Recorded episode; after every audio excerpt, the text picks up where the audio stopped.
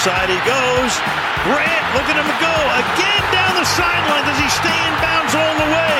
He will. 97 yards for a touchdown.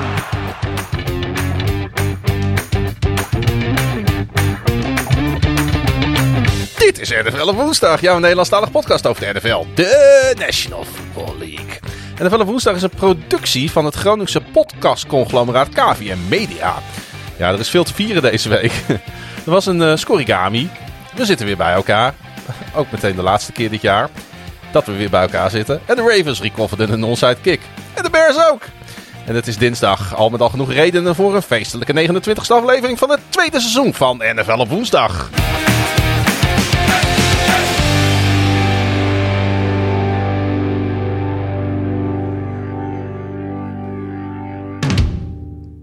En terwijl Groningen uh, de nacht ingaat, uh, nemen wij weer een nieuwe NFL op woensdag op. Ja, voor ons. Uh... Oh. oh. Ik zal even aanzetten. Ik ben, ja, ik ben drie. Ja, je hoeft het niet aan te staan tijdens de intro, zei je. Dus nee, dat klopt, want dan kan ik lekker in de microfoon blazen. Nee, voor ons is het begint de werkdag net. Groningen die, die sluit hem af en wij, wij nachtdieren als we zijn. Nachtdieren, dagdieren. Ja, ook s'nachts moet, moet de economie draaiende gehouden worden. Over economie draaiende gehouden gesproken. Uh, uh, er zijn, uh, dan heb ik het weer niet voor me. Oh jongens, zo, zo slecht voorbereid dit. Wat heb je niet voor je? De, het script niet? Of, nee, onze nieuwe leden. Die oh. ik even wou bedanken. Ja dat, die, ja, dat wou ik zeggen. We hebben weer een paar nieuwe leden oh, erbij. dat is ook zo. Ja, ik ben de inlogcodes kwijt. oh jeetje. Ja, nou, we hebben nieuwe leden. als jij, begin jij alvast met de conversatie. Zoek ik even de, de, kijk ik of ik even de nieuwe leden kan vinden. Ja, kijk je of je die kan vinden inderdaad. Nee, dit is uh, alweer de tweede podcast die wij uh, deze avond schuine streep nacht uh, opnemen. Want we hebben samen met onze collega's van Kom Veel Minder de podcast, de FC Groningen podcast, Thijs en Wouter, hebben we een, een reispodcast opgenomen. Waarin we al onze avonturen in Amerika bespreken. We hebben al een beetje een sneak preview gegeven in onze vorige aflevering. Ja. Al wat ervaringen met, met jullie gedeeld. Maar we hebben nu ook in een uh, volgens mij twee uur durende podcast. Uh, zijn we de hele reis voorbij gegaan. Van Chicago tot Detroit tot Baltimore tot Washington. Ondertussen weten jullie het wel. Misschien zijn jullie er ook wel helemaal klaar mee. Nou, mocht je daar belang bij hebben. Je kunt die podcast beluisteren als je lid bent van NFL op woensdag. Of kom veel minder de podcast. Ja, volgens mij is het voor ons is het van uh, de, de, de 5 euro leden of hoger. Ja. voor, de, voor de NFL op woensdag leden. Ja, als je de, de knakenleden uh, helaas net niet. Maar ja, de, er zit, de, knakenlid is wel de beste naam voor leden die we hebben. Maar de, de, het is ook natuurlijk het goedkoopste nee, vorm van lidmaatschap. Ben je MVP-lid of uh, ben je NFL op woensdag commissioner... dan uh, kun je luisteren naar de extra reispodcast. De NFL op woensdag versus Conform de reispodcast. Hij staat al online. En je kunt hem beluisteren door je petje voor ons af te nemen. En, en dan kun je ja, daarvan genieten. Ja, uh, de, ik geloof een, een, Ik zal straks in de uh, telegramgroep die we hebben met, uh, met onze leden. Zal ik even snel een, een kleine tutorial plaatsen over hoe je hem kan toevoegen. Want volgens mij voor Spotify is het wat lastig. Dat, die werkt daar niet per se aan mee. Maar heel veel andere software waarmee je je podcast luistert, zoals Podcaster. Uh, en, en noem, noem, ze maar op. Ja, volgens mij ook Google Podcast, als ik me Google niet vergis. Podcast. Uh, God, hoe heet, hoe heet het programma wat ik gebruik Zen, ook alweer? Zen, Zencast, dat doet er volgens mij mee.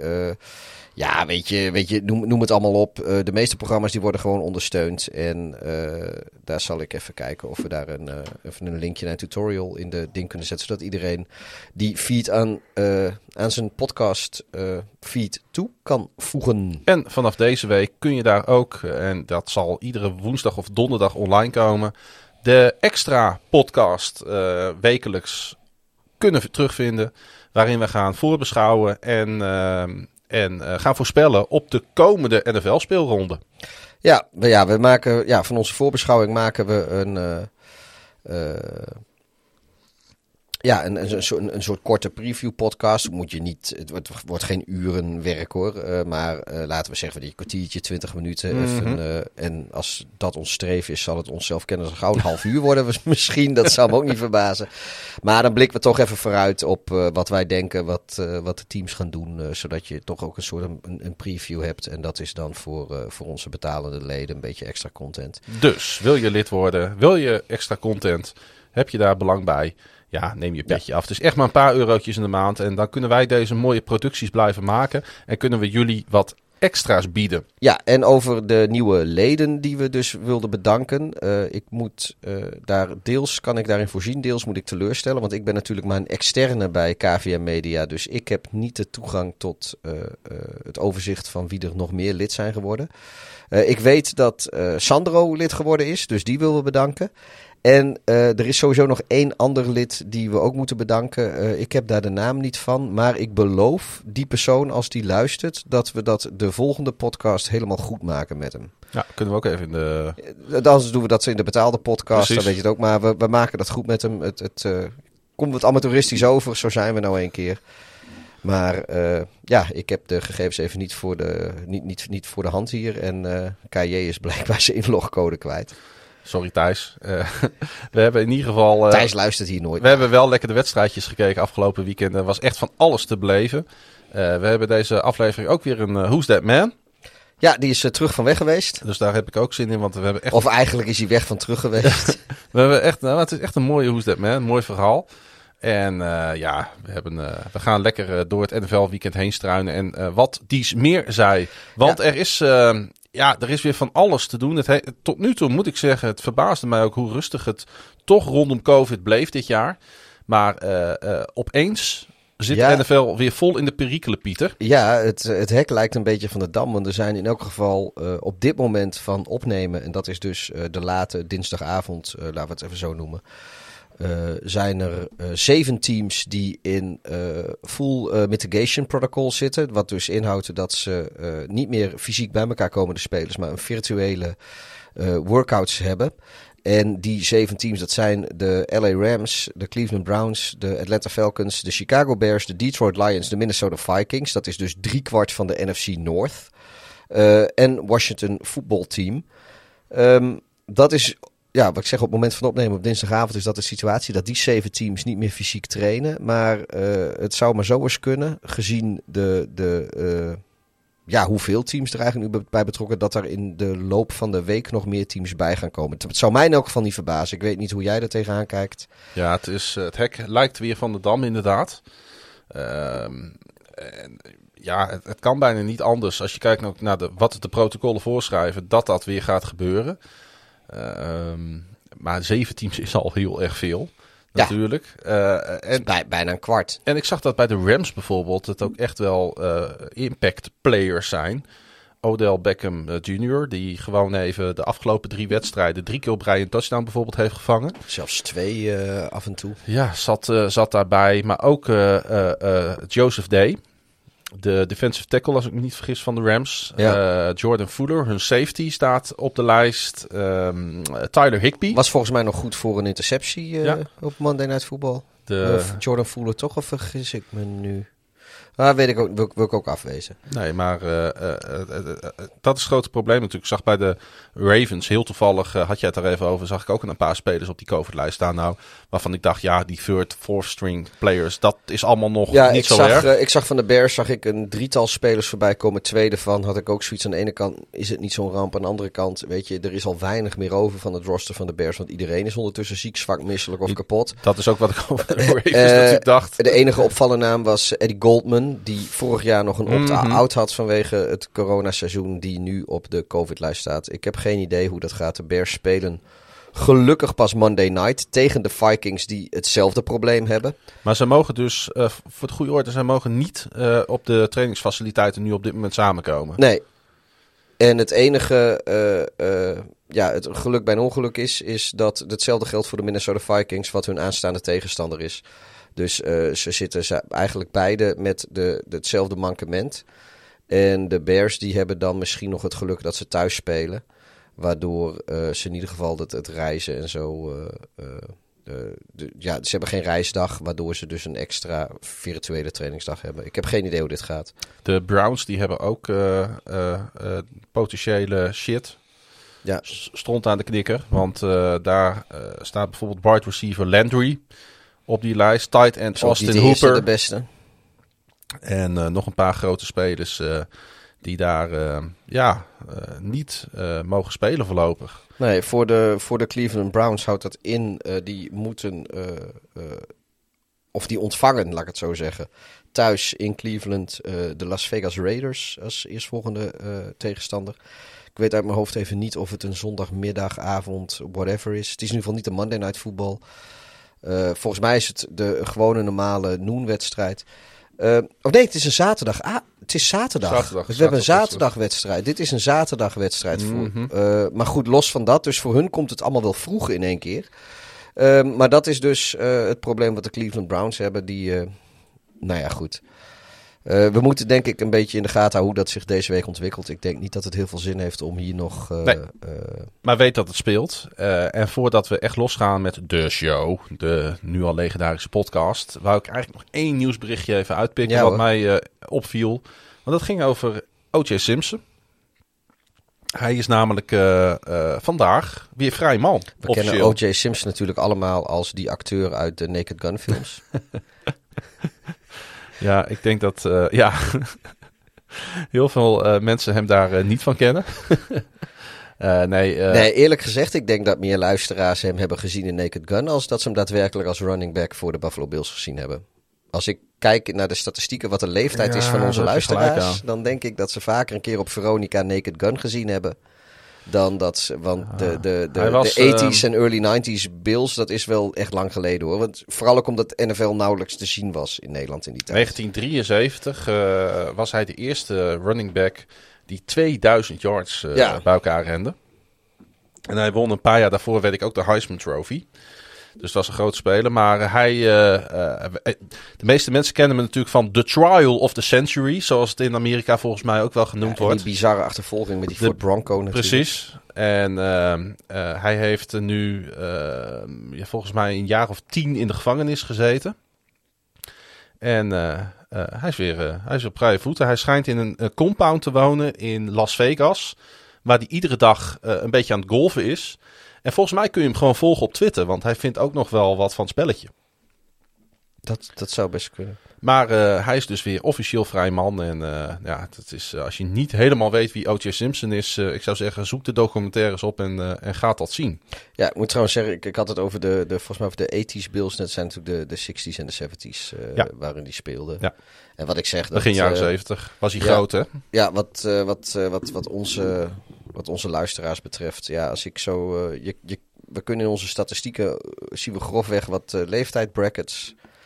En eh, daar zitten niet heel veel mensen in die, die actief in die tijd überhaupt oud genoeg waren of al geboren waren om de NFL te volgen. En van de luisteraars waarvan ik weet dat ze dat misschien wel die leeftijd hebben, die, die volgen het volgens mij toen nog niet zo. Je, kan het, Geert-Jan Darwinkel. je, kon het natuurlijk, eh, je kon natuurlijk in die tijd kon je de NFL echt niet volgen zoals je dat nu natuurlijk met ESPN en Game Pass hebt. Nee, nee, nee, nee, nee. Sterker nog, eh, ik internet denk- was er ook nog Ik niet. denk dat de jaren dat jij NFL ging volgen, eh, echt helemaal in het begin, moest jij het volgens mij ook doen. Maar met, dat was ook last, het was echt lastig, weet je. Toen had je nog, ja, nu gaan we echt ver terug. Dan kon je soms kon je samenvattingen, kon je op van die Angel Fire-achtige eh, websites terugvinden, voordat ze weer offline gehaald er, werden. was dus, er was dus al internet. Ja, er was, was wel internet. Dat is in de jaren negentig. En, eh, maar dat kon je dan bekijken in Real Player. En de Real Player, nou, Ja. dat, dat bestaat ondertussen al lang niet meer. Maar dat had je van die Angel Fire en, en, en Talk City en, en dat soort website hosts had je dan. En die hadden dan voor één of twee dagen hadden die eh, wat hele slechte samenvattingen hadden die online staan die je met Real Player kon bekijken. En dan de NFL had toen al, zaten ze heel streng op hun rechten. Dus dat was ook binnen no time weer offline. Maar dan, en dan had je van die URL short. Dus weet je, kon je fly to NFL recap. Weet je, Mhm. dat, dat was dat fly.to slash NFL recap. En dan moet je, kon je in, in real player kon je ze allemaal achter elkaar zien. Je kon het niet pauzeren, je kon het niet stoppen. Het was echt postzegelformaat op je beeldscherm. Eh, zo ging dat. Ja, dat, het, het, ja, je kreeg er weinig van. mee. Het was niet eens leuk om het, om het te kijken. Ja, op jij hebt wel eens verteld, je hebt volgens mij de Bears Super Bowl. Ja, die in heb de ik jaren op de 90? BB... Nee, dat was, dat was 2006. Dus het was Eh mij 2006, sorry. Ja. Die, heb ik, die was op de BBC, weet ik nog. En het kan best zijn dat de NOS hem ook... Maar ik, ik heb hem op de BBC gekeken, weet ik nog. Want die had het originele Amerikaanse commentaar gewoon. Sorry, dan waren het playoff wedstrijden in de jaren 90. Heb jij wel eens, op, heb jij wel eens eh, via, via, via internetradio zelfs Ja, geluisterd? ja dat, dat hebben we wel eens gehad. En eh, ik heb ook nog wel eens... eh, dat, dat was trouwens die Super Bowl die de Bears speelde in 2006. Toen hebben ze de NFC Championship game was in Chicago tegen de New Orleans Saints hebben ze gewonnen. En die wedstrijd heb ik... Ja, nee, het was niet meer film. Het was volgens mij wel Canal Plus toen. Maar een vriend van mij die had een Canal Plus abonnement. Maar die moest maandagochtend gewoon werken. Volgens mij was dat zo'n zondagavond eh playoff wedstrijd. Of in, in ieder geval Nederland was die de nacht van zondag op maandag, als ik me goed herinner. Maar ik, ik, ik, in elk geval, ik kan me herinneren dat ik gewoon met een flesje Hertog Jan bij, die, bij eh, VDW, jou niet onbekend, op de bank zat. Toen ook al, flesjes Hertog Jan. Ja, een flesje Hertog Jan. En, en hij lag gewoon te pitten. Hij heeft wel eens volgens mij een stukje gekeken, maar hij is op een gegeven moment wel gaan slapen. En ik zat, hij had zoiets van, ja weet je, kijk die wedstrijd lekker af, zet de tv niet te hard. Want hij woont in een klein appartementje die nogal gehoorig was. Maar zegt, lekker, eh, kijk die wedstrijd uit. En als het afgelopen is, zet de tv uit en trek de deur achter je dicht. En beste maar weer. En zo heb ik in ieder geval de NFC Championship game toen gekeken. En de, de Super Bowl zelf was op de BBC. Volgens mij heb ik bij jou ook wel eens nachts wedstrijden gekeken. Dat jij vroeger dienst had. Dat je ook zei van, nou kijk, die, kijk de Ravens maar af of zo. Ja, en ik, en eh, trek de deur maar achter Ja want, dicht. toen, eh. ja, want ik had. eh in Zwari op een gegeven moment had je, had je ESPN America. Dat zat, was een extra pakket bij eh Ziggo. En ik had dat, want dat wilde ik graag zien. Dan had je de, de Thursday night en drie zondagwedstrijden en de Monday night. Dus je had vijf eh, wedstrijden in de week. En in het begin van de. Rond die tijd waren de Bears ook wel redelijk oké. En als de Bears. Die Nou, hoeven dat- alleen maar redelijk oké te zijn. En dan hebben ze veel primetime dat wedstrijden. zal, eh, dat zal zo Eind- rond die Super Bowl eind, eind dat decennium 2008, geweest. 2009, ja. 2010, 2011, 2012. De, zeg maar de Jay Cutler tijd Ja. een beetje bij de Bears. Toen waren de Bears waren oké. Zo, 10-6 weet je. Dat soort records haalden ze. 12-4 volgens mij ook Mm. een keer. En als de Bears oké zijn, dan hebben ze veel primetime. En toen had ik zoiets van, nou ja, dan neem ik wel ESPN America. Want met vijf wedstrijden in de week is de kans dat de Bears ertussen zitten vrij groot. En eh, ja, die, die, die, die, ook geloof ik dan op vier of vijf wedstrijden na kon je alles gewoon zien. Ja, dat was, eh, heel, eh, waren hele andere tijden in ieder geval. Ja, het is toen Game Pass denk ik Ah, kwam jongens. en Red Zone toen... eh, Ja, was in die tijd. Ik keek series over het algemeen gewoon nog op DVD, joh. Ja, The Wire seizoen 1 Ja. DVD. Ik heb hem volgens mij nog zelf liggen hier. Maar, Ja, ja, dat moet bij jou liggen. maar goed, die, die is hier wel eens geweest, ja. Ehm, mooie opmerking van eh, Michiel. Die zegt meer een verzoek dan een vraag. Jullie hebben het geregeld over te lange podcast. maar eerlijk gezegd vind ik het gelul over biertjes, kroegen, anekdotes juist heerlijk om aan te horen. Als ik een update zie op woensdag met jullie podcast en ik zie drieënhalf uur staan, dan maakt mijn hart een sprongetje. ik, ben, ik ben blij dat, dat, dat er mensen zijn die zo denken. Dankjewel, Michiel. Wij, wij proberen altijd het binnen twee uur te houden. Het lukt eigenlijk nooit. Nee, hij zegt eh, toch nog een vraag. Hebben jullie wel eens nagedacht over het uitnodigen van luisteraars voor deelname aan de podcast? Nou ja. Eh, sterker nog, het is een van de redenen, denk ik ook, dat we ons Tilburg-event bijvoorbeeld georganiseerd Ja, hebben. Om hebben juist die connectie ja. te maken. Hebben we ook een aantal luisteraars laten spreken. Frank is natuurlijk een paar keer te gast geweest. Onze previews hebben we met gasten opgenomen, met En- luisteraars. Ja, en eh, ik wil niet te veel op de zaken vooruitlopen, daar weet jij veel meer van dan ik. Maar eh, wat, we in de, wat jij in de intro al zei, dit is de laatste keer dit jaar dat ik hier tegenover jou zit in elk geval. En eh, misschien, dat moeten we even kijken hoe dat allemaal logistiek te gaan is, eh, ge- geregeld kan worden. Maar misschien is het wel de laatste keer dat ik überhaupt eh, dit jaar in de NFL op woensdag podcast zit. Want nou ja, zoals veel luisteraars weten, ik ga volgende week vlieg ik wederom naar de Verenigde Staten. Dat gaat allemaal net goed met mijn COVID-besmetting. Ik heb net op tijd mijn herstelbewijs en de hele flikkerse bende. Dus dat, dat kan allemaal net. Eh, maar jij hebt volgens mij, eh, eh, omdat ik er niet ben, het een en ander geregeld om mijn absentie op te vangen. En dat is volgens mij ook gewoon met luisteraars. Ja, zal ik, volgende week zal ik dat aan gaan kondigen. Maar ik heb inderdaad een opname staan met een luisteraar volgende week. Wel iemand die jullie allemaal waarschijnlijk al een keer gehoord hebben.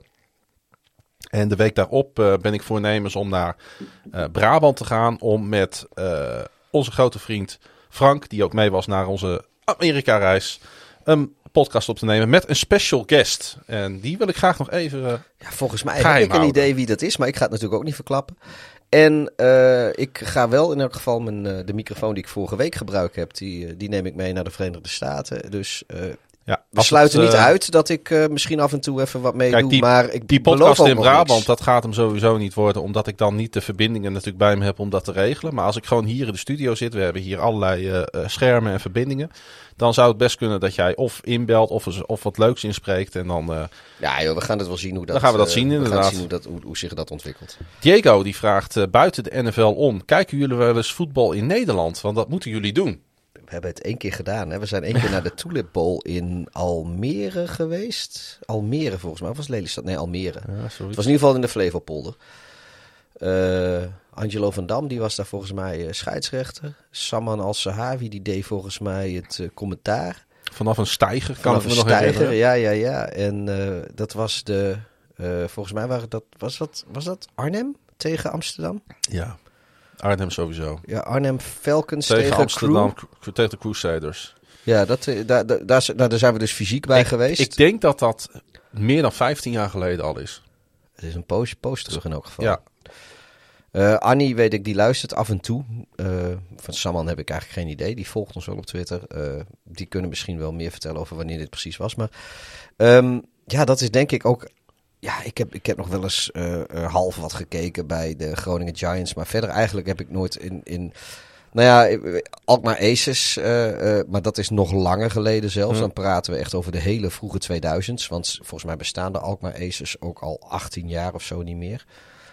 Die zijn vrij, vrij vroeg in de 2003, 2004 of zo is dat opgehouden te bestaan, als ik me niet vergis. Heb ik een, eh, ja, en natuurlijk de, de Admirals, daar had ik vroeger seizoenkaarten. Of een, een seizoenkaart, ik had er maar één hoor, ik was niet rijk. Ja, ik eh, denk ook dat ze niet meer bestaan inderdaad, als ik dit zo zie. Wat? De Alkmaar Aces. Nee, volgens mij zijn, ja, die zijn volgens mij 2003, Maar 2004 maakt ook niet zoveel uit. Eh, de, de vraag in, initieel was of wij eh, dat doen. Nou, eigenlijk niet. Ik moet ook heel eerlijk zeggen, ik zou, ik zou niet weten waar ik de tijd vandaan moet halen. En dat is geen ex- excuus, maar eh, eh, NFL slokt zoveel tijd op. Zes maanden in het jaar, dat, eh, dat, ik, ja, dat ik daar eigenlijk gewoon... omdat ik het zelf ook niet speel. Ik denk als je het zelf speelt, dan het al heel anders is. En volgens mij speelt Jeko namelijk American voetbal. ja, Dus ja, daar kan ik me voorstellen dat er, dat er wel interesse voor is. Diego, als je, mocht je toevallig een keer in Groningen komen en je, je speelt tegen de Giants, laat het ons weten. Zeker. Hey, eh, Henk die vraagt, door drukte heb ik helemaal niets gezien. Nou, dat kan natuurlijk weer gebeuren, maar daar heb je deze podcast voor. Eh, geen tijd gehad iets terug te kijken. Maar welke wedstrijd moet ik nou zeker terugkijken van het afgelopen weekend? Het tweede kwart van Bears at Packers. Of eigenlijk de eerste helft, maar vooral het tweede kwart. Ik denk echt, niet omdat ik nou een Bears fan ben, maar ik denk serieus dat dat is eh, misschien wel het leukste kwart voetbal wat ik dit seizoen gezien heb. Ja. Als ik, als, ben ik, probeer ik zo objectief mogelijk te... te nee, nee, ja, dat, is, dat was, ik heb het ook gezien volgens mij 45 Het- punten of zo in één kwart. Ja, ik vond het echt eh 27, 21, 27, 21 ruststand. Ja, zoiets. Ja, 27, 21. Maakt niet uit. eh, het was inderdaad een geweldige eerste helft. Ik heb, ik heb hem ook gezien. Eh, ik heb dan bij dat soort nachtwedstrijden, dan zit ik eh, zo, weet je, rond kwart over twee van moet ik wel of niet mijn televisie gaan aanzetten. Ah, toch maar een stukje kijken. Nou, die eerste helft, en ik ben neutraal toeschouwer, hè, al heb ik denk ik iets meer sympathie voor de Bears dan de Packers. Maar op zich zit ik er eigenlijk alleen natuurlijk om gewoon een leuke wedstrijd te zien. Ik heb in tijden niet een wedstrijd gezien die voorbij vloog, zoals deze pot. Ja, en het was het eerste kwart. was nog niet eens soort. Ik geloof dat na één kwart was het 3-0 voor Chicago, geloof ik. Dus er waren geen touchdowns, alleen één field goal. Dat was volgens mij het eerste kwart. En, eh, maar dat tweede kwart, jongen, dat, Ja. dat ging helemaal. eh, Loco.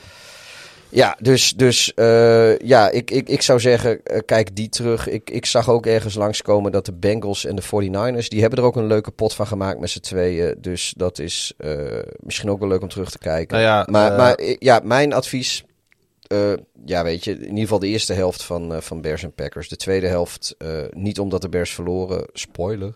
Maar die, die, dat was gewoon een stuk minder interessant, want er was gewoon best wel lopsided. De Packers waren gewoon veel te sterk en eh, daar was de lol eraf. Maar de eerste helft was gewoon echt, echt een hele leuke wedstrijd. Dan ga ik voor de Jaguars at the Titans. Nee, dat is natuurlijk een grapje. Ik vond namelijk echt, ik, ik heb iets gezien.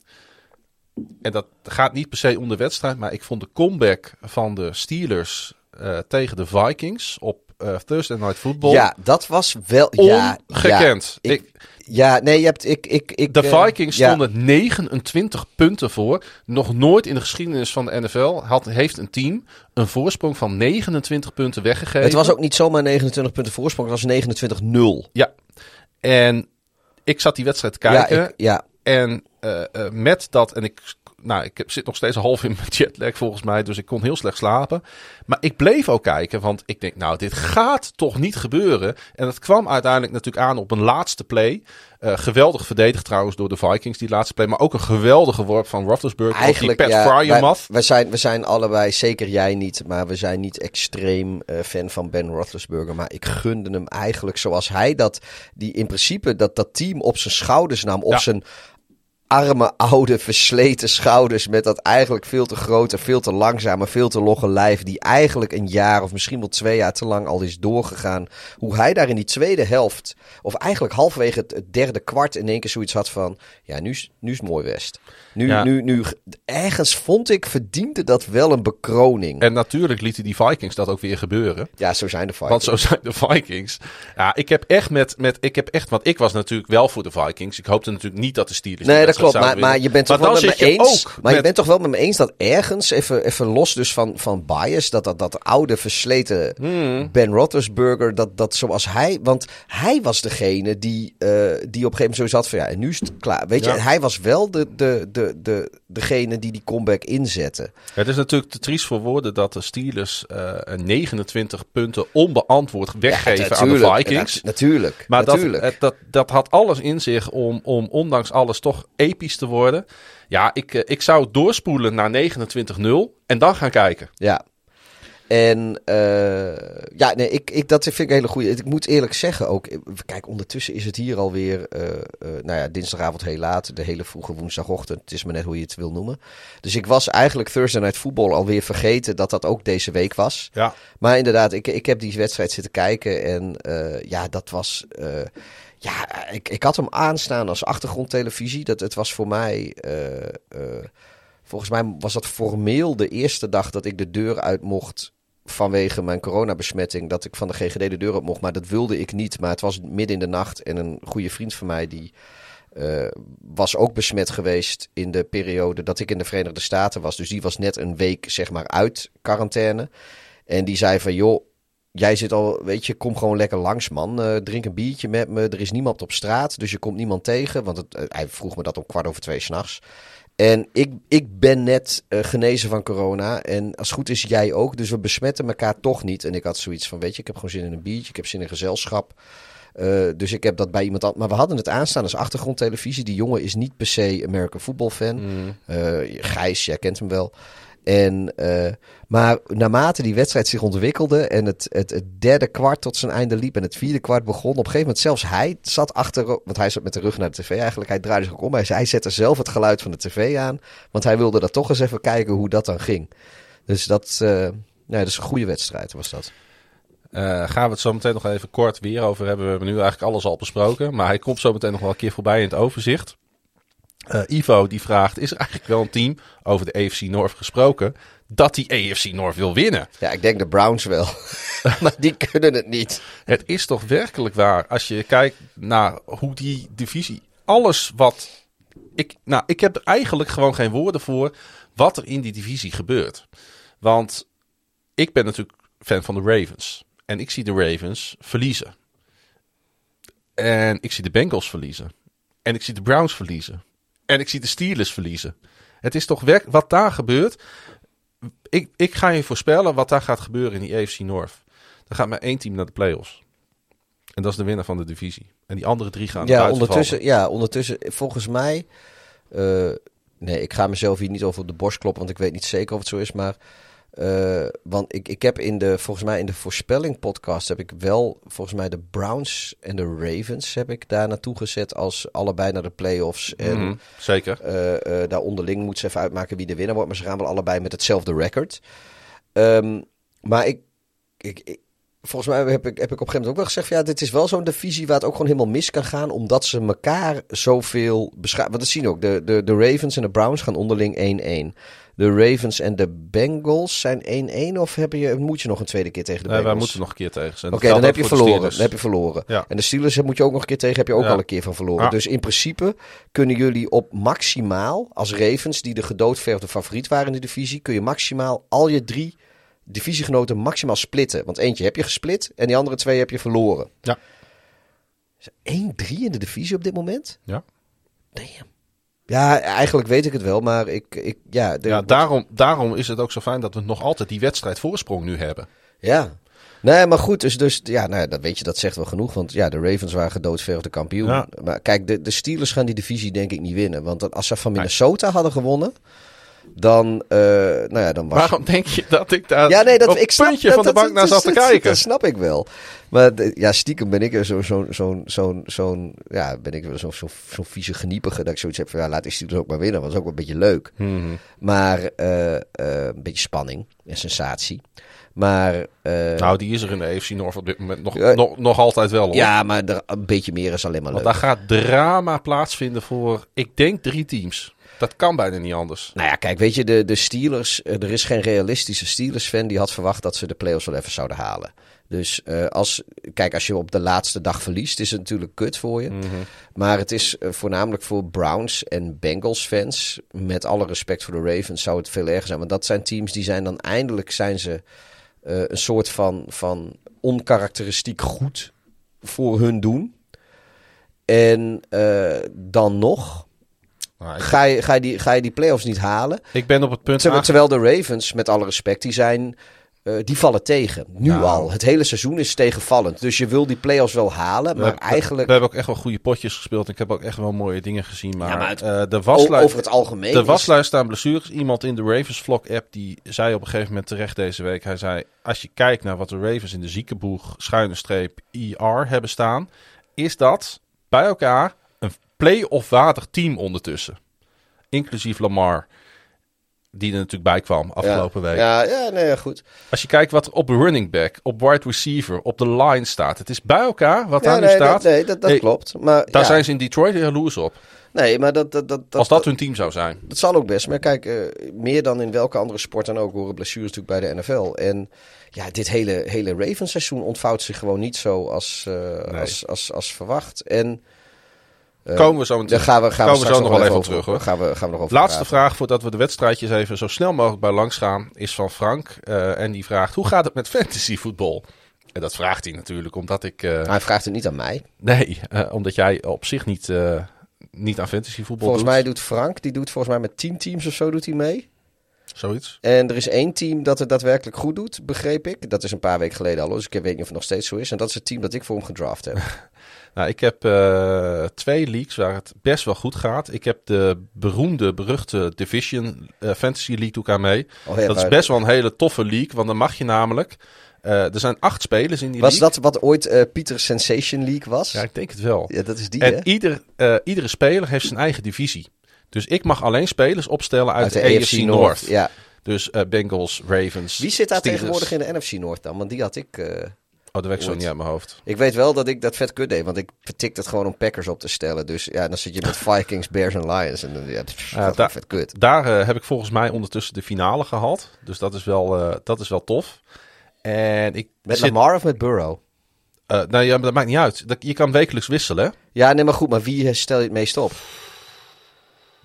Om het even.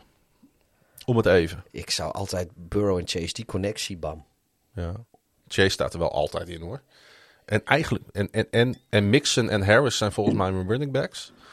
Ja. Ook wel logisch natuurlijk. Nee, ik, eh, dat is een hele leuke league. En voor de rest eh, bak ik er weer. Chubb Helemaal natuurlijk, toen hij nog fit was. Ja. Genoeg te kiezen wat dat betreft. Hey, de wedstrijdjes, eh, waar ook nog wat engagement omheen staat. Want Niek die vraagt aan ons: zijn de Rams na deze statement win? En hebben we het natuurlijk over Monday Night Football. 30-23 tegen de Cardinals. Weer favoriet voor de NFC. Zeker na het goede spel van de defense. Ja, ik moet eerlijk zeggen, ik heb in de vorige aflevering heb ik mijn twijfels geuit over de Rams. Uh, ook ik juist over de Cardinals. Ja, dat is wel grappig. Er waren ook meerdere luisteraars die uh, twijfels hadden over de Rams. Uh, op zich begrijpelijk na die beroerde stretch in november. Maar op, op, basis van Monday Night Football niet, hè? Stafford speelde een, een dijk van een wedstrijd, joh. Mm En hij heeft het niet makkelijk gehad, hoor. want hij heeft hit na hit te verduren gekregen. Hij heeft volgens mij constant druk gehad. En nu moet ik ook zeggen dat Cooper Cup, jongen, als je die in je team hebt, dat is wel even heel fijn hoor. Maar. Um... Nou, wat mij opviel vooral, is hoe die wedstrijd begon. Want jij hebt die wedstrijd ook zitten te kijken. Ja, maar ik geloof wel dat ik het de, de eerste vijf minuten dus van de wedstrijdklok, ja. die heb ik uh, nou, gemist, want ik, ik, uh, ik was met andere dingen bezig. Dat geeft niet, want er moet af en toe natuurlijk ook nog wat, uh, moeten wat centjes verdiend worden. Maar vanaf de eerste play uh, het begon wel met een sec volgens mij. Ja, maakte Aaron Donald en de Rams natuurlijk loud en clear duidelijk dat ze bij die zwaargewichten, letterlijk en figuurlijk, van die NFC horen. Ja. Want Donald natuurlijk de, de, ja, de zesvoudig pro, hè, van de All-Pro moet ik zeggen, van de, van de Rams. Noteerde gelijk een sec. Vervolgens op de tweede play, zeg uit mijn hoofd, kregen de Cardinals gelijk een vlag tegen. Dus toen stonden ze al op, op, op 20 yards. En toen was gelijk al duidelijk van... oké, wacht even, dit gaat zo'n avond worden. En ze hebben ook volgens mij een knop omgezet bij de Rams... Uh, na die overwinning op de Jaguars vorige week van... wacht eens even. Ja. Wij moeten weer ons oude elan terugvinden. Ja onze, ons oude gezicht. Ja, het begon met die inderdaad. Ja, kijk, ik, ik heb inderdaad die, die eerste drive heb ik, heb ik niet uh, uh, gezien als zodanig. Ik heb wel op, uh, nou ja, weet je, de commentaren in mijn Twitter-tijdlijn erop heb ik wel gezien. En, dus ik had een beetje idee hoe dat ging. Maar wat ik inderdaad, wat, wat ik wel gezien heb en ehm, ja, toevallig, ja, ik heb natuurlijk vorige week toen de Rams of de, de Cardinals tegen de Bears speelden, heb ik die hele wedstrijd, heb ik zo'n echt een, een alle vier kwarten van de Cardinals gezien. En toen heb ik me zorgen geuit over um, dat de Cardinals best wel moeite hadden met, uh, met goede drives zelf voor elkaar bakken en punten scoren tegen een heel matig team als de Bears. Uh, de, de, de punten die ze scoorden, uh, volgens mij is op, op, op drie punten na of zoiets, komen volgens mij al hun, al hun punten kwamen over, uit turnovers van de Bears binnen de laatste 40 yards voor de endzone van de Bears. Dus ze hebben de hele tijd vanuit hele goede veldpositie hun punten gescoord. En toen zei ik al, ja, weet je, tegen goede, goede teams geven niet zomaar zo vaak op die plek steeds de bal weg. En ja, als je tegen de Bears al niet 80, een 80-yard drive neer kan zetten, eigenlijk niet één echte voor een score. Ja, dan ga je tegen playoff kandidaten in de, in de NFC of playoff teams in de, in de AFC, mochten ze die, die nog treffen, dat weet ik zo niet. Dan ga je het gewoon lastig krijgen. Tegen goede teams ga je het dan lastig krijgen. En ja, ik denk wel dat dat een beetje is wat we ook gezien hebben deze, deze wedstrijd. Uh, uh, de, de Cardinals hebben het gewoon. Uh, ja. De, de, de defense had het ja, niet per se die, die speelde niet slecht. Maar die hadden best wel lastig om, om, om Stafford te stoppen. Maar het was vooral Murray en de, de Cardinals offense die moeite hadden om uh, goede lange drives uh, aan elkaar te rijgen en dat in punten om te zetten. Ja, ik vind nog steeds wel dat, uh, dat die, dat die O-line zich best wel goed houdt voor Murray. Alleen, het zit opgesloten in het spel van quarterbacks à la Murray, à la Lamar Jackson, à la Josh Allen, die dat ook weer liet zien. Hij gooit wel echt twee hele beroerde intercepties. Die, ja, en... die, die, als je nou dan naar de eindstand kijkt, en dat is een beetje scorebordjournalistiek, natuurlijk echt een gigantische impact op deze wedstrijd. Ja, ja, ja. en dan heb je natuurlijk ook nog, er zijn volgens mij twee, twee, twee keer of één. Ja, maar Stafford heeft ook heeft een paar domme tegen de Colts gegooid bijvoorbeeld. Oké. Maar uh, uh, wat je dan ook, en dat hoort ook een beetje bij de Cardinals, en dat hoort misschien ook wel een beetje, kijk, je hebt met Lamar Jackson heeft dat, en dat heeft natuurlijk uh, Kyler Murray ook. Dat zijn van die quarterbacks die kunnen van helemaal niets iets maken. Weet je wel, die kunnen van een, uh, noem maar wat, een, een, een third and 25, kunnen zij over de grond een nieuwe first down pakken, bij wijze van spreken. En een fourth and 12. Ja, daar kun je met dat soort quarterbacks kun je ervoor kiezen om gewoon, weet je, we gaan er gewoon voor. We gaan niet punten, want dat zijn quarterbacks die, die of ze doen het over de grond, of ze, ze presteren om die diepe bal te gooien, waardoor die first down er komt. Maar op, dus ik heb het idee, totaal niet onderbouwd met cijfers, maar ik heb het idee dat ze bij teams als de Cardinals en de Ravens, mede vanwege de type quarterback dat ze hebben, er iets vaker voor gaan op fourth down. Maar als het dan niet mee zit, ja, dan loop je weg met nul punten. Want in veel van die gevallen had je ook gewoon een field goal kunnen pakken. Mhm. En als je dat twee of drie keer doet, dan kost het je zo zes punten in een wedstrijd. Of misschien zelfs negen. En ja, die, Ja, die- negen punten, die... Die eerste interceptie van eh, Murray, die gooide die zo ongeveer op de goal line natuurlijk. Toen stonden ze al heel dichtbij. Dus dat was een hele dure, want dat, dat kostte ze best wel veel tijd en moeite om daar te komen. eh, tegen deze sterke defense. En eh, als je het dan hebt over dingen die tegenzitten. Op het eind van de wedstrijd recoverden de Cardinals natuurlijk hun onside kick. Iets wat we meer hebben gezien afgelopen weekend. Ja, Gek genoeg, in best wel veel wedstrijden. ja de Terwijl dat normaal- de Bears, Ja. de Cardinals. Ja. Ehm, en toen had hij een geweldige run, Murray. Na die onside kick. Die terugkwam vanwege een holding eh, penalty. Ja, ze hadden inderdaad ook de, een paar absolute drive-killende penalties sowieso. Mom, Ik eh, heb- wel meer hoor. Ik heb holdings gezien van die O-line. Die plaatsvonden. En dat is natuurlijk lastig voor een lineman om te zien waar op dat moment die play plaatsvindt. Maar als het goed is, hebben ze de afspraken over gemaakt. Dus ze moeten het een beetje weten. Die totaal niet, totaal niets te maken hadden met waar de play heen ging. Dus, da, daar kwam er bijvoorbeeld een run van 15 yards ja, maar, van dat is, Murray ja, op maar dat, dat is het probleem met dat soort quarterbacks. Want ja, met alle respect voor Kyler Murray en ook Lamar Jackson. van de be- weten het niet, hè? Nee, nee, precies. Dat is ni- niks te nadelen. Dat is juist iets wat, ze, wat zo mooi maakt, in ieder geval voor ons om naar te kijken. En wat ik vorige week ook al zei, dat ik ver- vergeleek Kyler Murray met een soort van eh flipperkastballetje. Zoals hij daar in de backfield soms eh, eh, heen en weer stuitert voordat hij daadwerkelijk of de benen neemt of die bal gaat pasen. En ik heb weer van Linemen, maar die, die, die, zijn, zijn linemen weten ook niet wat hij gaat doen op het moment dat de bal gesnapt wordt. Want hij weet het zelf nog niet. En dat geldt bijvoorbeeld inderdaad, dat geldt voor Jackson ook. Dus dan, en dan, maar de linemen staan wel met de rug naar die quarterback toe. En dan is het heel lastig om geen hol tegen te krijgen als eh, de D-lineman die jij probeert te blokken, als die wel ziet wat hij doet en die verandert in één keer van richting en jij hebt hem nog eigenlijk vast, ja, dan heb je heel gauw een hold. Ja. Dus dat is denk ik wel een probleem. eh, eh, voor, ja, dat, dat, dat speelt mee als je, als je van dat soort improviserende eh, backyard voetbal quarterbacks hebt, denk ik. Ja. Wie, als je het dan toch hebt, je ziet het toch vaak in teams met een flexibele quarterback. Die doen het over het algemeen ook goed met een running game. Wou ik toch James Conner even benoemen. Ja, dat was, is wel een geweldenaar hoor. Fijne fantasy speler ook. Hij heeft nu in zeven op één volgende wedstrijden heeft hij een touchdown gescoord. En hij evenaarde daarmee een Cardinals record neergezet door John David Crow in 1960.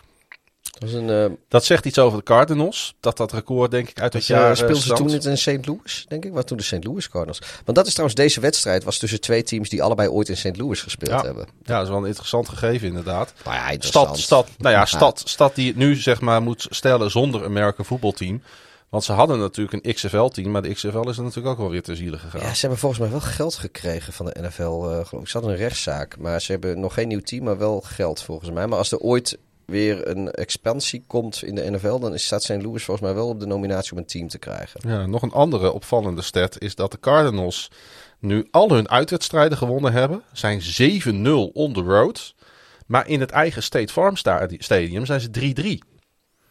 Ja, het is ook wel typerend. Dat is toch iets wat je niet zo heel vaak ziet in de NFL. Dat, dat, dat je... Maar dat is ook wel een, een, een... Ja, nu weet ik niet hoe dat nu was met de Rams trouwens. Hoor. Ik, ik, ik moet eerlijk zeggen, ik heb die wedstrijd wel gezien. Ik heb eigenlijk, het is me niet opgevallen dat er nou zo buitensporig veel Rams-fans op de tribune zaten. Nee. Maar normaal gesproken, ik weet nog, eh, ja, ja, als, als, als bij de, de Arizona is ook voor veel teams wel weer een soort tweede thuiswedstrijd in de zin van er is enorm veel diaspora uit andere grote steden. Dus als jij de Jets of de Giants of de Cowboys of de Bears, eh, als, je, als je dan in eh, zeg maar die, die grote, echt grote steden, als die in Arizona spelen, er komen zoveel mensen, maar daarvan die daar wonen, Eh, net als een beetje wat, je- wat je die Florida-teams ook hebben, Mhm. die, eh, die hun oorsprong hebben bij, bij dat soort teams. En dan is het nog, ook nog relatief eh, goed af te reizen. En het is ook een relatief fijne herfstbestemming voor alle teams uit het noorden. Weet je, weekendje Arizona, ach, Grand Canyon kun je er zo even bij doen. Of gewoon, wat in de zomer is er, is er niet te hachelen, zo heet is het er dan. Maar in de, als, als dat soort wedstrijden in, in, in oktober, november, december. Dus ja, zij, spe- dat, spelen eh, eigenlijk niet echt thuis thuis. Weet je nog dat wij het ook twee jaar geleden hebben gehad over, eh, over LA? Om daarheen te gaan. Om lekker in eh, eind november, begin december. Want toen moesten en de Bears en de Ravens achter elkaar in LA spelen. Ja, dat, dat klopt. Ik heb het ook met eh, eh, Alfred, die ken jij natuurlijk wel, eh, ben ik voor een aantal jaar terug in Miami geweest bij de Bears. En dat seizoen speelden de Bears ook uit bij Arizona en ze moesten uit naar New York. En die drie wedstrijden, daar wilde ik eigenlijk mijn vakantie omheen plannen, weet ik nog.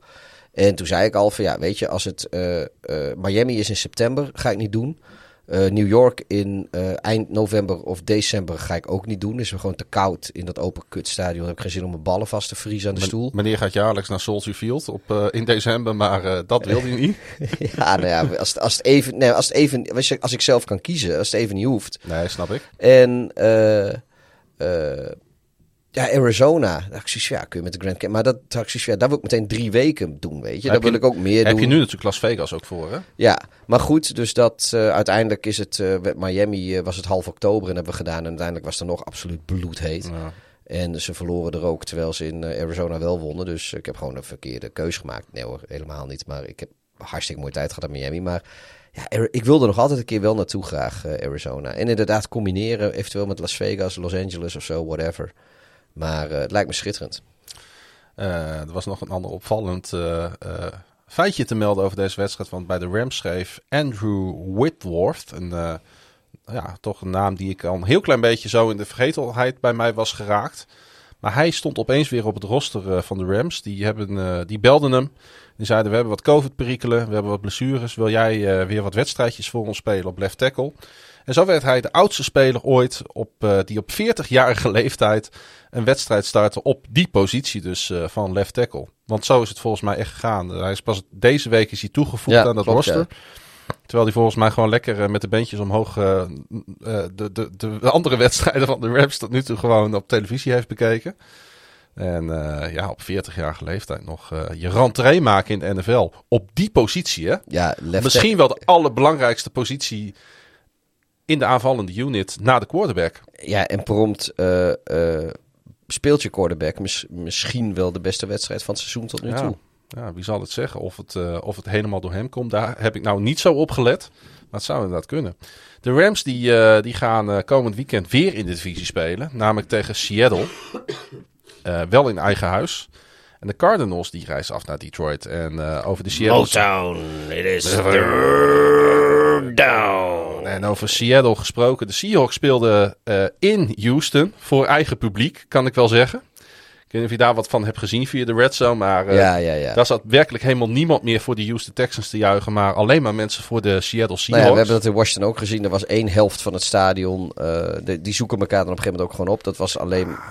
Die Seahawks fans zijn op, op, wat, wat dat betreft ook echt wel famous voor traveling. Hè? Ja, en ze hebben natuurlijk ook. Kijk, Seahawks die hebben relatief recent hebben ze natuurlijk best veel eh, eh, succes gehad. Dus de, de, de- de, bandwagon is er ook nog steeds. Eh, dat speelt toch een beetje mee natuurlijk. En nou ja, dat in, in steden als Houston en Washington, waar de lokale fans eigenlijk hun ofwel hun eigen team in de steek laten, of hun eigen team in ieder geval tijdelijk in de steek laten voor een team die ze leuk vinden om te zien spelen. Ja, dan is het niet zo gek dat, eh, dat je eh eh, Seattle kiest. Want Seattle, eh, ze zijn niet per se ieder jaar Super Bowl kandidaat. Maar ze spelen niet vaak saaie wedstrijden. Het is over het algemeen hartstikke leuk om te zien. Over de 33-13 overwinning. daar hoef ik op, zich niet zoveel over te vertellen. Ik denk jij ook niet. Maar er waren echt wel een paar grappige feitjes over deze wedstrijd. Je weet, ik ben daarvan. Als ik dit ga voorbereiden, dan hou ik van de, van de stats. Want Seattle's Tyler Lockett, wie kent hem niet? En Hall of Famer Steve Largent, ook een bekende naam natuurlijk uit het eh, Seattlese. Zijn namelijk, Pieter, op dezelfde dag jarig. Nou, Maar dat is niet het enige. Ze zijn allebei geboren in dezelfde plaats. En dat is? Tulsa, Oklahoma. Salsa Oklahoma. Dat is op zich al frappant, dat dat, dat dat exact gelijk is. Maar ze hebben nog iets gemeenschappelijks na Lockett's Big Game. Want Lockett noteerde namelijk 142 yards receiving. En staat nu op 1023 yards dit seizoen. En hij voegde zich daarmee bij Largent als enige spelers in franchise history. die tenminste 1000 yards receiving hebben in drie opeenvolgende seizoenen. Jezus. Zelfde geboortedatum, zelfde geboortestad en dezelfde unieke stat. Waar eh, kennen we trouwens Tulsa Oklahoma van? Ik weet niet, eh, volgens mij kreeg Chandler daar ooit een baan aangeboden in Friends. Ik ken het eigenlijk volgens mij van eh, het eh, nummer Get Back van de Beatles. In Tulsa, Oklahoma. Maar ja, ik vond mijn feitje toch ook wel knap, even Get uit mijn hoofd. Maar ik, ja, ja, dat Chandler, ja, dat weet ik dan weer niet. Dat, dat, dat die secretaresse bij hem probeerde even een verzetje te halen. Ja, ik weet niet of dat, ik weet niet of dat Tulsa was. Ik weet alleen Ja. dat. Ja, hmm. Tulsa. Er is trouwens binnenkort een Friends quiz in Groningen. Dat hij in slaap... Dat hij, ja, klopt inderdaad. dat Wij, hij, eh, we hebben voor, ja, voor de luisteraars. We hij, hebben eh, de laatste keer dat er een Friends quiz was in Groningen hebben ja, meegedaan. meegedaan. Maar hij is nu op dezelfde middag als eh, Groningen Feyenoord. Eh, Groningen PSV. Ja, alsof we daarheen kunnen. Ja, nou ja, wie weet. In ieder geval, ik vond het wel. nou ja, goed. Ik, ik vond dit te toevallig, alle drie, om niet even te benoemen. Eh, Seattle won trouwens voor het eerst dit jaar twee opeenvolgende wedstrijden. Dat zegt ook wel wat over dit eh, toch wel magere seizoen. Ja. Eh, wel was het de 89ste wedstrijd waarin Wilson twee touchdown passes of meer noteerde. En daarmee ging hij Dan Marino voorbij. Die op 88 eh, is geëindigd in zijn carrière. En staat hij nu op de tweede plek voor spelers die dit presteren in hun eerste 10 seizoenen. En dan even de huiskamervraag voor de mensen die luisteren. Welke Hall of Famer staat er op de eerste plaats met 92 eh, wedstrijden waarin hij in zijn eerste 10 jaar twee touchdown passes of meer noteerde? Brad Favre? Peter Manning. Peter Manning. Ja, oké. Het was een van die twee. eh moest het Ja. al gauw zijn. Nou ja, goed. En, eh, en, en Marino of... ehm, Zit Brad Favre? Ja, Brad Favre zit er in half. Ja, die zit er al in. die heeft die al zo'n heeft al ja. zo'n jasje. Die heeft hij ook ja, vaak aan, hè? Ja, die heeft al zo'n jasje. Nee, Wilson die staat dus nu op de tweede plek en Marino op de, op de derde. En ja, ik weet niet of Wilson... Is dit zijn tiende seizoen? Ja, ik denk het wel. Dus hij moet nog ehm, drie gooien om gelijk te komen met Peter Manning. Even eh, over Wilson trouwens. Ja. Eh, we hebben natuurlijk vorig offseason, afgelopen offseason, hebben we al die discussies gehad over of hij wel of niet eh, zou blijven in Seattle. En zelfs er zouden gesprekken zijn geweest met Chicago. Maar Ja. hij had ook interesse, geloof ik, in de Raiders en de Saints en de Broncos. Broncos zijn daar een soort van semi bijgekomen. Ja, en dit jaar was het, zou het weer gaan om de Saints, de Broncos en niet de Raiders, maar een ander team die ik, eh, de Jets of de Giants geloof ik of zo. Eh, maar de Giants geloof ik, maar whatever. Ehm, het laatste wat ik nog gelezen heb, dat is van deze week, eh, voor wat het waard is, hij wil gewoon in Seattle blijven. En dat lijkt me ook de meest realistische optie, maar ik denk wel dat dat dan inhoudt dat dit Pete Carroll's laatste seizoen in Seattle is. Dat denk ik, Ik ook. denk dat één van die twee Ja. gaat weg. Al moet wel gezegd worden, de staat van dienst van, van, eh, van Pete Carroll is natuurlijk...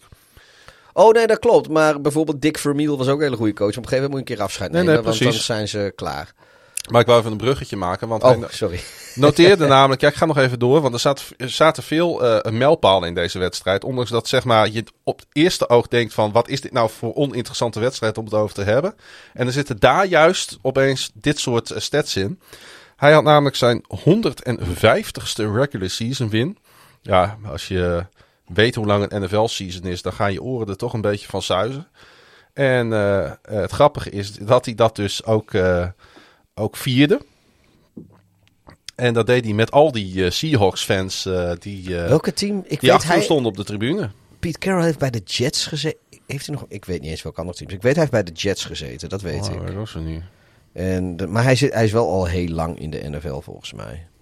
Maar ik ga eens even, even googlen. Dat, dat, soort, eh, dat soort dingen vergeet ik altijd. eh. ja, nou, ik, hij ik, zit ik- al zo ik- lang Ik, natuurlijk weet altijd daar. van die halve, halve dingen. Dus dan, Hij is headcoach bij de Jets geweest inderdaad. Ja, nou goed, dat, dat wist ik. Maar heeft hij nog meer? eh, Eh, Patriots eh, is hij headcoach geweest. Oh. Drie jaar lang. Oh, wat? Ja, nee, ja, nee, dat achteraf had ik dat ook wel. eh, En hij is ook defensive coordinator bij de 49ers geweest.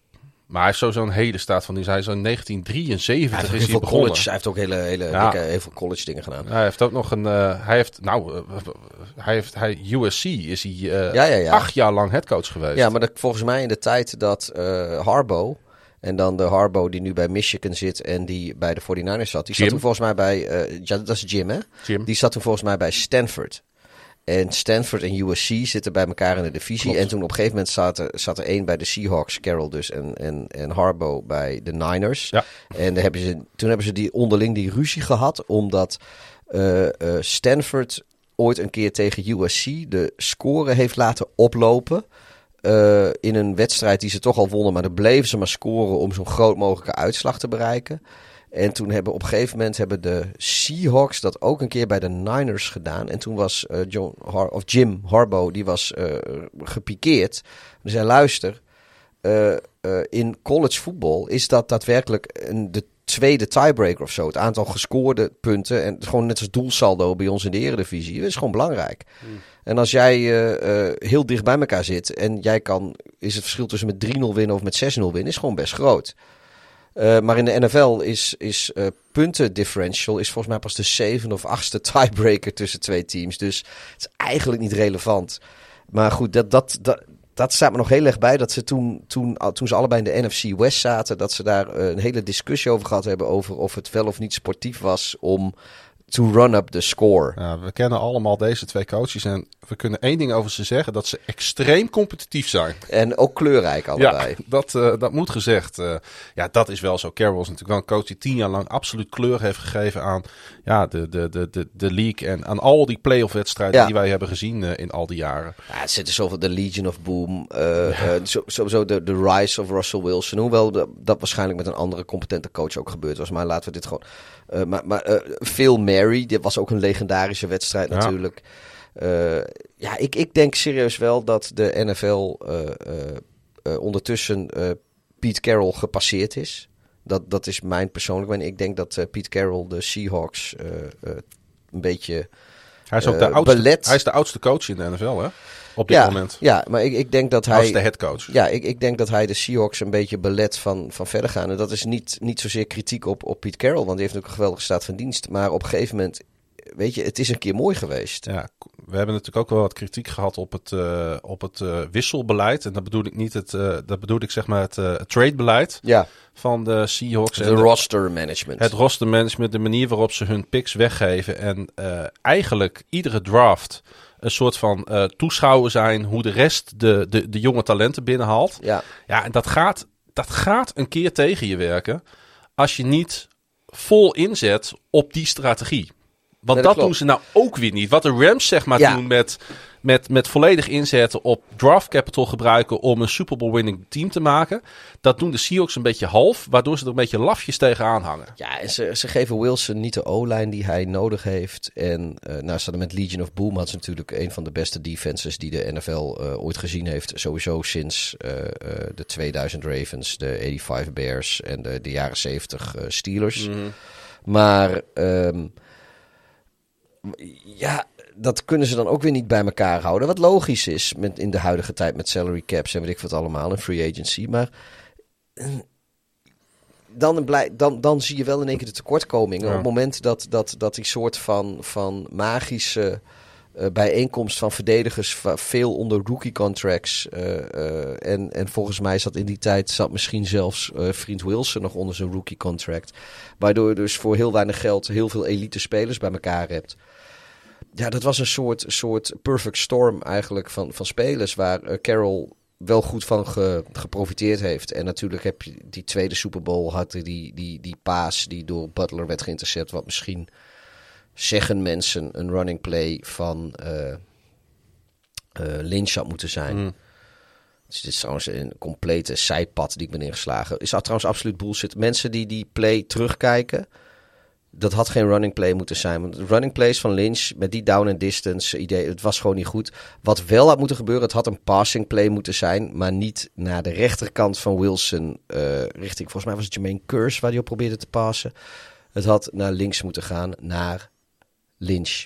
Die was daar een soort van eh, eh, eh, safety blanket. Ja. En die kon, eh, als, als die eh, eh, Als hij de bal had gekregen, had hij hem vrij de endzone in kunnen lopen. Maar los van dat, weet je, als hij die Super Bowl gewonnen had en hij was er dus heel dichtbij, eh, dan had hij een dynasty neergezet. Gelukkig voor eh, hem heeft hij een Super Bowl behaald natuurlijk.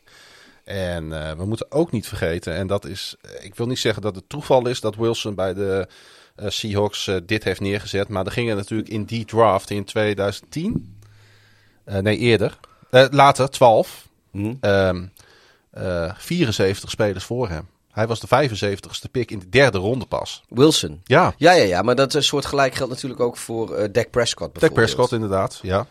Dus dat... eh, Maar goed, Maar dat houdt dus ook in. Kijk, je, je kan natuurlijk eh, eh, in dit geval de Cowboys of, of, de, of de Seahawks, maar ook de Cowboys enorm eh, complimenteren met dat ze Prescott en Wilson gekozen hebben. Aan de andere kant, zij waren net zo blind als al die andere teams, want zij hebben ook picks voor hun Mhm. derde ronde pick gebruikt voor andere spelers dan die. Terwijl als ze van tevoren hadden geweten hoe Prescott een quarterback zou zijn en hoe Wilson een quarterback zou zijn, 100% dat ze die met hun allereerste pick gepakt hadden. Dan ga je niet wachten tot de derde ronde. Dus zij hebben het, het, het talent van, van Wilson, zoals de Cowboys talent van Prescott, eigenlijk net zo niet goed genoeg ingeschat als de 31 andere teams. Aan de andere kant, ze hebben Bruce Irvin en Bobby Wagner hebben ze gepakt in die rondes daarvoor, de Seahawks. Dat zijn wel twee van de belangrijkste spelers van, de Legion geworden. Ja, ja, ja. Nee, nee, true. Nee, zij hadden daar echt een hele, hele goede draft. Maar Ja. de- ik- dat doet niet af aan mijn stelling dat als zij van tevoren hadden geweten hoe goede quarterback Russell Wilson zou zijn, dan hadden zij met hun eerste ronde pick gepakt. Ja. 100%. Ehm, eh, het blokje Seahawks even afsluiten. Ja, dat duurt er weer lang genoeg. Maar we moeten altijd, we pakken iedere week pakken we er een team uit waar we extra over praten. Eh, eh, precies. Eh, waar we niet extra over gaan praten, dat zijn de Houston Texans. Maar ik wou toch even benoemen dat eh, rookie quarterback David Mills, voormalig biertopper van de week. Zei ik weer David? Je zei weer David volgens mij. Davis Mills, eh, dat hij een kans kreeg en hij gooide, we gaan hem niet weer biertop maken, maar een career high 331 yards. Nou, er zijn quarterbacks die daar in weken niet aankomen. En ook nog eens een touchdown. Hij kreeg de voorkeur boven Tyrod Taylor, die na de 31-0 shutout tegen de Colts van vorige week natuurlijk op de bank belandde. En bij rust, eh, ik zat zo'n beetje op Redzone op een gegeven moment dat te volgen. En toen stond het op een gegeven moment 16-13. En ik denk, nou, Ja, denk, ik, het leek even ergens naartoe te gaan. en dat kwam natuurlijk onder meer door, eh, door die eh, franchise record eh, 61 yard field goal aan het eind van de eerste helft van eh Kiemi Fairbairn. Hij heeft er ook wat gemist dit seizoen, maar die 61 yarden die ging tussen de palen. Ja. Ehm, eh, ja, als je een 60 plus field goal raakt trapt, wanneer in de wedstrijd het ook is, Ja, dan hoor je er gewoon bij. dan hoor je er wel bij, ja. Maar wat ik af en toe, weet je, met zo'n Davis Mills, als je die dan ziet ballen. En in een, in een complete eh, ehm, dysfunctionele organisatie met, een, met het gebrek aan talent eigenlijk in vergelijking tot andere NFL-franchises, wat, eh, Mhm. wat, wat daar in Houston allemaal aan de hand is. Die quarterbacks, die zitten volgens mij best wel heel dicht bij elkaar. In de zin van, moet je eens voorstellen, kijk, iedereen had van de afgelopen quarterback draft hadden we natuurlijk Trevor Lawrence, eh, Trey Lance, eh, Justin Fields, eh Zach Wilson en Mac Jones. Dat was de top 5. Maar Davis Mills hoorde er ook bij. Maar denk jij nou dan? Kijk, ik wil best geloven dat bijvoorbeeld een Mac Jones beter is dan Davis Mills hoor. Dat, daar, dat, dat geloof ik meteen. Maar denk jij dat als Davis Mills bij de Patriots terecht was gekomen in die situatie, dat hij het niet nog steeds beter had gedaan dan bijvoorbeeld een Travis Lawrence eh, of een Justin Fields of een eh, Zach Wilson? Ja, vind ik heel lastig. Ja, ik ik vraag me dat wel eens af. Want soms zie je dus, zit je naar die Texans te kijken en dan zie je flashes van wat zo'n Davis Mills doet. En dan denk je van, ja, het, het is, het, het is geen, geen deurstop of zo, weet je. Het is geen, geen randebiel.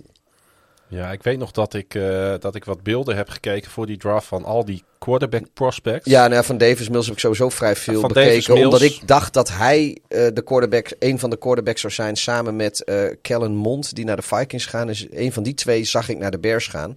Ja. In plaats van wat uiteindelijk gebeurd is. Nou, wat hij in ieder geval wel heeft, en dat valt me op, dat is voetbal IQ. ja, En dat heeft niet iedere rookie quarterback. Nee, dat zie ik bij precies. Lawrence helemaal niet terug eigenlijk. Nee, maar dat is volgens mij heeft Lawrence dat wel een beetje. Maar het is helemaal. De, de, de, de, de- het, het is helemaal uitgekozen. Ik denk dat. Maar moet je ook niet mentaal, want voetbal IQ is ook mental health. Ja, ja, ja. Moet je niet ongelooflijk sterk zijn om bij de Houston Texans dit neer te zetten, mentaal? Dat je dit kan Ja, opbrengen. nou ja, maar daarom zeg ik. Ik, ik zeg niet dat Davis Mills eh, eh, eh, top 5 of top 3 had moeten gaan in de afgelopen draft. Ja. Ik vraag me alleen af, Davis Mills bij de Patriots. Eh, met, met, met gewoon hoe gedegen die daar gewoon eh, de coaching en de. Weet je, ze hebben zo langzaam hebben ze Mac Jones gebracht met een beperkt playbook. Veel op de run game. Vertrouwen op die goede defense. En iedere Mm. week het playbook een, een, een bladzijde verder open. En eh, weet je, dat eigenlijk hem tegen zichzelf in bescherming nemend. Ja, weet je, die zijn daar zo goed in. En dan denk ik van ja, als het. Als, als een Justin Fields had daar geweldig gespeeld waarschijnlijk. Een, een Trevor Lawrence had daar geweldig gespeeld. Een Zach Wilson had daar geweldig gespeeld. En ik denk ook gewoon dat een Davis Mills eh, daar gewoon beter... Als Davis Mills er had gespeeld, dan had hij waarschijnlijk betere stats gehad dan, dan Fields, Wilson en Lawrence. Ja, want, Want als, die zijn allebei in een best wel kut situatie. als Mills en Mac Jones namelijk één ding over, overeen hebben, is dat ze allebei niet zo heel erg atletisch zijn. Ja, precies. Maar wel slim. Maar wel slim inderdaad. Ja. Ja Maar goed, punt. weet je, ik vind dat wel eens leuk om over na te denken. Het is eh, in, die, in die eindeloze rij van what-ifs. Maar eh, Mm. kijk, het Davis Mills, als die door de Jacksonville Jaguars was gedraft, hadden we waarschijnlijk een absolute stumper gevonden. Maar wat dat betreft staat er een interessante wedstrijd op programma komend weekend. Want de Texans die gaan naar de Jaguars.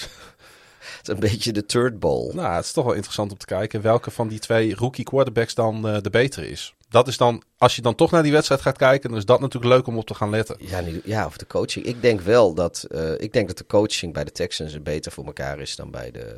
de nu zit daar natuurlijk een van mijn, Eens. mijn grote vrienden zit Nou, daar natuurlijk. Ja, gaan we het ook nog even over hebben, want er kwam een vraag over binnen.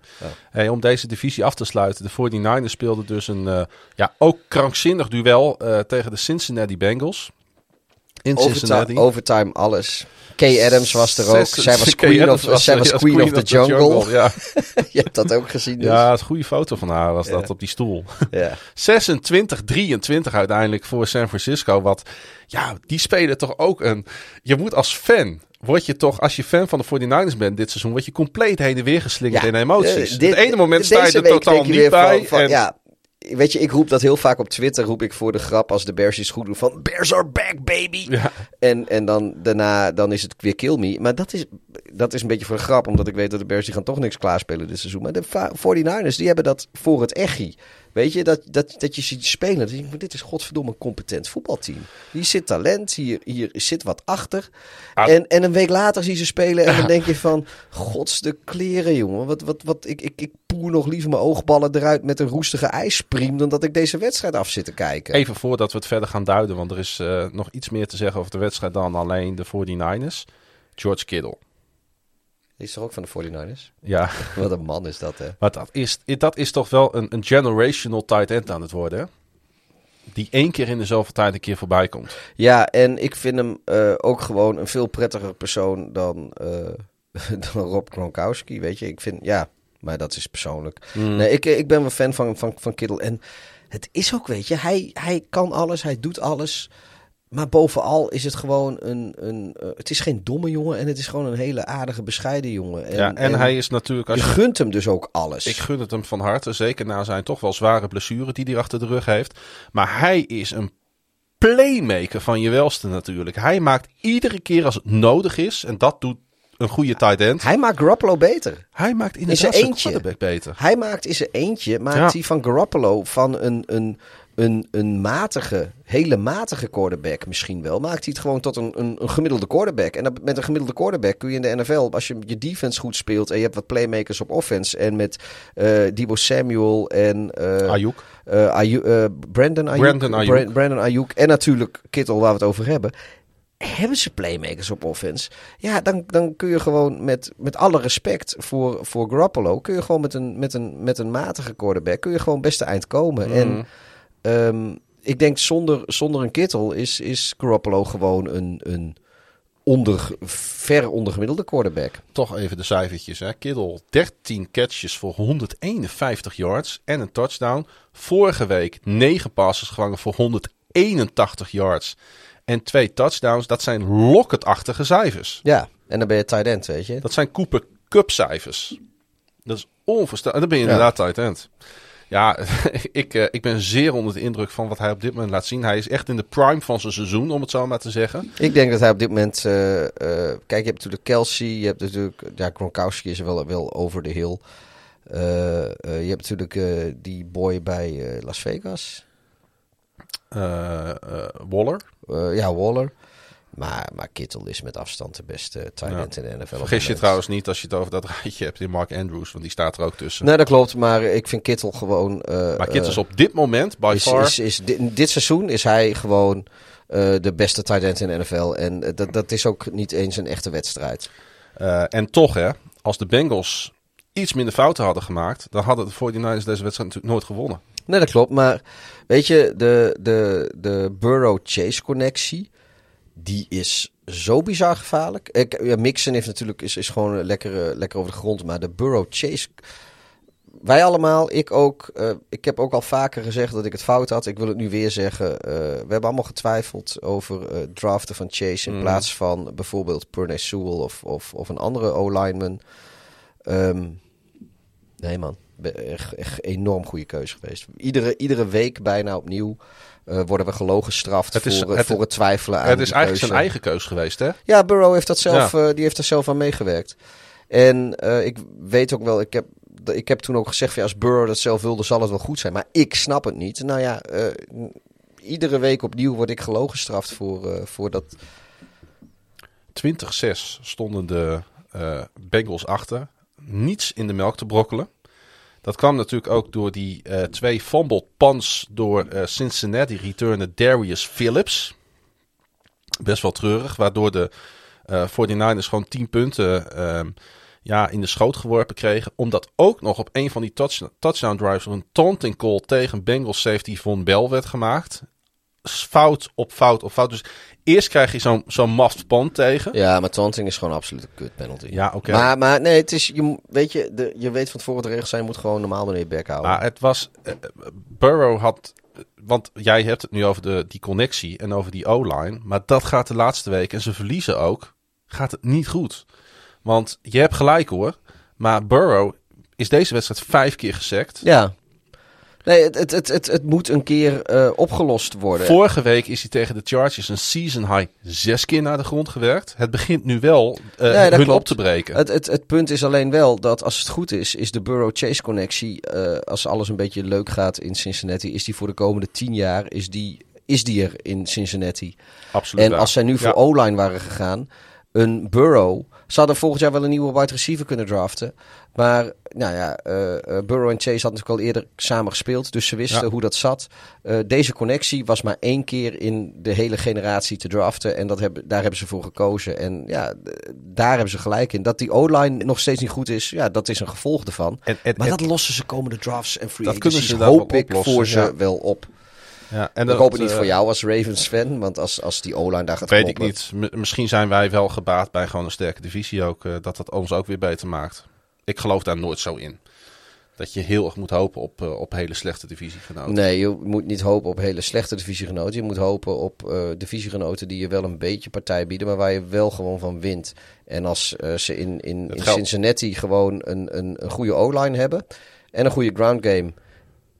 Hey, het geldt voor de Ravens natuurlijk ook. Hè? Ja, ja, ja. Die moeten natuurlijk ook de komende 1, 2 jaar dan wel in, eh, in, in eh, free agency, dan wel in de draft gaan investeren in een O-line. Ja, nou ja, ik moet... Want, want, zij hebben, want ook de Ravens zijn in de eerste ronde natuurlijk voor een wide receiver gegaan. En niet Nou ja, voor een O-line. Nou ja, laten we, laten we eh, ook, ook doorgaan naar de Ravens, denk ik. Want we, of moeten we nog iets over... Want, nou ja, misschien toch even de gemiste field goal van San Francisco. Waardoor het verlenging werd. Ja, Ja, oké. Maar uiteindelijk winnen ze hem wel. Dus, Nou dus- ja, Rob, Robbie Gould, ja, die is oud, niet meer zo goed als Gold. die is niet meer zo goud.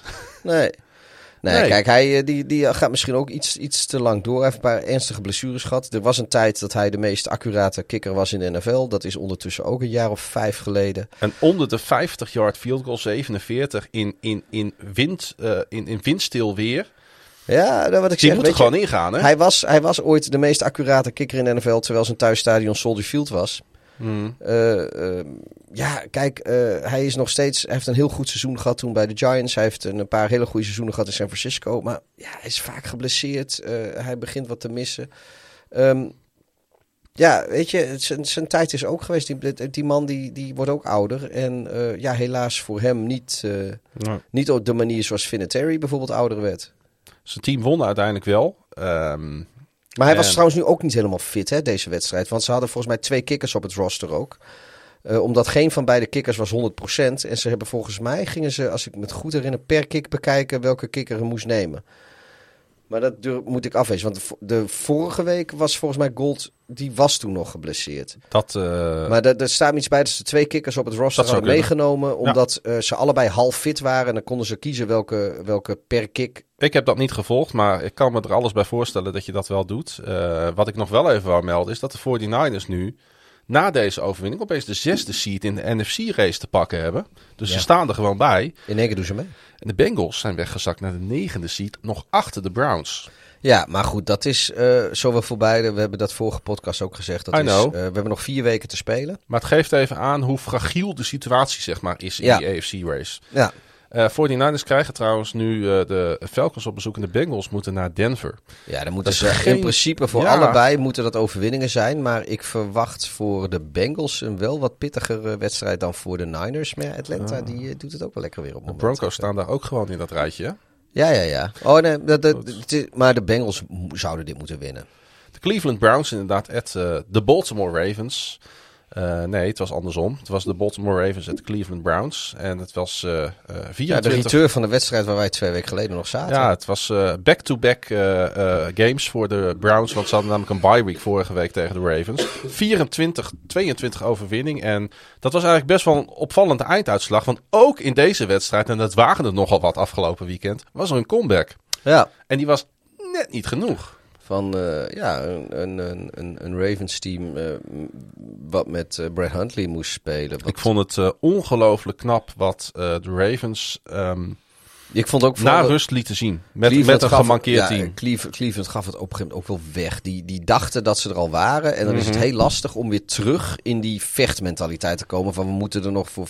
Die waren te vroeg, gaven ze die wedstrijd uit handen. Of Ja. op, denk ik. En dat dat is had- gewoon slecht. En Miles Garrett die had dat al een beetje zien aankomen. Want hij eh, verklaarde om absoluut niet blij te zijn met de trainingsweek van zijn team. Ik vind het best opvallend dat je je teamgenoten ja, zo eh, exposed, toch een beetje voor de bus gooit.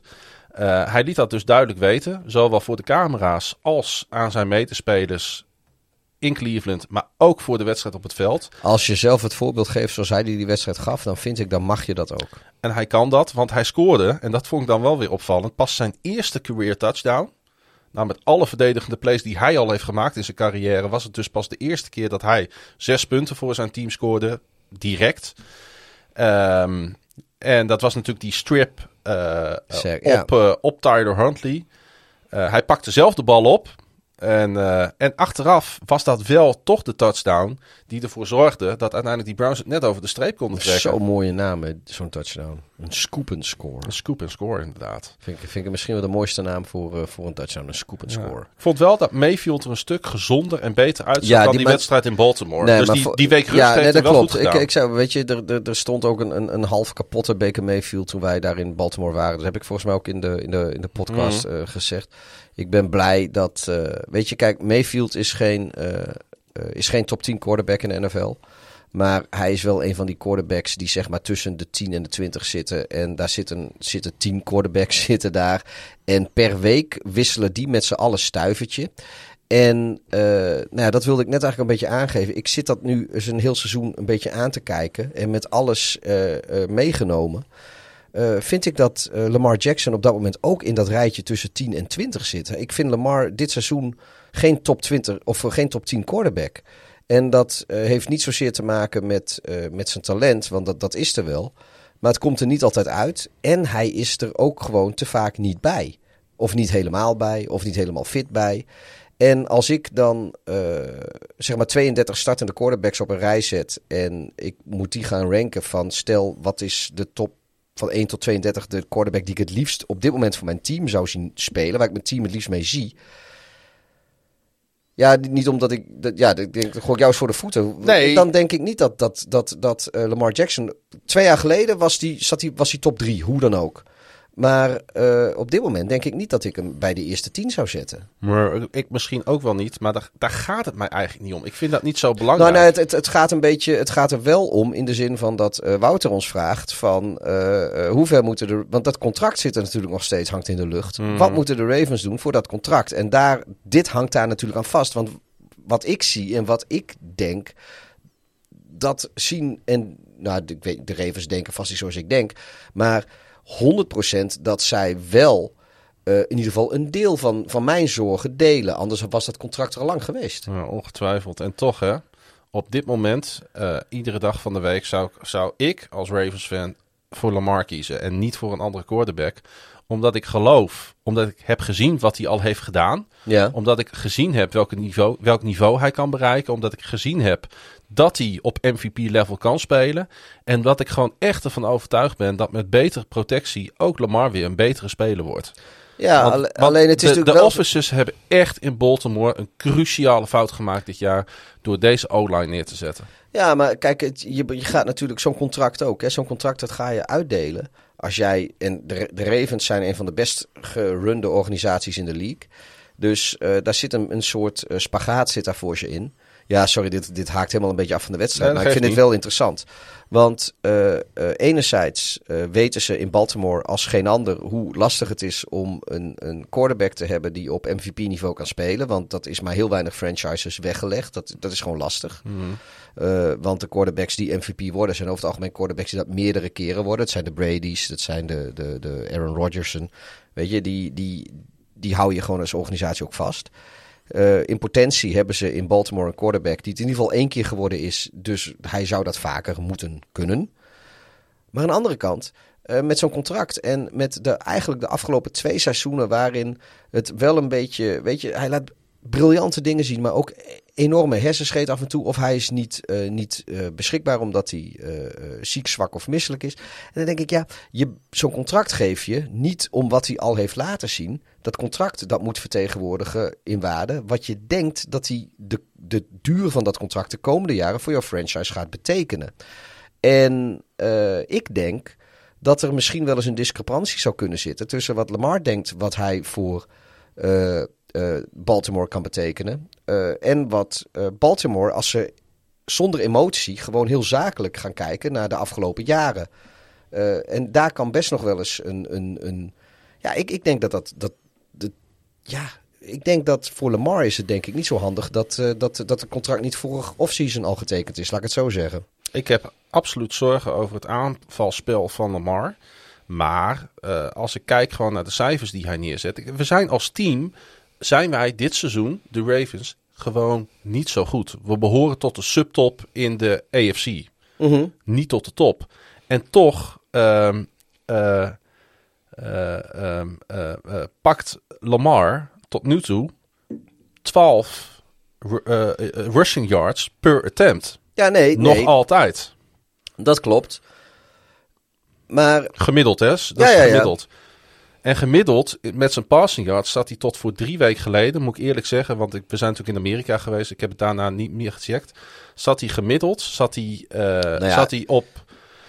Uh, met de wedstrijden die wij in Amerika gezien hebben, zal hij zijn gemiddelde in ieder geval niet, ge, ge, niet beter gemaakt nee. hebben.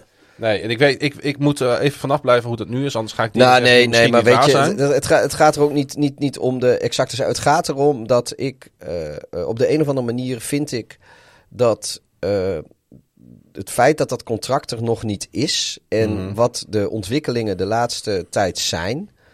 Um, ja, ik, ik zie daar ergens wel een, een, een soort discrepantie komen. Want laten we niet vergeten dat als uh, uh, de Ravens Lamar een, een, een, een monstercontract geven, terwijl ze het dus op dit moment zo op heel veel andere vlakken ook net niet helemaal voor elkaar hebben, dat gaat ze wel enorm veel cap space in één keer kosten, waardoor het alleen maar lastiger wordt om het op die vlakken voor elkaar. Het is best een precaire situatie eigenlijk.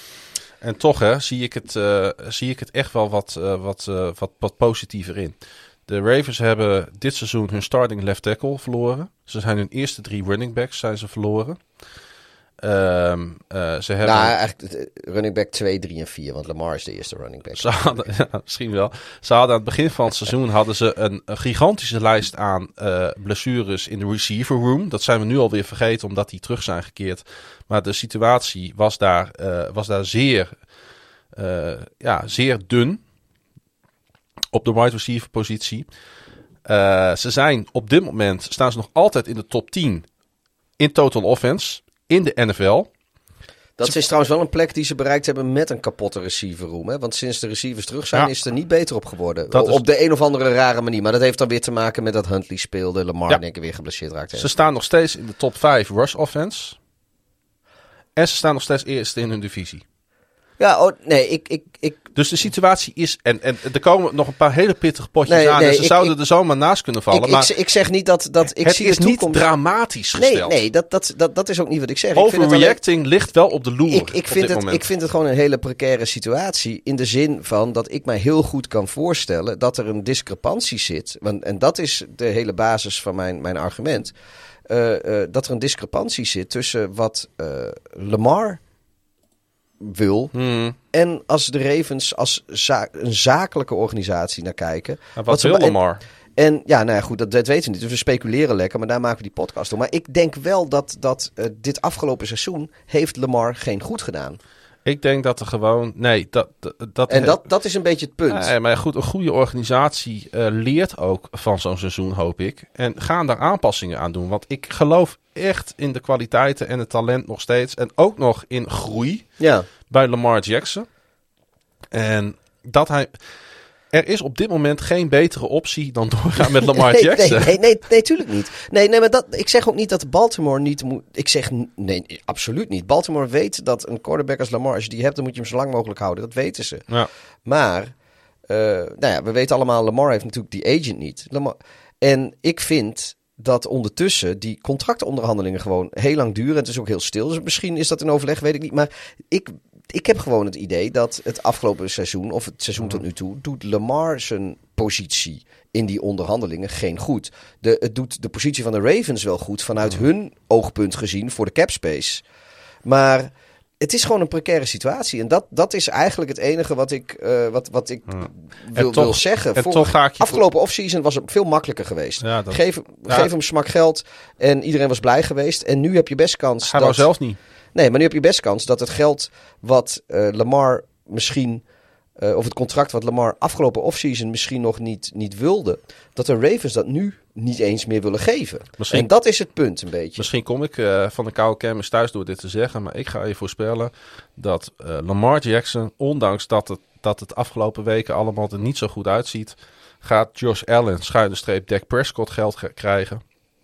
En wordt gewoon voor de komende vijf, zes jaar wordt hij de quarterback van de toekomst van de Baltimore Ravens franchise. Oh, dat, dat, dat geloof ik ook. Ik weet en alleen, dat het een ik miljoentje alleen- meer of minder is. Nee, maar ja. ik, weet, ik weet alleen dus niet of dat eh, de, de Ravens in een positie brengt om eh, eh, zo succesvol te zijn als ze willen zijn. Omdat, ja, er zijn heel veel andere dingen die, die waar ook geld. Maar goed, weet je, we, ik, ik, vind het, ik vind het gewoon een hele interessante situatie. Daarom wil ik het aanhalen. Ze hebben natuurlijk het favoriete, de favoriete target van Lamar Jackson hebben ze al verlengd voor een eh, beste zak met geld. Mark Andrews, de tight end. Die trouwens eh, Baltimore single season record voor yards receiving door een tight end even brak. De vorige was de eh, voor Ravens fans welbekende Todd Heap. Eh, die in 2005 dat record eh, eh, neerzette. En wat ik wel grappig vond, het waren Browns spelers die na de wedstrijd hun, hoe noem je dat? Hun ehm, een positieve feedback op, op Huntley gaven. Hun complimenten over hadden. Ik was even op zoek naar het goede woord, ja, sorry. en, nou ja, Maar die zeiden terecht. van, we hadden niet verwacht dat Huntley zo snel zou zijn. Hij eh, noteerde even 225 yards na rust. En eh, het had niet zoveel geschild of de Ravens waren er Nee, nog bijgekomen. ja, nee, dat is een beetje wat zeiden. De, de- in principe hadden ze bij de, bij de Browns hadden ze op het moment dat Lamar uitviel eigenlijk een beetje het licht al uitgedaan. Zo van nou deze wedstrijd is in de pocket en Ja. op naar volgende week. En eh, ze hadden eigenlijk niet rekening ermee gehouden dat de Ravens met eh, eh, Huntley ook gewoon eh, prima kunnen spelen. Eh, eh, zou Huntley, door wat hij heeft laten zien in Chicago en nu in deze wedstrijd, heel stiekem ergens wel eens eh, in, eh, in beeld komen bij een ander NFL-team? Ik vond Huntley in Chicago niet goed. Hij heeft eigenlijk één, één, één paas gegooid waar, die de moeite waard was. Ja, ik vond hem wel heel aardig spelen. Ook die wedstrijd. De- En nu ook weer. Nou, nee, maar is, eh, eigenlijk hebben de Ravens die hebben toch nauwelijks een drive neer kunnen zetten. Die hebben, zijn niet eens in de, in, de, in, de, in de buurt van de red zone van Chicago geweest. Ze hebben die ene field goal hadden ze van. eh, of ze die, die field goals van Tucker. En, en zijn die de ene diepe de bal een weggegeven. En uiteindelijk die ene, die ene eh, eh, touchdown pass, ver in de two minute warning, een soort vloek, omdat de, de secondary van de Bears die bestaat uit strooppoppetjes. Want ja, daar is niemand meer over.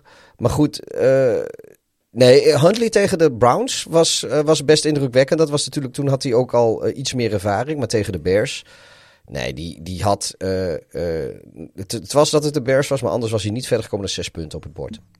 Want dat is het toch ook uiteindelijk geworden. Was het 13, 12 of zo? 14, wat, wat, wat hebben we nog? 14, 12. Ze hebben die 16, 13. hè? 16, 13, whatever. Maar Ja, eh, maar ik, het doet er ook niet toe. ik ben op zich eh, blij dat, eh, dat hij onze backup is. Maar hij is natuurlijk ook goed, ge, goed gescout. tussen aanhalingstekens door de Ravens. Want ze hadden natuurlijk met Archie Free hadden ze al een quarterback die een beetje in spel op, op Lamar Ja, leek. En dat hebben in- ze weet je, in, in dit soort gevallen, zoals tegen de Bears, maar ook te- tegen, de, tegen de Browns, als, als Lamar dan een keer uitvalt. zoals teams zich voorbereiden op een wedstrijd met de manier waarop ze hun playbook voor de wedstrijd ehm, gedurende de week eh, aanpassen aan, aan wat werkt, wat niet werkt, wat de quarterback kan, wat de quarterback niet kan, enzovoort. En, en ook de tendencies van de tegenstander. Als jij twee quarterbacks hebt die ongeveer dezelfde skillsets hebben, Mhm. ook al is het niveau eh, verschil is er natuurlijk. Daarom is de een de starter en de tweede de, de, de, de second stringer. Maar eh, dat maakt het makkelijk, want je kan met exact hetzelfde playbook als wat jij voor Lamar Jackson had. En nou ja, wat, wat, er staat uiteindelijk op wedstrijddag staan er maar een stuk of, nou ja, wat staat er, 40 plays in een playbook of zoiets. Dat is alles. Eh, met exact die 40. Ja, dan kun je zowel met eh, Lamar Jackson als met eh Brad Huntley... kun je daar gewoon je wedstrijden... Je, je hoeft niet de helft van je playbook weg te tyfen. Kijk, om voor mijn... eh, voor me, dicht bij mij huis halen... het verschil tussen, tussen Andy Dalton... wat op zich een hele uitstekende backup quarterback is nog steeds... maar het verschil tussen de, de capaciteiten van Dalton en Fields... is dusdanig groot... dat je met twee verschillende playbooks... Die wed dus als de een halfwege de wedstrijd uitvalt... Ja, dan, dan zit je heel lastig met, met, met, met de voorbereiding. En dat is natuurlijk een voordeel. Ik moet wel heel eerlijk zeggen dat, eh, dat is wel zo eerlijk om dat even te zeggen, dat ik ook voordat Lamar geblesseerd uitviel, dat was op de eerste play van het tweede kwart, dat ik hem ook in dat eerste kwart echt vrij dramatisch vond. Ja, het was niet best. Als het gaat over zijn eh, blessure, eh, van wat ik heb begrepen is dat het een, een, een, een game, game day decision wordt eh, komende zondag tegen de Green Bay Packers of hij wel of niet gaat spelen. Ja, ik hoop dat hij eh, gewoon gaat starten en dat hij echt gewoon de, de, de, de, de, de bal uit zijn broek speelt. Ik ook. Eh, de Browns spelen dus op zaterdag. En dat is wel heel erg leuk. We kunnen ook gewoon lekker op zaterdagavond American voetbal kijken komend weekend. tegen Las Vegas. Ja. En dat is trouwens hun eerste van twee op één volgende wedstrijden op zaterdag. Spelen- mogen twee keer op, eh, op die speciale Saturday. Dat is dan volgens mij is dat een special edition. Maar er zijn er dat twee altijd. stuks. Ja, dat is waarschijnlijk. stuks, ja, dat, ja. Is, dat, zijn er voor, dat noemen ze ook weer Sunday Night Football of, of Monday Night Ja, Football of altijd, Saturday, eh, weet ik veel. zo- Hangt een beetje af van de zender en de crew. Ja, precies. Dat een beetje een december traditie is dat aan het worden. Ehm, ik stel voor dat we even gaan pauzeren. Want dan, eh, dan kan ik even naar het toilet. Ja hoor.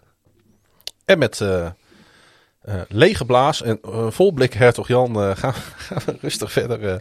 Chocolademelk stout heb ik nog steeds. deze nu al legendarische podcast. Ja, jij bent aan de stouts, hè? Ja, ik, ik heb ontdekt dat mijn, mijn geur en mijn smaak na mijn coronabesmetting is zo goed als terug. Alleen de smaak bitter, die proef ik niet zo goed. En Wat ik in heb- de meeste IPA's zit natuurlijk. Ja, en dat is bitter. Ik hou ervan. Ik hou van bittere dingen. En uh, daarom hou ik ook zo van IPA's. Maar ik moet eerlijk zeggen, als je bitter niet goed proeft, dan is IPA gewoon echt niet lekker. Maar zoet daarentegen proef ik weer prima. Dus ik zit nu altijd aan de pastry stouts en de chocolate stouts en de tiramisu stouts en de barrel aged stouts. en ja, het, is ook wel lekker stout weer, vind ik, zo in de winter. Dus eh, ja, jij houdt er niet zo van, maar eh, laat mij maar lekker die, die donkere zwarte stoutjes wegdrinken. Het is niet zo dat ik nooit een keer in mijn leven nog een stout ga drinken, maar... Hoewel, kijk, dit is trouwens zo eentje, weet je, die smaakt ook niet zo branderig. Dit is gewoon een soort, eh soort Nesquik met alcohol. Ja, jij, eh, jij liet hem even aan me ruiken. En ook eh, trouwens jouw biertje. En, en, en ik zei, dit toen, ik, ik kreeg gelijk zo'n Ja. flashback naar die keuken van mijn ouders vroeger, waar altijd zo'n gele pak met bus zo'n haas, en- of met zo'n haas, haas erop, ja. Nesquik stond. Wie wil een Nesquik? Wij willen Nesquik. Nee, dat klopt. Melk? Nesquik. Ja. Maar, ehm, nee, maar daar, daar ruikt hij ook naar. Ik zei ook van, ja, moet je ruiken, joh. Dit is echt zo'n chocolademelk. eh, maar hij heet ook eh, eh, chocolate milk stout. Dus ja, het is ook niet zo gek. 10% alsjeblieft. Gewoon chocolademelk met rum kun je ook gewoon drinken. Ja, dat klopt. Misschien wel een klein beetje op hetzelfde neer. Nou ja, dat is, dat is wel een klap zoeter nog hoor. Maar goed, eh, ja, tot zover onze bier-update van, de, van deze podcast. Ik drink de zoete biertjes deze keer. We hadden het natuurlijk al gehad over de Thursday Night Football van eh, deze speelronde Steelers at Vikings. Wat uiteindelijk dus een geweldige wedstrijd wil, eh, werd. Eh, daar hebben we nog niet in benoemd dat Delvin Cook weer terugkwam van de schouderblessure. Dat was eigenlijk voor iedereen was het een verrassing dat hij weer speelde. Nou ja, in Pittsburgh hebben ze het geweten. Zo. 205 yards. Ja, als je, 200, als je als een running back een 200 plus game neerzet. Hè, dat is normaal van het niveau Henry. Ja, Nou, dan, eh, dan, mag, je, dan mag je een medaille opspelden. Want eh, hij zorgde er wel eh, bijna eigenhandig voor natuurlijk dat die Vikings voorsprong tot, tot stand kwam. ja. En wie er dan weer voor zorgde dat de voorsprong uiteindelijk behaald werd en de overwinning werd behaald, dat was natuurlijk die safety, Harrison Smith. Want die vloog echt met alles wat hij had hè, tegen die rookie Ja. tight end van de Steelers aan. Die Pat Fryermuth met Duitse roots. Waardoor die, eh, Vrijer moet. want hij had echt die paas van Big Ben. Ik, die was eigenlijk nagenoeg perfect. Hè? Ja, ja, ja, ja. En die was in een tight window. En eh, ja, het was cruciaal. Ja ik, eh, ik moet wel, ja, ik denk wel dat, dat, eh, dat, dat de fout hem ook een beetje wel bij de tight end inderdaad eh, zat. Ja, weet ik niet. Die, die, die bal die was zo goed. Als je, de, weet je, dat, dat is de enige manier waarop je die bal kan gooien. Dat moet je het gewoon doen. En dan, en, dan- en dan moet de receiver, of die moet, of in dit geval tight end, maar dat is de receiver Ja. van de bal, zeg maar, de ontvanger van de bal. Die moet die play maken. En je kan het een rookie niet kwalijk nemen dat hij niet doet, want dat is dus wel zo. Wat we het eerder ook al zeiden. Van Ben Roethlisberger. In één keer kwam er een soort van, van, van geest in hem los. Een soort witte aap vloog uit zijn kont. Hij speelde weer een beetje als de Ben Roethlisberger van tien jaar geleden. Die, eh, die gewoon bijna elite was. Misschien wel in die tijd. En dat is niet ironisch.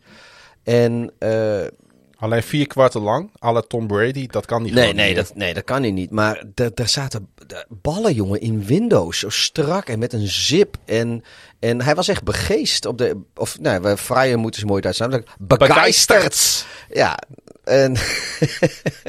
en... eh, eh, ja, ik, ik, ik denk nog steeds... Weet je, je- ik neem het niet zozeer... vrije moet kwalijk dat hij die bal niet pakte. Hm.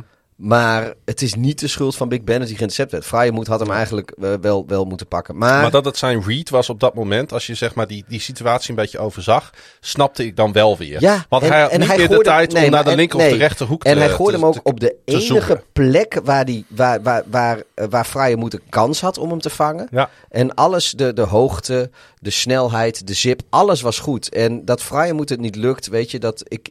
Kijk, ik, je ga, ik ga nu niet eh, naar Pittsburgh en de ramen bij, eh, bij de familie Vrijmoed ingooien met bakstenen als ik een Steelers-fan zou zijn. Want, want, of, ze, of de banden van zijn auto lek steken. Want het is niet dat hij nou echt een, een fout heeft gemaakt. Maar eh, Big Ben heeft zeker... Het is niet Big Ben te wijten, dat is het enige wat ik wil zeggen. En als TJ Watt de hele wedstrijd had kunnen spelen... dan had ik het ook nog wel moeten zien met, met, die- met die fokker gare, gare Kirk Cousins. Want Mhm. die... Want eh, eh, ja, we hebben natuurlijk in de wedstrijd tegen de Ravens een week eerder gezien hoe belangrijk Ward is als het gaat om de, de crucial plays. De star outside linebacker viel al in het tweede kwart uit, namelijk met een blessure. En hij, ja, hij keerde ook niet meer terug. En dat zijn. ik denk dat Kirk Cousins daar heel gelukkig mee nou, was. ja, daar zou ieder team in de NFL. zou daar natuurlijk. Blij mee zijn. Het was trouwens, gaan we weer eens, voor het eerst in NFL history dat in het eerste kwart beide teams een field goal misten en er een extra point niet gemaakt werd. Je hebt er niks aan aan deze informatie, maar het is wel een feit en zo zit het leven vol met dat soort dingen. Ik vind het mooi, dat soort statistieken. En ik erger me er ook kapot aan, aan dat soort statistieken. Het is, het, het- ik weet het niet. Als jij ze vertelt, vind ik het mooi. Als, als ik het weer ergens bij Fox eh, langs zie komen, dan heb ik zoiets van... De Steelers die krijgen de Titans op bezoek. Mooi potje op Heinz Field. ja, Ik wil dat eh, wel eens even zien, ja. Waar de Steelers nu al vijf keer op rij niet verloren hebben. Want dat is ook het seizoen van de Steelers. Nee, en die, eh, die Titans, die moeten het nog maar even doen daar, hoor. Er zat ook dat gelijk spelletje natuurlijk tegen de Lions tussen. En eh, de Vikings die gaan op bezoek in Chicago. Die hadden moeten winnen op Heinz Field als de scheidsrechters niet gewoon absolute bullshitters waren. Ja, hadden ze ook moeten winnen op eh, Lambeau Field. Is dat de wedstrijd waar we nu heen gaan? Ja. Nee. Want?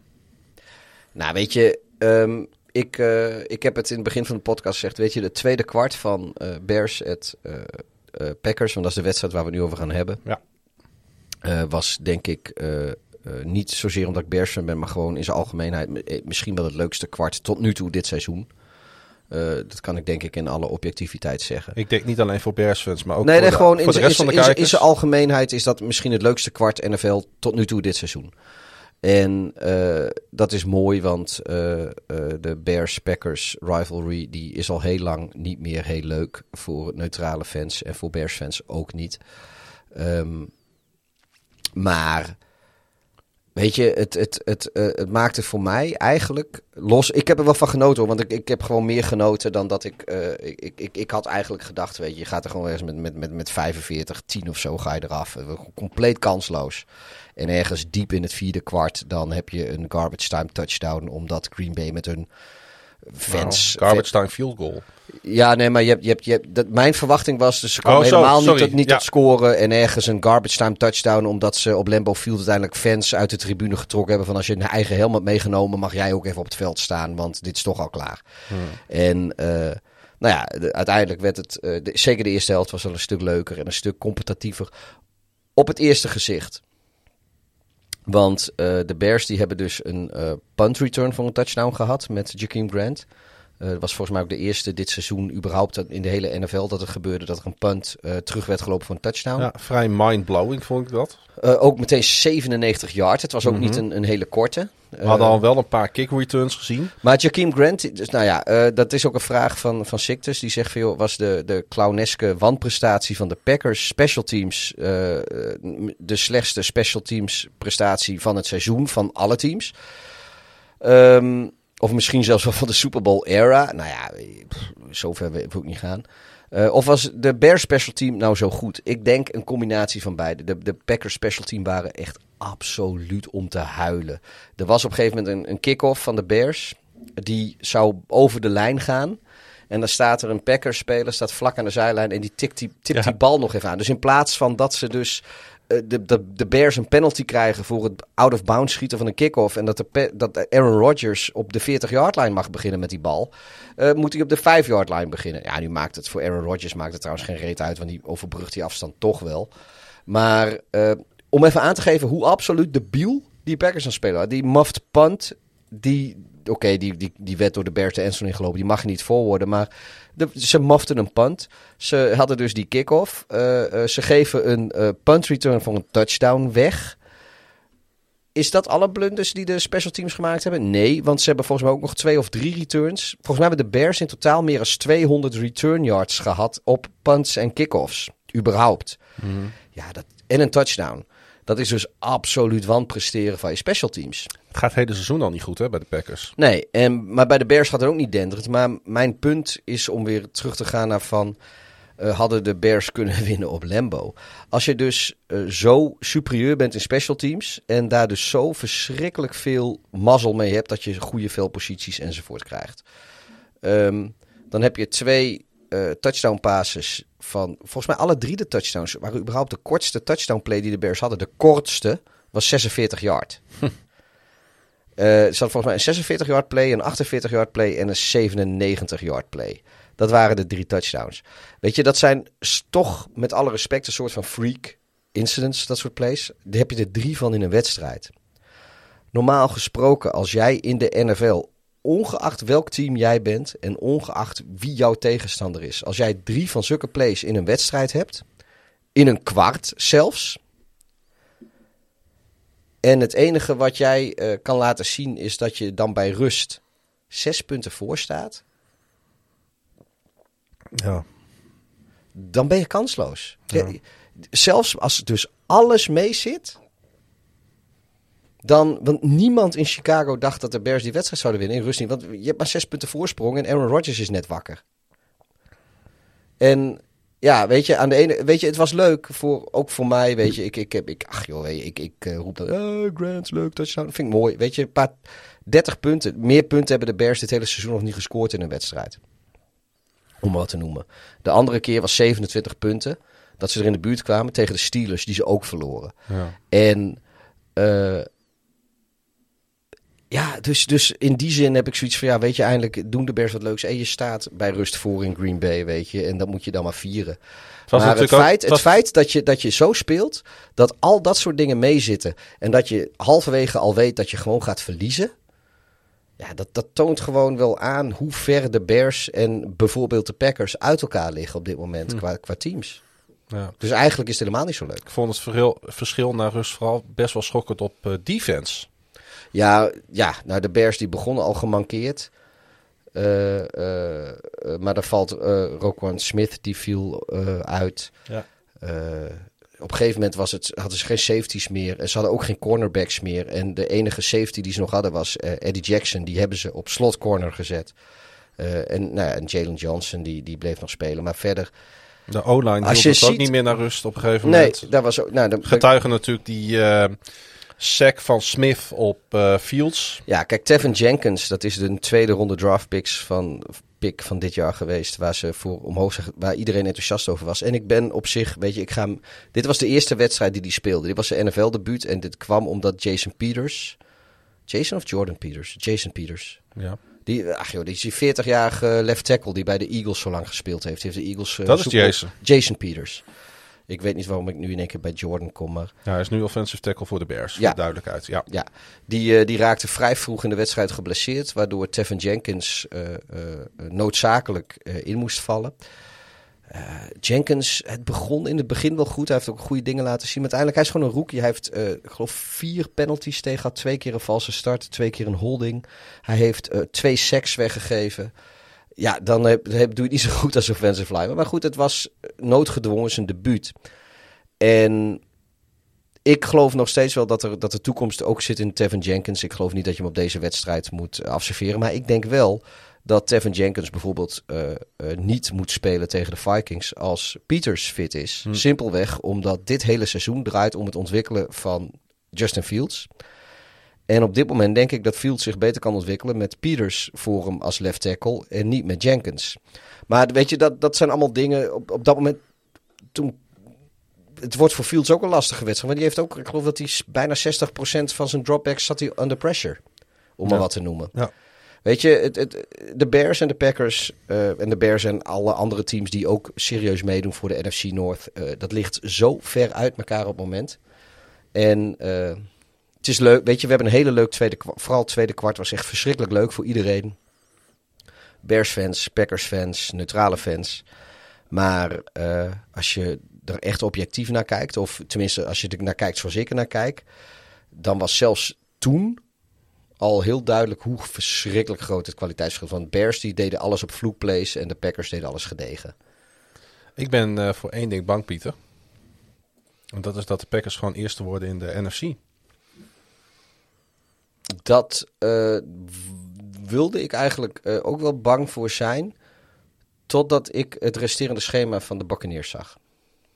Eh, maar die staan, staan die op dit moment, die staan toch onder de Packers? Nee, maar ik denk dat de kans op een win-out voor de Buccaneers groter is dan voor de Packers. Waarom? Resterende schema. Want ik denk namelijk dat de Packers gaan winnen in Baltimore.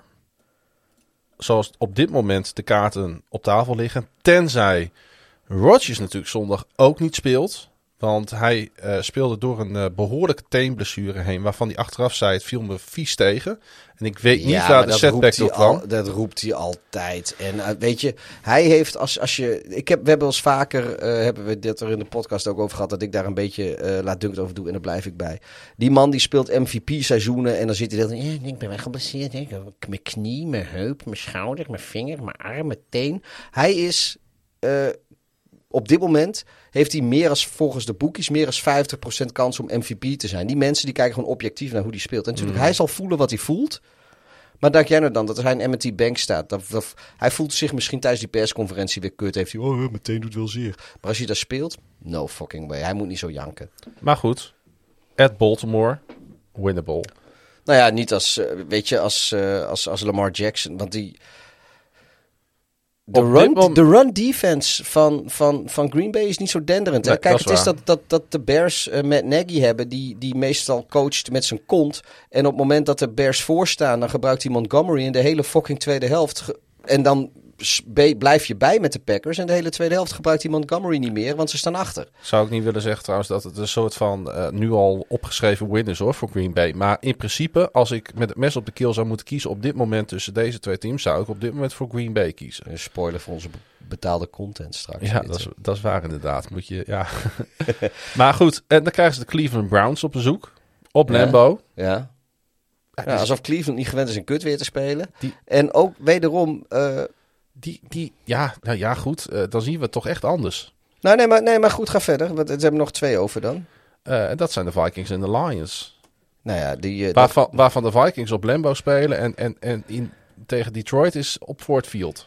ja, nou ja, eh, Green, ja, Chicago is eigenlijk het enige team wat nooit van Green Bay wint. Laten we dat even vooropstellen in de NFC Noord. Die andere teams, de Vikings De hebben alleen gepakt. doen dat inderdaad wat vaker. maar de Lions kunnen het zomaar doen. Maar de Buccaneers, Ja, kom maar door. twee keer Carolina, Ja, Jets ja. en New Orleans. En New Orleans. Thuis. Komende, komend weekend. Ja. Eh, Sorry, maar dat vind ik een echt een, een met afstand makkelijker programma dan Baltimore uit, Cleveland thuis. ja. En de Vikings. Ja, daar heb je op zich gelijk in. En toch zie ik ze allebei vier wedstrijden winnen. op dit moment. Nou, als ik, als ik zou zeggen wie pakt er vier van deze twee. het Als je mij dus met het mes op de keel zou vragen. En dat is niet omdat ik dus eh, bepaald niet sympathiek sta tegenover de Packers. Maar als je mij met het mes op de keel zou vragen. Van zet nu je, je, je spaargeld in op eh, wie je denkt eh, wie 4-0 gaat in de resterende vier wedstrijden. De Bucks of de, de Packers. Met die programma's. Dan zou ik eerder mijn geld op Tom Brady in de Bucks zetten. En dan, ja, dan hoop ik natuurlijk dat de Packers natuurlijk verliezen in Baltimore. Want dan, dan wordt die wedstrijd tegen de Browns nog meer een belangrijke pot op Lambeau weer om te winnen. Dat is dan weer heel goed voor de Ravens. Ja, natuurlijk. En als de Ravens winnen eh, van de Packers, nou ja, dan zijn wij ook vrolijke boys. Daar zijn wij hele grote vrienden opeens. Hey, Nou, eh, anders, anders niet hoor, normaal jongen. Dan zitten we elkaar altijd een beetje over de, over de voeten heen te pissen. Piet, het seizoen van de Bears is voorbij. Hoe voelt dat? Ja, weet je, ik had, eh, ik had 17 voorspeld eh, voorafgaand aan dit seizoen. En eh, dat was misschien wel een beetje optimistisch. Aan de andere kant, ik denk, we kunnen, wij, de Bears zijn wel een team die nog steeds twee keer van de Vikings kunnen winnen. En je hebt ze een keer zien winnen dit jaar. Ja, daarom, ah joh, weet je. Ik, ik, het gaat mij erom, ik wil, ik wil keer. gewoon zien dat Justin Fields zich een beetje fatsoenlijk ontwikkelt. Ik weet ook wel dat dit met Nagy's laatste seizoen is, maar weet je, als je ziet wat de, de, de, de, de hysterie om, om de Chicago Bears, is, zeg maar die media en de Twitter en de en de en de, en de Ja, jij de stoort je daar wel een beetje aan, hè? Nou ja, weet je, ik denk gewoon serieus. eh, ik, er zijn 32 teams in de NFL en ik zeg niet dat van die 32 teams Chicago de lastigste is. Zeker niet. Eh, want de New York teams, dat is ook lastig hoor. Maar eh, ik denk wel dat Chicago gewoon een van de moeilijkere teams is om te managen. En ik zeg niet dat eh Matt Nagy een goede coach is of dat hij langer moet blijven.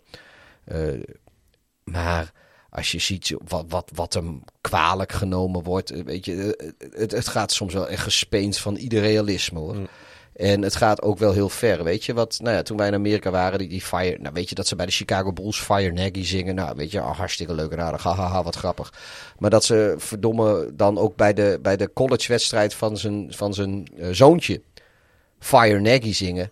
En ik weet wel, weet je, dat zijn dan niet per se Bears-fans die dan afreizen naar die college-wedstrijd om dat te zingen. Dat zijn gewoon de student section van de tegenstander. En die weten dat het zoontje van Nagy er speelt. En, en het is ook allemaal de omgeving van Chicago. Dus ze weten. Het is Maar- wel naar.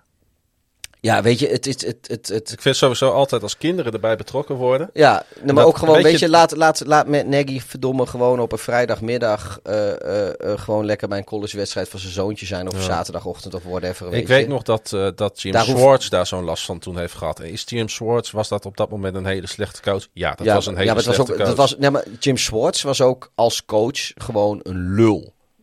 Weet je, hij liet zijn team vuil spelen. Hij verdedigde vuile acties. Weet je, toen uh, Sue, die later trouwens ook eh, bij de Bucks en de Rams, een, of bij de Dolphins en de Rams een veel prettiger speler geworden is. Ja, ja. Maar onder Schwartz was het een klootzak. En die werd hij ook nog.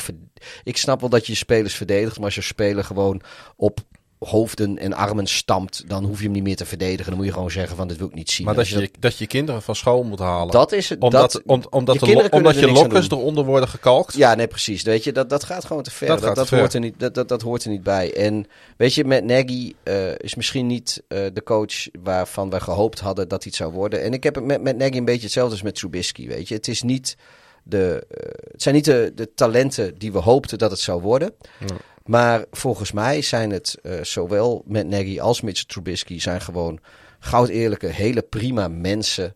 En eh, ze hebben eigenlijk niks gedaan om, om gehaat te worden. Dat je ze liever ziet vertrekken vind ik prima. Maar het zijn helemaal geen nare mensen, geen nare persoonlijkheden. Ze, hebben, ze, ze gooien niemand onder de bus. Ze zijn respectvol, altijd naar alles en iedereen. Ze zijn, ze zijn open en eerlijk terwijl het eh, absoluut tegen zit. Of ze de meest verschrikkelijke wedstrijd uit hun carrière gehad hebben. Ergens heb ik daar ik heb respect voor mensen die, die zo zijn. Die altijd de pers te woord staan, die altijd vriendelijk zijn, die nooit eh, eh, Mhm. zichzelf op die manier laten kennen. Oh, ze zijn wel emotioneel, maar, maar nooit vervelend. Ja, ik, ik, denk, ik heb daar wel een zwak voor op de een of andere manier. Ik, ik, ik, voor mij mag je weg hoor. Ik, ik zie, ik zie de, liever de Bears met iemand die, die Justin Fields beter ontwikkelt. Ja. Maar ik heb geen, tot, geen enkel probleem met Nagy als persoon, zeg maar. Maar als coach van de Bears ben ik er wel klaar mee. 30-45 werd het uiteindelijk op eh Lambo. En als we het dan hebben over eerlijke coaches, ja, dan moet ik ook gelijk aan Dan Campbell denken, de Lions coach. Ehm, maar daar ging het natuurlijk niet over bij deze wedstrijd, want, en eh, ja, dat is best wel treurig. Deze wedstrijd stond natuurlijk in het teken van het overlijden van oud-Bronco Demarius Thomas. Het is al de tweede week op rij dat ze bij de Lions een wedstrijd spelen die eigenlijk eh, in het teken staat van, eh, Ja. van, van, van de sterfgevallen buiten het veld. Is dat je die Oxford school shooting vorige week tegen de Vikings. Ja. En toch, als één coach heeft laten zien daar goed mee om te kunnen gaan, dan is het Dan Campbell. Want ehm, eh, na het moment van stilte, wat er natuurlijk was, eh, gingen de Broncos met tien man het veld op om op die manier Thomas eh, te eren. De Lions kozen ervoor om de delay of game penalty te declinen. En dat was toch een mooi gebaar van, van deze Dan Campbell. En Vic Fangio, die noemde dat ook- ook, ook- een classy move. En prees de Lions ook, als mooi, organisatie. de Lions vielen de line ook niet aan. Nee. Die, eh, eh, ze stonden er wel omdat, ja, weet je, je gaat natuurlijk ook niet met je handen in je zakken daar een beetje als een zoutzak naar staan kijken. Want dat is ook niet echt heel respectvol. Dus je, Nee. je gaat er gewoon staan alsof je er staat. Maar eigenlijk weet je al wat er gaat gebeuren. En, eh, nou ja, je, je laat het ook gebeuren. En inderdaad, daarna decline je die penalty. En, ja, ik weet, ik het, het is een soort een missing man formation eigenlijk, wat, de- wat de Mhm. Broncos deden. Mhm. En ik vond het echt heel mooi. Ik ook. Thomas, eh, voor wie dat gemist heeft, overleed afgelopen donderdag in zijn huis in Georgia. Op de leeftijd van eh, 33 jaar. En eh, ja, Was, hij, was hij niet eh, vorig jaar met pensioen gegaan als Jet, volgens mij bij de New York Jets? ja, zeker. Dat was zijn laatste team. Ehm, maar het is toch... Wij kennen hem nog allemaal als die man die die, die, die touchdown pass van Tim Tebow Ja. tegen de Steelers. In Ja. de- volgens mij de kortste overtime ooit. In ieder geval in postseason geschiedenis. En Misschien in de hele NFL geschiedenis. Het is natuurlijk best wel bizar dat nu, we hebben heel vaak, ook in deze podcast de afgelopen twee jaar, hebben we natuurlijk eh, eh, ja, mensen de revue zien passeren die eh, zijn overleden. En dat zijn dan bijna altijd, zijn dat natuurlijk... Schimmen uit het verleden. ja. Of, of ja, met alle res- zo respectvol mogelijk eh, spelers in de marge. Ja, en nu is het echt iemand die wij nog zo helder op de bril hebben. Waar we, waar we van- van gewoon echt, echt duidelijke herinneringen. Ja, Ja. klopt. Ja. Ik weet nog, want ik, eh, dit gebeurde tijdens de Thursday, Thursday Night, Night Football. Football. Ja, Daar, Ja. eh, ja. daar is het. We hebben elkaar heb nog ik, heb, ik, heb ik om vijf uur zitten te appen hierover. Ja. Ja. Ja, en het was eerst van... Ik durfde het bijna niet te sturen. Want ik dacht van, dit, is, dit zou ook wel weer zo'n gevalletje nepnieuws kunnen zijn. Weet je, dat het niet klopt.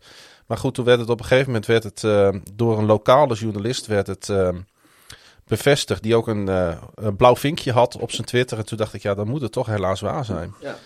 Ehm, en hoe mooier, ja, dit is dan ook weer zoiets. Konden de Broncos deze wedstrijd dan ook eindigen met een 88-yard touchdown drive? Het nummer van Darius Thomas. Hoe verzin je het? Ja, het, het is bijna alsof ze erom deden, maar dat, Dat was niet zo. Nee, ook, ook de Lions niet. Nee, Die uiteindelijk trouwens eh, helaas voor eh, Detroit wel vrij kansloos waren. ja, ja, ehm, ja, wat de wedstrijd betreft moeten we het er nog over hebben. Running backs uh, 38-10. Nou, wat ik mooi vond is dat eh, zowel Javonte Williams als Melvin Gordon allebei een touchdown scoorden. Eh, ik heb, eh, ja, en heb ik op zich niet dat ik daar heel ongelijk in heb gekregen. Ik heb gezegd, nou, het gaat 1, 2 wedstrijden duren en dan gaat die Williams Gordon aan alle kanten voorbij. Nou, dat Gordon waarde voor zijn team heeft, dat laat hij eigenlijk het hele seizoen al zien. Ik vind het toch wel heel knap wat hij doet. En eh, ik vond die, eh, ja, die verdediging van de Broncos. Ik kan er als eh, liefhebber van verdedigd voetbal toch wel heel van genieten. Drummond Jones. Uh, Zo'n beetje in de schaduw van de NFL begint hij toch wel een monsterseizoen te draaien bij de Broncos. Vind ik echt een geweldige verdediger.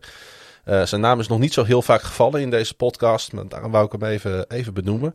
Hij had twee sacks op uh, Jared Goff, die ja, weer ouderwets uh, slecht was, hè? Jared Goff. Man. Ik, nou ja, weet je, ik, ik, ik heb... uh, de, de, de, vaste luisteraars weten precies hoe ik over Jared Goff denk. En ja, hij heeft me deze week wel weer gewoon gelijk gegeven. Zo. Het sloeg helemaal nergens op wat hij liet zien. Eerste kwart eindigde met een 14-0 voorsprong voor de Broncos. Een 11-0 tussenstand in first downs. 135 yards voor de Broncos. Min 1 voor de Lions. Dat was de tussenstand na het eerste kwart. Ja. is niet best. Ga dan niet naar Denver, zou je bijna zeggen. De Lions die hosten de Cardinals. Over... Uh, ja, dat zal ook wel weer heel lastig worden. En de Broncos ontvangen de Bengals uh, in eigen stadion. Patrick Mahomes is weer terug, uh, Pieter. Mooi, hè? Ja, ja, het was... ja enerzijds... Nee, nee, weet je, laat, laat ik ook gewoon echt heel eerlijk zijn.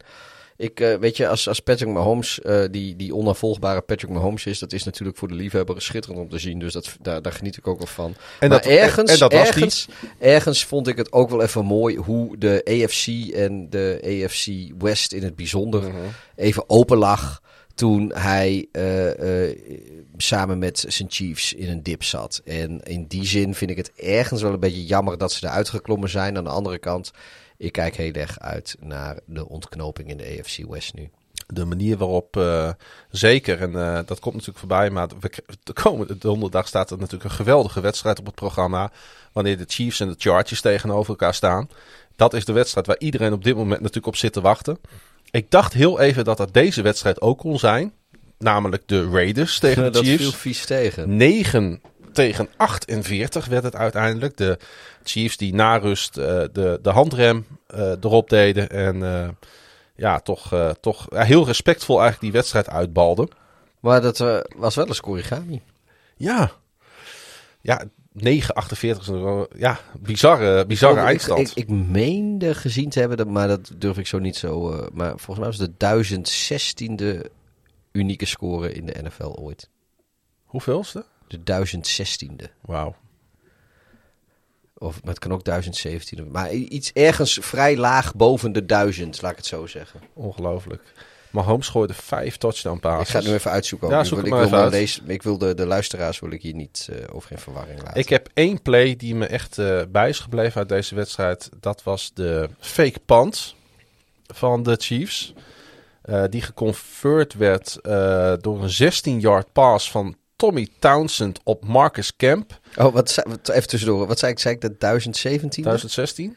Het is de 1071ste. Nou, kun je nagaan, zover zijn we al. Maar die, die ja, nou ja, goed. 1071 okay. uh, verschillende scorigami. Ga verder uh, waar je nou ja, was. Uh, Continué. De play die mij eigenlijk het meest bijbleef was dus een fake punt. Omdat natuurlijk fake punts sowieso awesome zijn. Ja. Uh, waarom de Chiefs dat in deze wedstrijd deden, ik heb geen idee. Waarom zou je dit uh, uh, nou, nou weggeven, deze play? Terwijl Omdat je dat, het ideaal moment is om, te om, oefenen, om, om te oefenen, dat snap ik wel. Aan de andere kant, aan de ja. andere kant, ja, je geeft hem wel weg. wat wel dan weer mooi was, twee plays daarna Ik weet niet of je dat nog eh, op het netvlies hebt. Scramblede Mahomes de pocket uit. En gooide hij een diepe paas, eh, zeg maar, eh, across.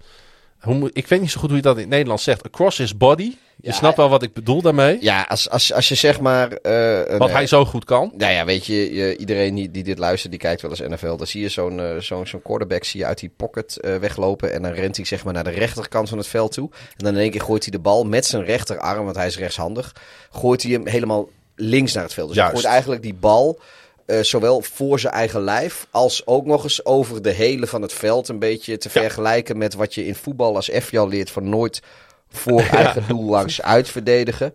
Eh, dat is een beetje wat in de NFL is. Doe nooit een crossbody throw. Maar weet je, als je gewoon weet waar je mee bezig bent en je hebt goed om je heen gekeken waar iedereen is, dan, dan kan dat heus. Nou, dat had hij dus niet, want hij verklaarde na de wedstrijd eh, dat hij in een, in, een, in, een, nou, in een flinch, zeg maar, eh Darrell Williams had zien staan. En hij gooit daar toch een 38-yard touchdown paas op die, op die Williams. Paas was niet eens helemaal accuraat, maar het was weer zo typerend dat binnen een minuut, zeg maar, eerst die fake punt, dan de scramble, dan de, de pass across the body die op miraculeuze wijze ook nog bij een teamgenoot eh, belandt. Ik denk, ja, dit Ja. is classic Chiefs zoals we Ja, de dat Chiefs is, de afgelopen jaren gezien Dat hebben. is de Mahomes zoals we van hem houden en zoals we hem haten. Ja, In de zin van, weet je, we houden van hem omdat het schitterend is om te zien. Maar we haten hem omdat het, ja, het maakt de NFL en die wedstrijden zo voorspelbaar. Als, eh, nou, ik heb het al eens vaker gezegd. Ik vind prima spelers heel erg goed zijn.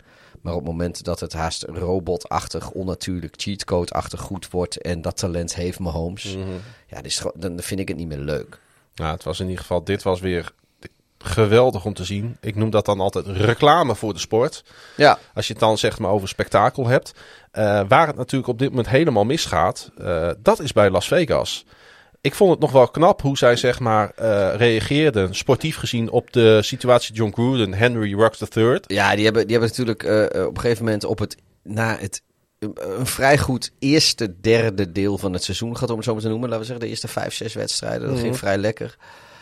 In één keer kwam daar de, de absolute ellende van John Gruden, hun coach, die, die natuurlijk het veld moest ruimen Ja. na, na de aanleiding van, die, van, dat, van dat e-mail debakel. En een paar En, dagen en, later en een week la, ja, en, Ruggs. no- en dezelfde week zo'n beetje, of, of in ieder geval binnen een week na, hadden ze eh, Henry Ruggs die eh, ja, met, met, eh, met drank slash drugs op, met veel te hard rijden, een, een, een verschrikkelijk auto-ongeluk eh, veroorzaakt waarbij, eh, nou, waarbij iemand om het leven gekomen is. Ja.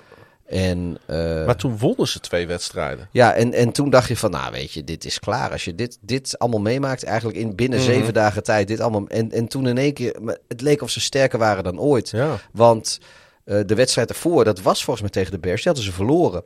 En, en toen dacht iedereen van, nou, het is nu weer klaar met, de- met, met de Raiders. Eh, Want is dit, nou dat is al kut. En daarna ook nog dat gedoe met Rocks. Nou, dan is het helemaal. En toen begonnen ze in één keer te winnen. En Ja. toen dacht ze, nou... Maar eh Natuurlijk dat die, hele, natuurlijk die, hele knappe, die hele knappe overwinning op Thanksgiving die wij in Detroit hebben gezien bij Dallas. 36, Oh ja, ook nog 33. even, ook nog even een goede, Dat was- leuke Dat wedstrijd. was echt een geweldige Leuke- pot inderdaad. En nu opeens, twee weken achter elkaar, is het fout op fout. Las Vegas gaf de afgelopen twee wedstrijden de bal vijf keer aan een tegenstander. Ja, en, eh, en die, die, die, wat een tijd lang zeg maar een soort van verbeterde defense leek, was, daar was afgelopen weekend natuurlijk helemaal niets van over. En ook die aanval, want Derek Carr heeft natuurlijk best wel veel lof gekregen. Stond ook eh Met zijn eerste... mascara. Nou ja, stond Mes, of zoals wij dat noemen, mascara. Mascara. Eh, die, die stond natuurlijk bovenaan als het gaat ging op, op de. Hij stond toch eerste bij de receiving leaders op een gegeven moment. Ja, stond hij. Ja, ik eh, geef je direct Carr gelijk. stond eerste. 82 yards in de eerste helft, Pieter. De Raiders. Totaal, totaal. In de eerste helft? Ja, de eerste ja nee, er was gewoon heel weinig van over. Maar dat komt ook, weet je, dan gaan ze met hun fucking eigenwijze back, gaan ze voor die wedstrijd, gaan ze met z'n allen als team, gaan ze expres dansen op dat eh, Chiefs logo Ja. in het midden van Arrowhead. En eh, waarom? Ik snap wel dat het een rivaliteit is, maar denk ik, doe gewoon normaal. Je kan, je kan ook een, een, een, een elkaars bloed willen drinkende rivaliteit hebben zonder dit soort onnodige bullshit. En het meest trieste is gewoon, je kan alleen maar verliezen. Want als, stel dat de Raiders hadden gewonnen, dan had niemand gezegd van... vet tof man, hoe ze voor de wedstrijd op het logo van de Chiefs dansen. Maar nu hebben ze hem verloren en niet een beetje ook 48-9. 48-9. En de enige keer dat ze überhaupt op, in de buurt van het logo van de Chiefs zijn geweest, was voor de wedstrijd toen ze erop dansten. Want toen ze daadwerkelijk één keer aan die wedstrijd begonnen waren, zijn ze niet eens in de buurt van de 50-yard line gekomen op eigen kracht. Het is gewoon van een absolute triestigheid. Dus je verliest hier en je goodwill. En je bent het lachertje van de NFL van de week. Want laten we eerlijk zijn, dat zijn ze met die actie. Eh, Er, er is nooit iets te winnen. Als, en ik, dat filmpje, als je dat ook ziet, dan is er... Ik weet niet welke speler het is. Er is één speler die rent naar het logo toe en die wenkt de rest van... Kom hier staan, we gaan hier op dit logo dansen. Al die andere spelers moeten gewoon zeggen van... Nee, doe even niet zo triest, jong gast. En als coach moet je eigenlijk direct zo'n speler zeggen van... Jij, eh, doe je helm maar weer af, doe je pets maar weer af. eh, eh, klaar met jou. De Titans deden het natuurlijk een paar jaar geleden eh, bij de Ravens. Ja, maar de Ravens hadden het ook bij de Titans gedaan. Dat was, dat was heen en weer. Dat Eh, was, ging over een aantal jaar. Ja, nee, nee, nee. De eerste keer deden de Titans het bij de Ravens. En toen won het jaar erop de Ravens bij de Titans. Zeiden ze, fuck it, nou gaan wij het ook doen na de wedstrijd. Toen ze gewonnen hadden. Ja, oké. nou, dat maar- is dan toch nog weer wat anders. Maar Nee, dit nee, is nee, maar voor goed. de wedstrijd, Ja, notabene. Nee, maar ook gewoon... Ja, nou ja, dat, dat is... Kijk, het is natuurlijk... Als je het na de wedstrijd doet van... Oh, nu hebben we gewonnen. Inderdaad, dat de Titans die deden dat. En de, en de, en de Ravens dan ook.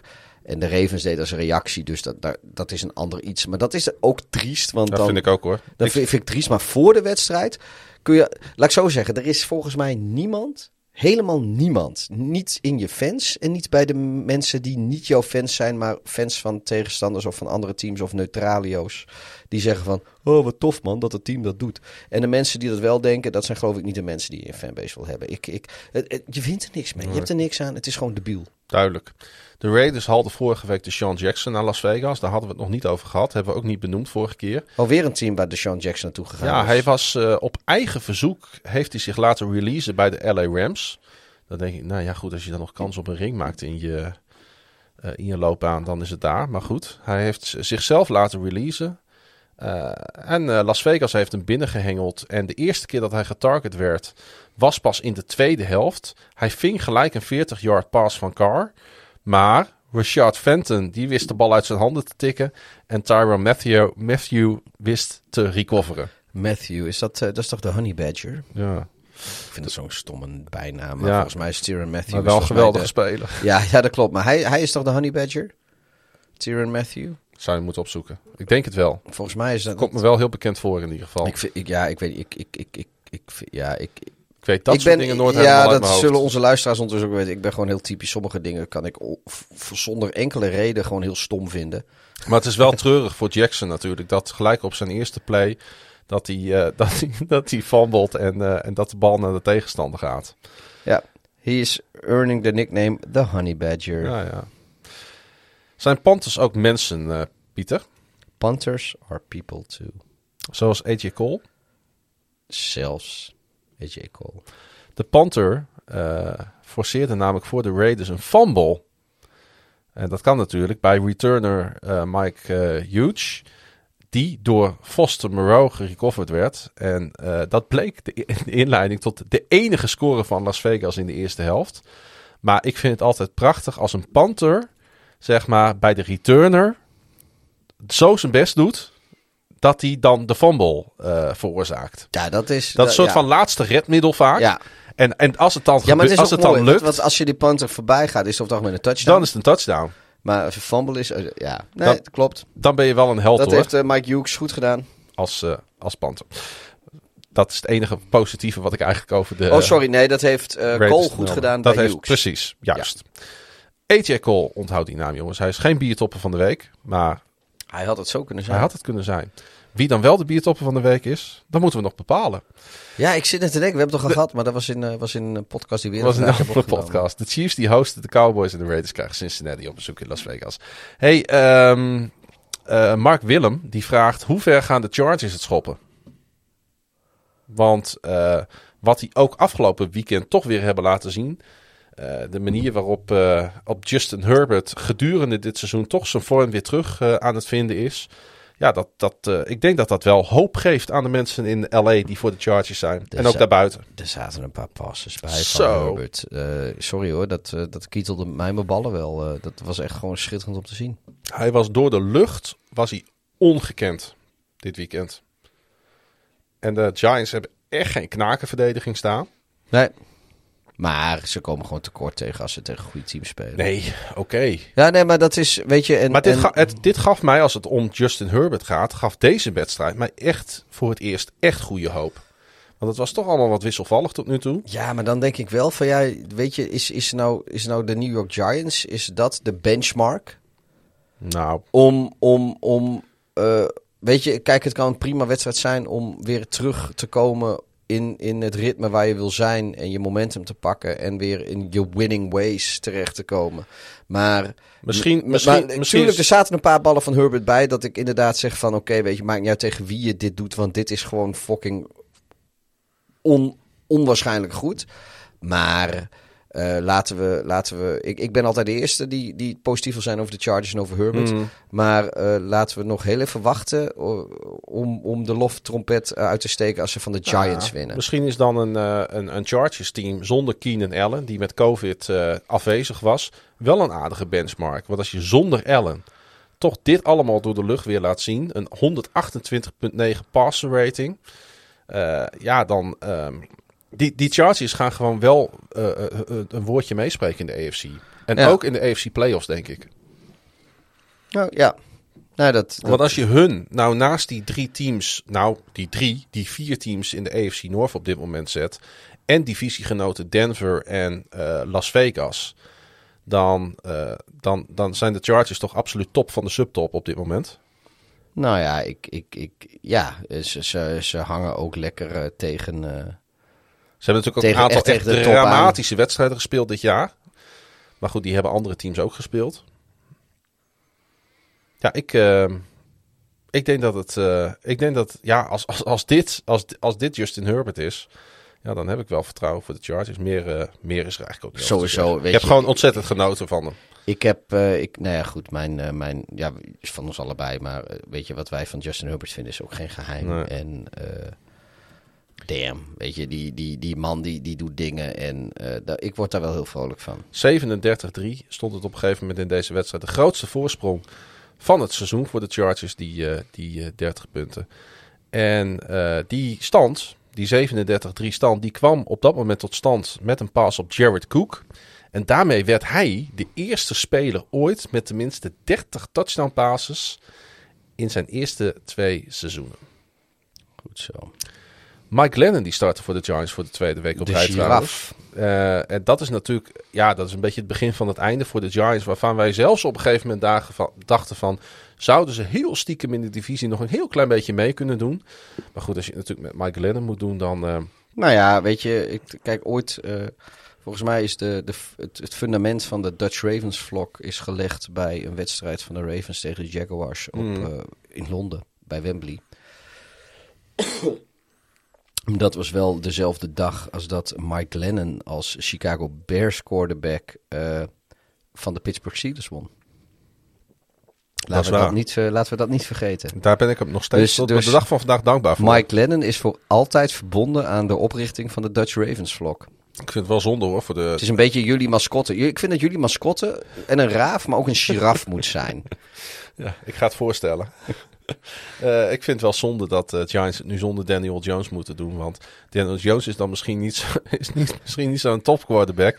Maar de Giants zonder Daniel Jones zijn nog een slechtere Gi- Giants. Ja. En zo is het ook wel weer.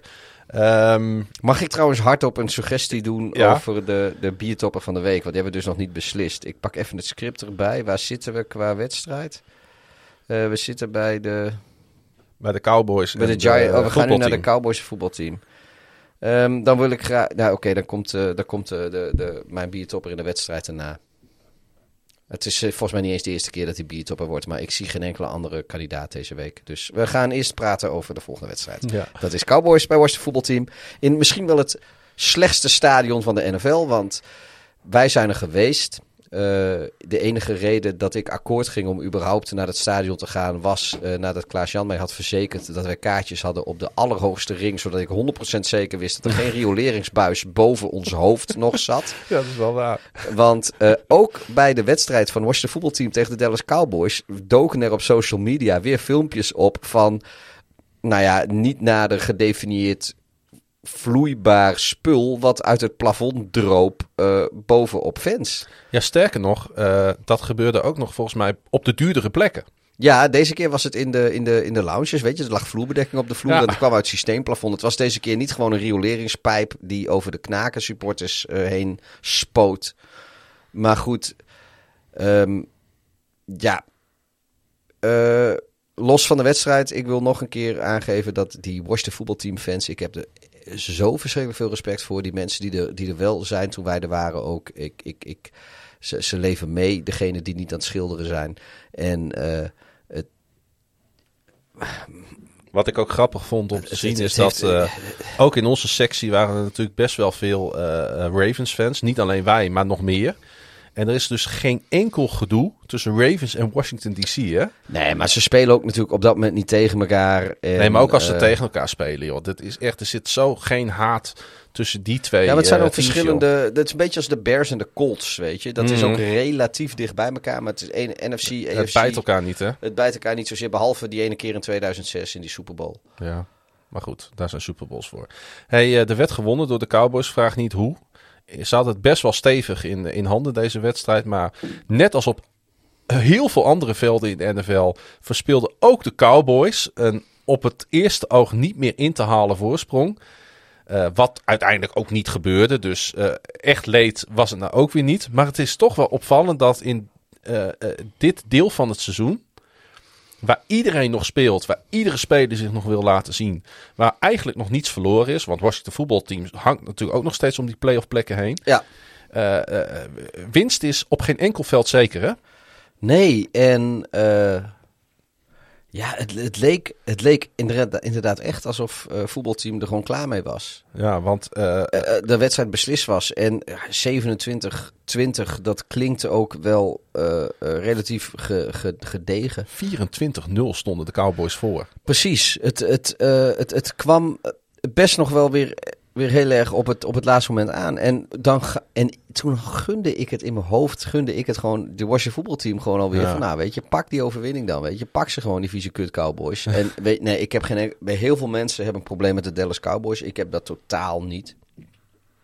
Of toch, ze hebben leuke spelers gehad. Uh, ik vind hun tenues niet allemaal, maar sommige van hun tenues. En volgens mij uh, ook het tenue dat ze in uh, Washington droegen, dat is volgens mij het donkerblauwe shirtje. Dus die vind ik echt heel mooi. Um, maar los van dat, weet je... Uh, Ze hebben Mika Parsons. Ja. Uh, ze hadden uh, Tony Romo, waar ik gewoon altijd respect voor had. maar ja... Maar er moet altijd iets in zo'n wedstrijd gebeuren, waardoor zeg maar iets geks... Waardoor dus zo'n wedstrijd weer spannend wordt. Nou, dat was nu een quarterbackwissel. Noodgedwongen, want Taylor Heineke, die een draak van een wedstrijd speelde... Wat ik heel opvallend vond, want ik heb hem de laatste week alleen maar goede wedstrijden zien spelen. Ja, het houdt een keer op. Maar uh, die had heel veel last van deze Mika Parsons. Want uh, hij werd diverse keren gesekt. Hij fombelde. Vier, Ook door toedoen uh, van Parsons. Vier, vier, vier, volgens mij zat in de intro zat er strip. Ja, die werd geretourneerd voor een uh, touchdown. Ja, die, die zat volgens mij in de intro van deze podcast, ja. als ik me goed herinner. Ik, ik heb dat zelf in elkaar gemonteerd, maar dat is voor mijn gevoel al zo lang geleden. En uh, ja, toen zagen we opeens die Carl Allen weer eens. Want die uh, blijft ook als een soort van uh, muskiet ja. af en toe uh, zomaar opduiken in de NFL. Ja. Hij verving Heineke, leidde de aanval gelijk naar een touchdown drive. Dat vind ik dan ook wel. Dat, dat, dat, dus dat gaf de burger weer een beetje moed. Vervolgens intercepten, en dat vond ik echt een heel apart moment. Cole Holcomb heet hij volgens mij. Dak Prescott rende die ook nog eens terug voor een pick six. Wat natuurlijk echt een cruciale fout was van Prescott. Want die had nooit die bal mogen spelen. Nee, klopt, Bovendien klopt. hadden de Cowboys op dat moment alleen maar running plays moeten callen. Want die wedstrijd had gewoon uitgebald kunnen worden. En uh, Washington kreeg nog een keer weer de bal terug. En toen was het Allen die fambelde. Maar dat had ook in deze wedstrijd weer totaal anders kunnen uitpakken en kunnen aflopen. Hè? Ja, het, het is Ja, de- deze, deze wedstrijd, weet je, het is voor ons is het, is het gewoon schitterend. Eh, als, als kijker, als neutrale kijker. Want Als ja, Red Zone kijker. als Red Zone kijker. Maar als jij Cowboys fan bent, dan, dan, dan hoe vaak zit je je wel niet van kant te maken joh, tijdens zo'n wedstrijd? Denk ik echt. Ja. En die waren er, hè, die Cowboys fans trouwens, in dit stadion. Ja, nou ja, toen wij er waren tegen de Seahawks zagen we al de nodige Cowboys fans. Dus eh, kun je even, even nagaan. Hey, eh, toch even over die Parsons, hè? want we hebben het er al vaker over gehad. Eh, maar ehm, hij begint zich nu toch echt wel nadrukkelijk eh, te melden. Niet alleen voor Rookie of the Year, maar gewoon Defensive Player of the Year. Hè? Het kan toch bijna niet anders dan dat hij eh, serieus meegenomen wordt in de mix.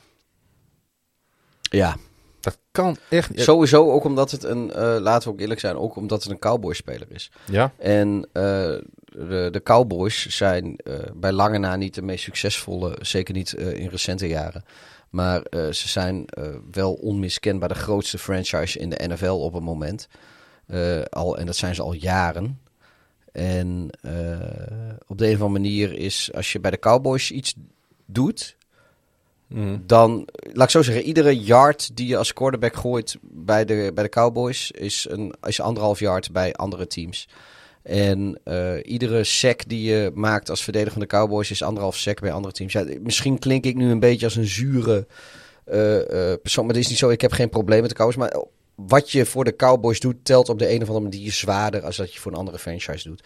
Dus wat, wat, wat Parsons doet, als er ooit dan weer een verdediger, zeg maar, op die manier te sprake kan komen, ja, dan, dan, dan is het niet zo gek dat het iemand is van de Cowboys. Hij heeft nu in zes op een volgende wedstrijden een sec genoteerd. En wat ik dan mooi vond om te zien... Hoeveel heeft hij nu op totaal op seizoen?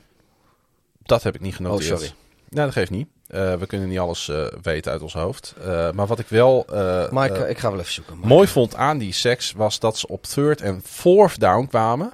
En hij zei zelf na de wedstrijd: third en fourth down is when you hunt. Those are money downs. Nee, dat is, Dus dat- hij snapt al zo goed wat Ja. hij moet doen op welk moment.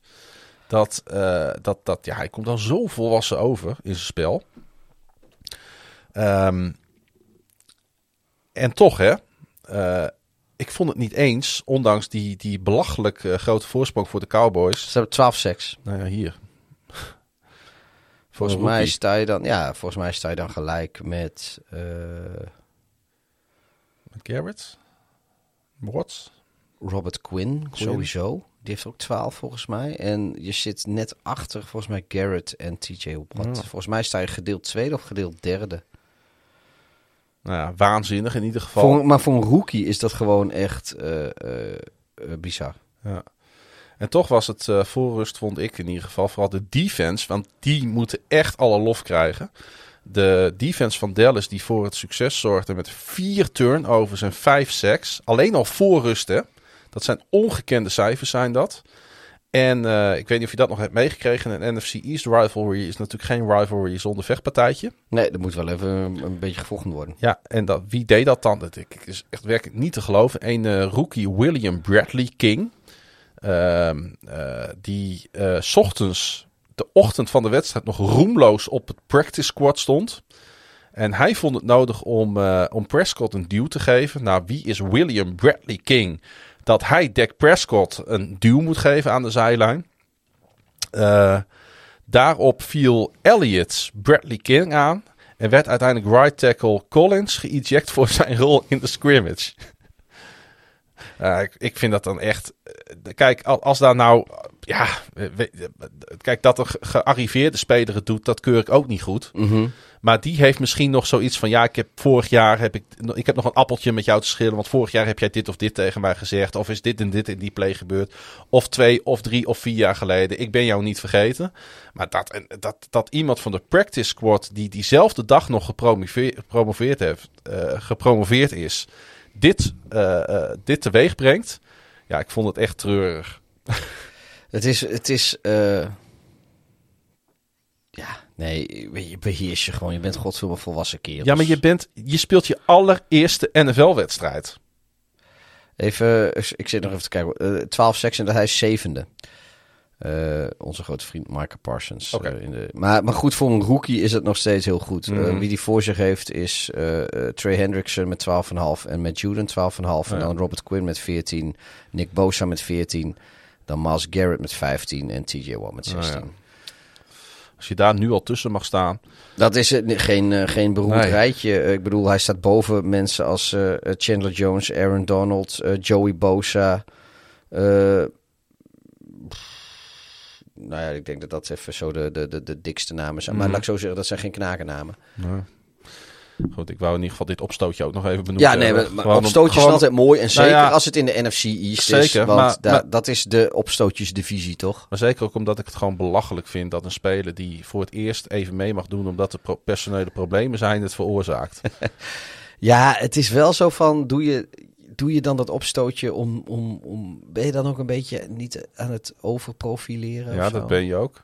Maar daar heb je geen hoge Q. Nee. Hey, de Cowboys, Pieter, die hadden hun eigen banken eh, met Cowboys-uitingen eh, langs de kant van het veld. Dat waren volgens mij zelfs verwarmde banken. Ja, daar, daar was er al wat ophef over. Want natuurlijk was er vrij snel op social media was, eh, was de trend van... joh, wat, wat is nou voor verwaande cowboys? Nemen ze fucking hun eigen banken mee. Abs. Er waren ook posts van bijvoorbeeld dingen als Barstool Sports... of, of andere uitingen van, eh, van, van, van sportmedia. Die joh, als je niet al een hekel had aan de cowboys... dan krijg je er wel een hekel aan als je leest dat ze hun eigen fucking banken... Nou, naar Landover, eh, waar het stadion van de Washington voetbalteam staat. Landover, Maryland verschrepen. Eh, daar zit een kleine nuance bij. Ik, ik zou, iedereen kent mij als de meest genuanceerde NFL-volger. Dus ik heb natuurlijk gezocht naar een nuance bij dit. Ehm, de, Ja. de Seattle Seahawks, die waren dus een aantal weken geleden in, in, eh, in Landover eh, bij het Washington voetbalteam. Dat is Oh. de wedstrijd waar wij ook waren. En, eh, ik had het niet koud en ik had een lekker warme jas, maar het was een koude dag. En Het was een koude maandagavond. het was een koude maandagavond. En die schijnen dus tegen Washington, of tegen Dallas gezegd hebben: luister, de banken daar, de, de verwarming werkt niet. Je, zit, je, je, je ballen vriezen letterlijk aan de bank vast. En eh, dat- het is gewoon niet comfortabel. Je, je, je staat daar gewoon absoluut gewoon te koukleumen de hele wedstrijd. En zo'n wedstrijd, je staat drie, drie, drieënhalf uur staan die zijlijn te koekeloeren. En toen hebben ze bij de Dallas Cowboys dus gezegd: luister, dan benaderen wij een bedrijf. Ik heb er even opgezocht. Ik dacht dat het Baltimore was, maar het was wel Cleveland. Een bedrijf uit Cleveland benaderd die eh, eh, dat soort banken verhuurt. En die hebben daar dus verwarmde eh, banken met helmhouders en de hele flikkerse bende zoals ze aan de zijlijn van een American Football eh, stadion horen te staan. eh, hebben ze gehuurd en laten verschepen naar dat stadion. En toen ze één keer aangekomen waren, hebben ze zelf daar de Dallas Cowboys stickers opgeplakt. En weet je, ik heb daar respect voor. Als jij gewoon zelf geld uitgeeft om je eigen faciliteiten in het stadion van de tegenstander te moeten betalen, dan vind ik, dan, dan vind ik je gewoon stoer als je nog die paar extra centen uitgeeft om ook je eigen logo en je eigen naam erop te zetten. Gewoon om te laten zien van luisteren, wij zijn hier bij de Reds of de, de voetbalteam. En de, de, de faciliteiten die zij voor ons hebben zijn gewoon zo absoluut kut. Dat we onze eigen spullen ook maar hier laten, naartoe laten verschepen. Ik vind, dat, ik, ik vind het wel een power move. Maar dat is dus de nuance. De, de banken die er zijn in het stadion, die zijn gewoon niet goed. Dat hadden de, de Seahawks hadden dat, eh, hebben dat aan de lijve ondervonden. En die hebben dat aan de eh, Cowboys doorgegeven. En toen hebben de Cowboys gezegd, nou dan zorgen wij dat we wel goed materiaal hebben. En ik heb op mijn beurt heb ik genoten van een uitspraak van Jerry Jones. Die namelijk. eh, ja, dat was Eh, ook een hele goede. Die, die, eh, die zag natuurlijk ook zelf met zijn eigen ogen wel hoeveel Dallas Cowboys fans er in FedEx, op FedEx Field aanwezig waren. En die waren er meer dan drie. Nou, die zei naast onze fans in Texas, waar we ongelooflijk blij mee zijn en eh, die er in grote getallen zijn, moeten we ons ook maar eens goed gaan richten op Cowboys fans in de DC area. Ja, mooie, mooie uitspraken. Dat is toch, eh, dat kietelen in die, in die NFC East. Ik kan, het, eh, ik kan het ik goed hebben. Het is ook omdat mijn team natuurlijk niet in die divisie zit. Ik kan er van Mijn een afstandje van niet. genieten. Nee, maar dat is, het blijft wel die divisie waar ze elkaar altijd.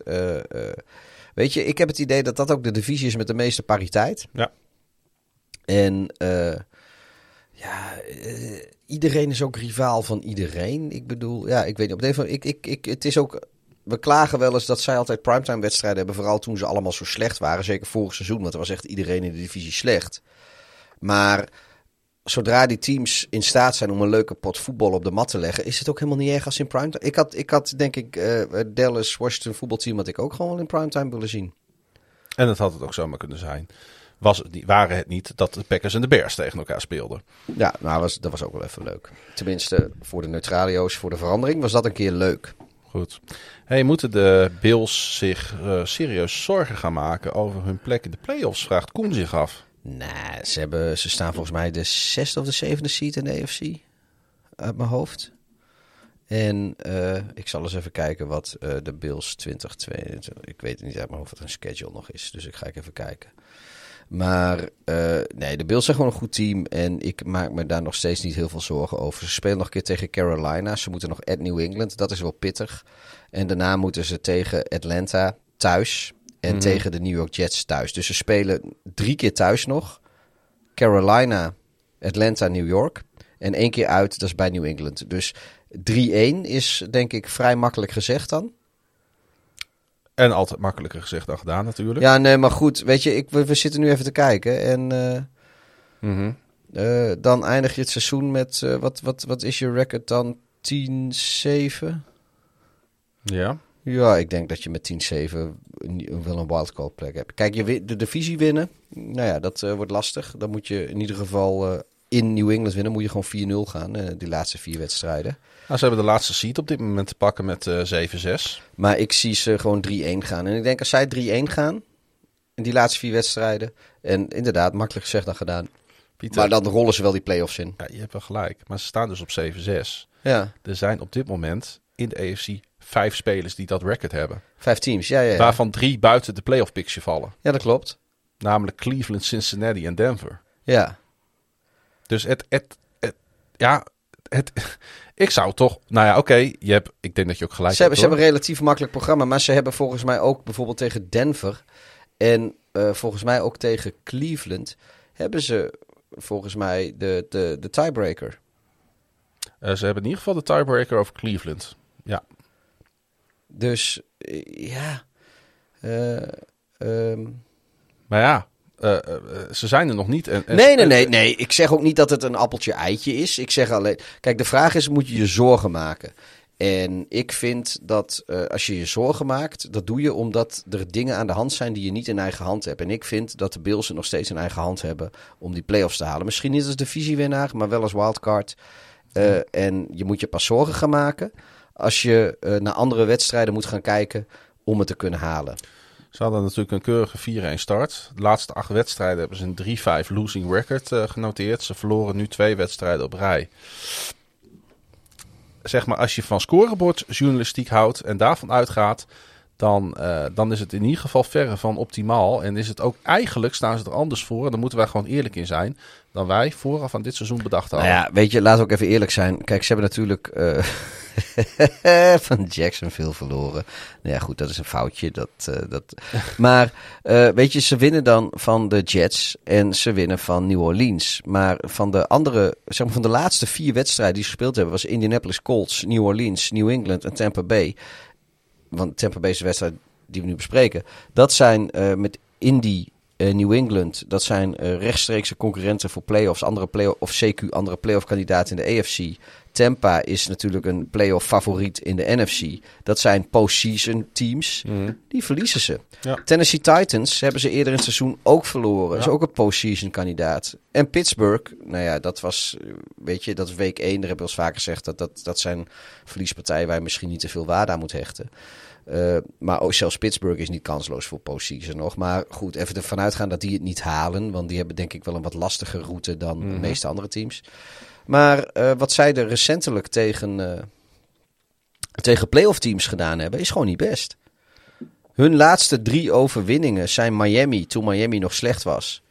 New York Jets en de New Orleans Saints. En daarna hun laatste knappe overwinning, dan moet je terug naar 11 oktober. Toen wonnen ze van Kansas City. Die toen in een, eh, in een, in een dip zaten waar ze Ja. recentelijk uit... Weet je, als die wedstrijd nu gespeeld wordt, dan, dan moet ik het ook nog maar zien. Ook eh, dit was weer zo'n wedstrijd, hè? Weer een comeback. Ja, ik wil wel even trouwens, eh, voordat we de, de hele inhoudelijke manier van deze wedstrijd bespreken, wil ik even aandragen dat hier de biertopper van de week in zit. Ja.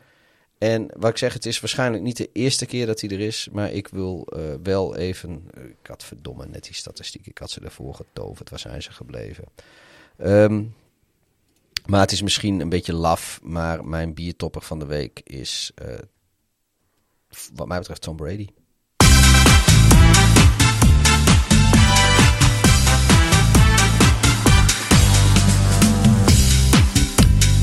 Tom Brady is de biertopper van de week. Week, week, week, week. Pa, pa, pa, pauw. Nee, maar weet je, eh, het klinkt misschien een beetje makkelijk. Maar die man die heeft eh, afgelopen weekend zijn 700ste touchdown pass gegooid. Ja. En eh, als je gaat kijken naar de, de, de, de, de playoff picture. Weet je, de 2021, het seizoen. De meeste pass attempts, Tom Brady. De meeste completions, Tom Brady. De meeste passing yards, Tom Brady. De meeste passing touchdowns, Tom Brady. De hoogste QBR, Tom, Tom Brady. De meeste winsten. Nou, dat was Tom Brady, maar dat deelt hij nu dan met Rodgers sinds, eh, sinds Sunday Night Football. Ehm, minst gesackt, Tom Brady. Eh, PFF, ik heb er wel eens kritiek op, maar de beste PFF-rating van alle quarterbacks, Tom Brady. Ik bedoel, hij is ook gewoon 44. Hij is bezig met zijn team naar de playoffs te leiden als regerend Super Bowl kampioen. En hij is ook, wat mij betreft, de frontrunner voor de MVP van dit seizoen. Hij werd en passant trouwens ook nog eens NFL's all-time completions leader hè, afgelopen weekend. Ja, Die heb jij nog niet eens genoemd. nee. Nou ja, nou goed, ik, ik had, het was voor mij niet heel moeilijk om, om te bedenken wie dan de biertopper van de week moest zijn. Maar volgens mij is hij het al een keer eerder geweest. Hij is al een keer eerder geweest, ja. Maar weet je, met al alle statistische dingen die hij eh, ooit een keer al verbroken heeft, is twee keer biertopper van de week worden, is denk ik ja, wel de meest prestigieuze, maar ook wel de meest terechte. Ja, en hij gaat ook nog eens eh, voor het eerst in 14 jaar gaat hij Tampa Bay weer eens een divisietitel bezorgen. Laten we dat niet Daar vergeten. heeft het al een schijn van. Ja, nou, dat, ja, met vier wedstrijden voorsprong op New Orleans. Met datzelfde New Orleans komend weekend op programma durf ik hem wel in te Ja, tekenen. nee, ja, ja, nee, goed. Het, het, het is, ja, het moet wel heel raar lopen, wil er iets voor zijn. Ik hoop niet dat we hem nu jinxen. Maar eh, ja, jij wist niet dat ik de- de- hier de... Het was ook niet heel lastig, denk ik. Nee, was het absoluut niet. Maar eh, ja, Tom Brady, man. Wat, die, die man. Hij is ook echt leuk, hè? Hij, hij had, hij had eh, wat was het nou weer? Ik geloof dat bij de Manningcast of zo, er was weer een of andere wedstrijd. En dat deed Aaron Rodgers. Die, eh, dat, was, dat kon wel eens bij die Bears wedstrijd zijn geweest. Aaron Rodgers die deed iets. En toen zei iemand, de commentator... Was dat Aaron Rodgers of was het bij... Whatever, maar in ieder geval, hij gaat er op social media. Dan, oh, dat ging over dat Tom Brady, dat hij dan weer stilstaat en dat hij die niet wil rushen. En dan, eh, en, en, en, nou ja, goed, dan heeft hij zoiets van: wat, wat lullen jullie nou weer over mij? En dan pakt hij in die wedstrijd tegen de Bills, heeft hij twee keer heeft hij een 10 plus yard rush gedaan. En dat filmpje heeft hij dan op TikTok eh, heeft hij dat gezet. en. eh, en dan zegt hij van, ja, weet je, voordat je dat soort dingen over me zegt, mensen, kijk even gewoon naar de wedstrijd. Ik, ik, ik kan heus wel rushen. Ik doe het alleen niet zo vaak. Nou, hij scoorde met een quarterback sneak natuurlijk ook deze wedstrijd. Ja, nee, weet je, ik, het, sinds Tom Brady weg is uit New England, is hij eh, een miljoen keer leuker geworden. Ondanks dat hij nog steeds gewoon wint.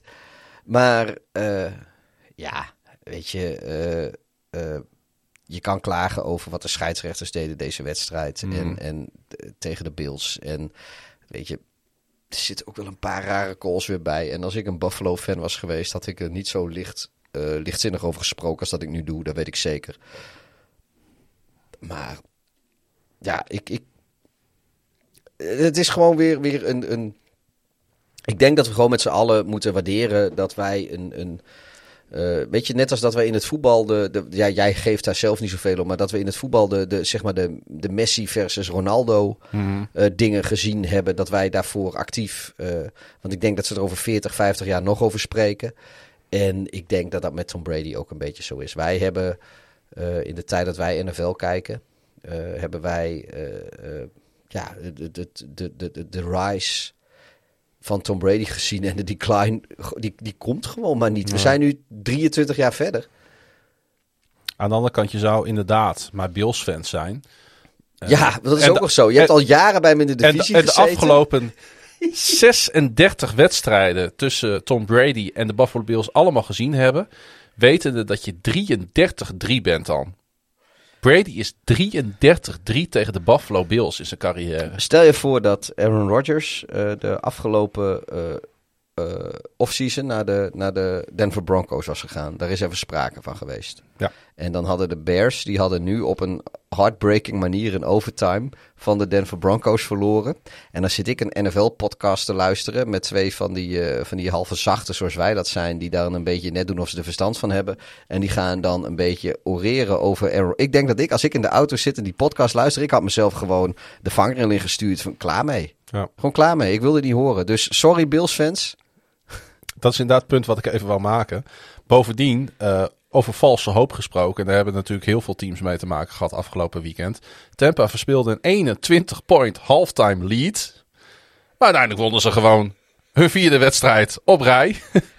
Houden ze dus die voorsprong van vier overwinningen op New Orleans en Atlanta. Want die staan op hetzelfde record in de NFC South. Ja. Die dus al eh, eh, sinds 2007 niet meer gewonnen is. En wat Jos Allen dan ook doet. Jos wel een beetje pech, hè, want hij had een lastige start in deze wedstrijd. Uiteindelijk gooit hij gewoon weer meer dan 300 yards. Scoort twee touchdowns. Rent voor meer dan 100 yards en een touchdown.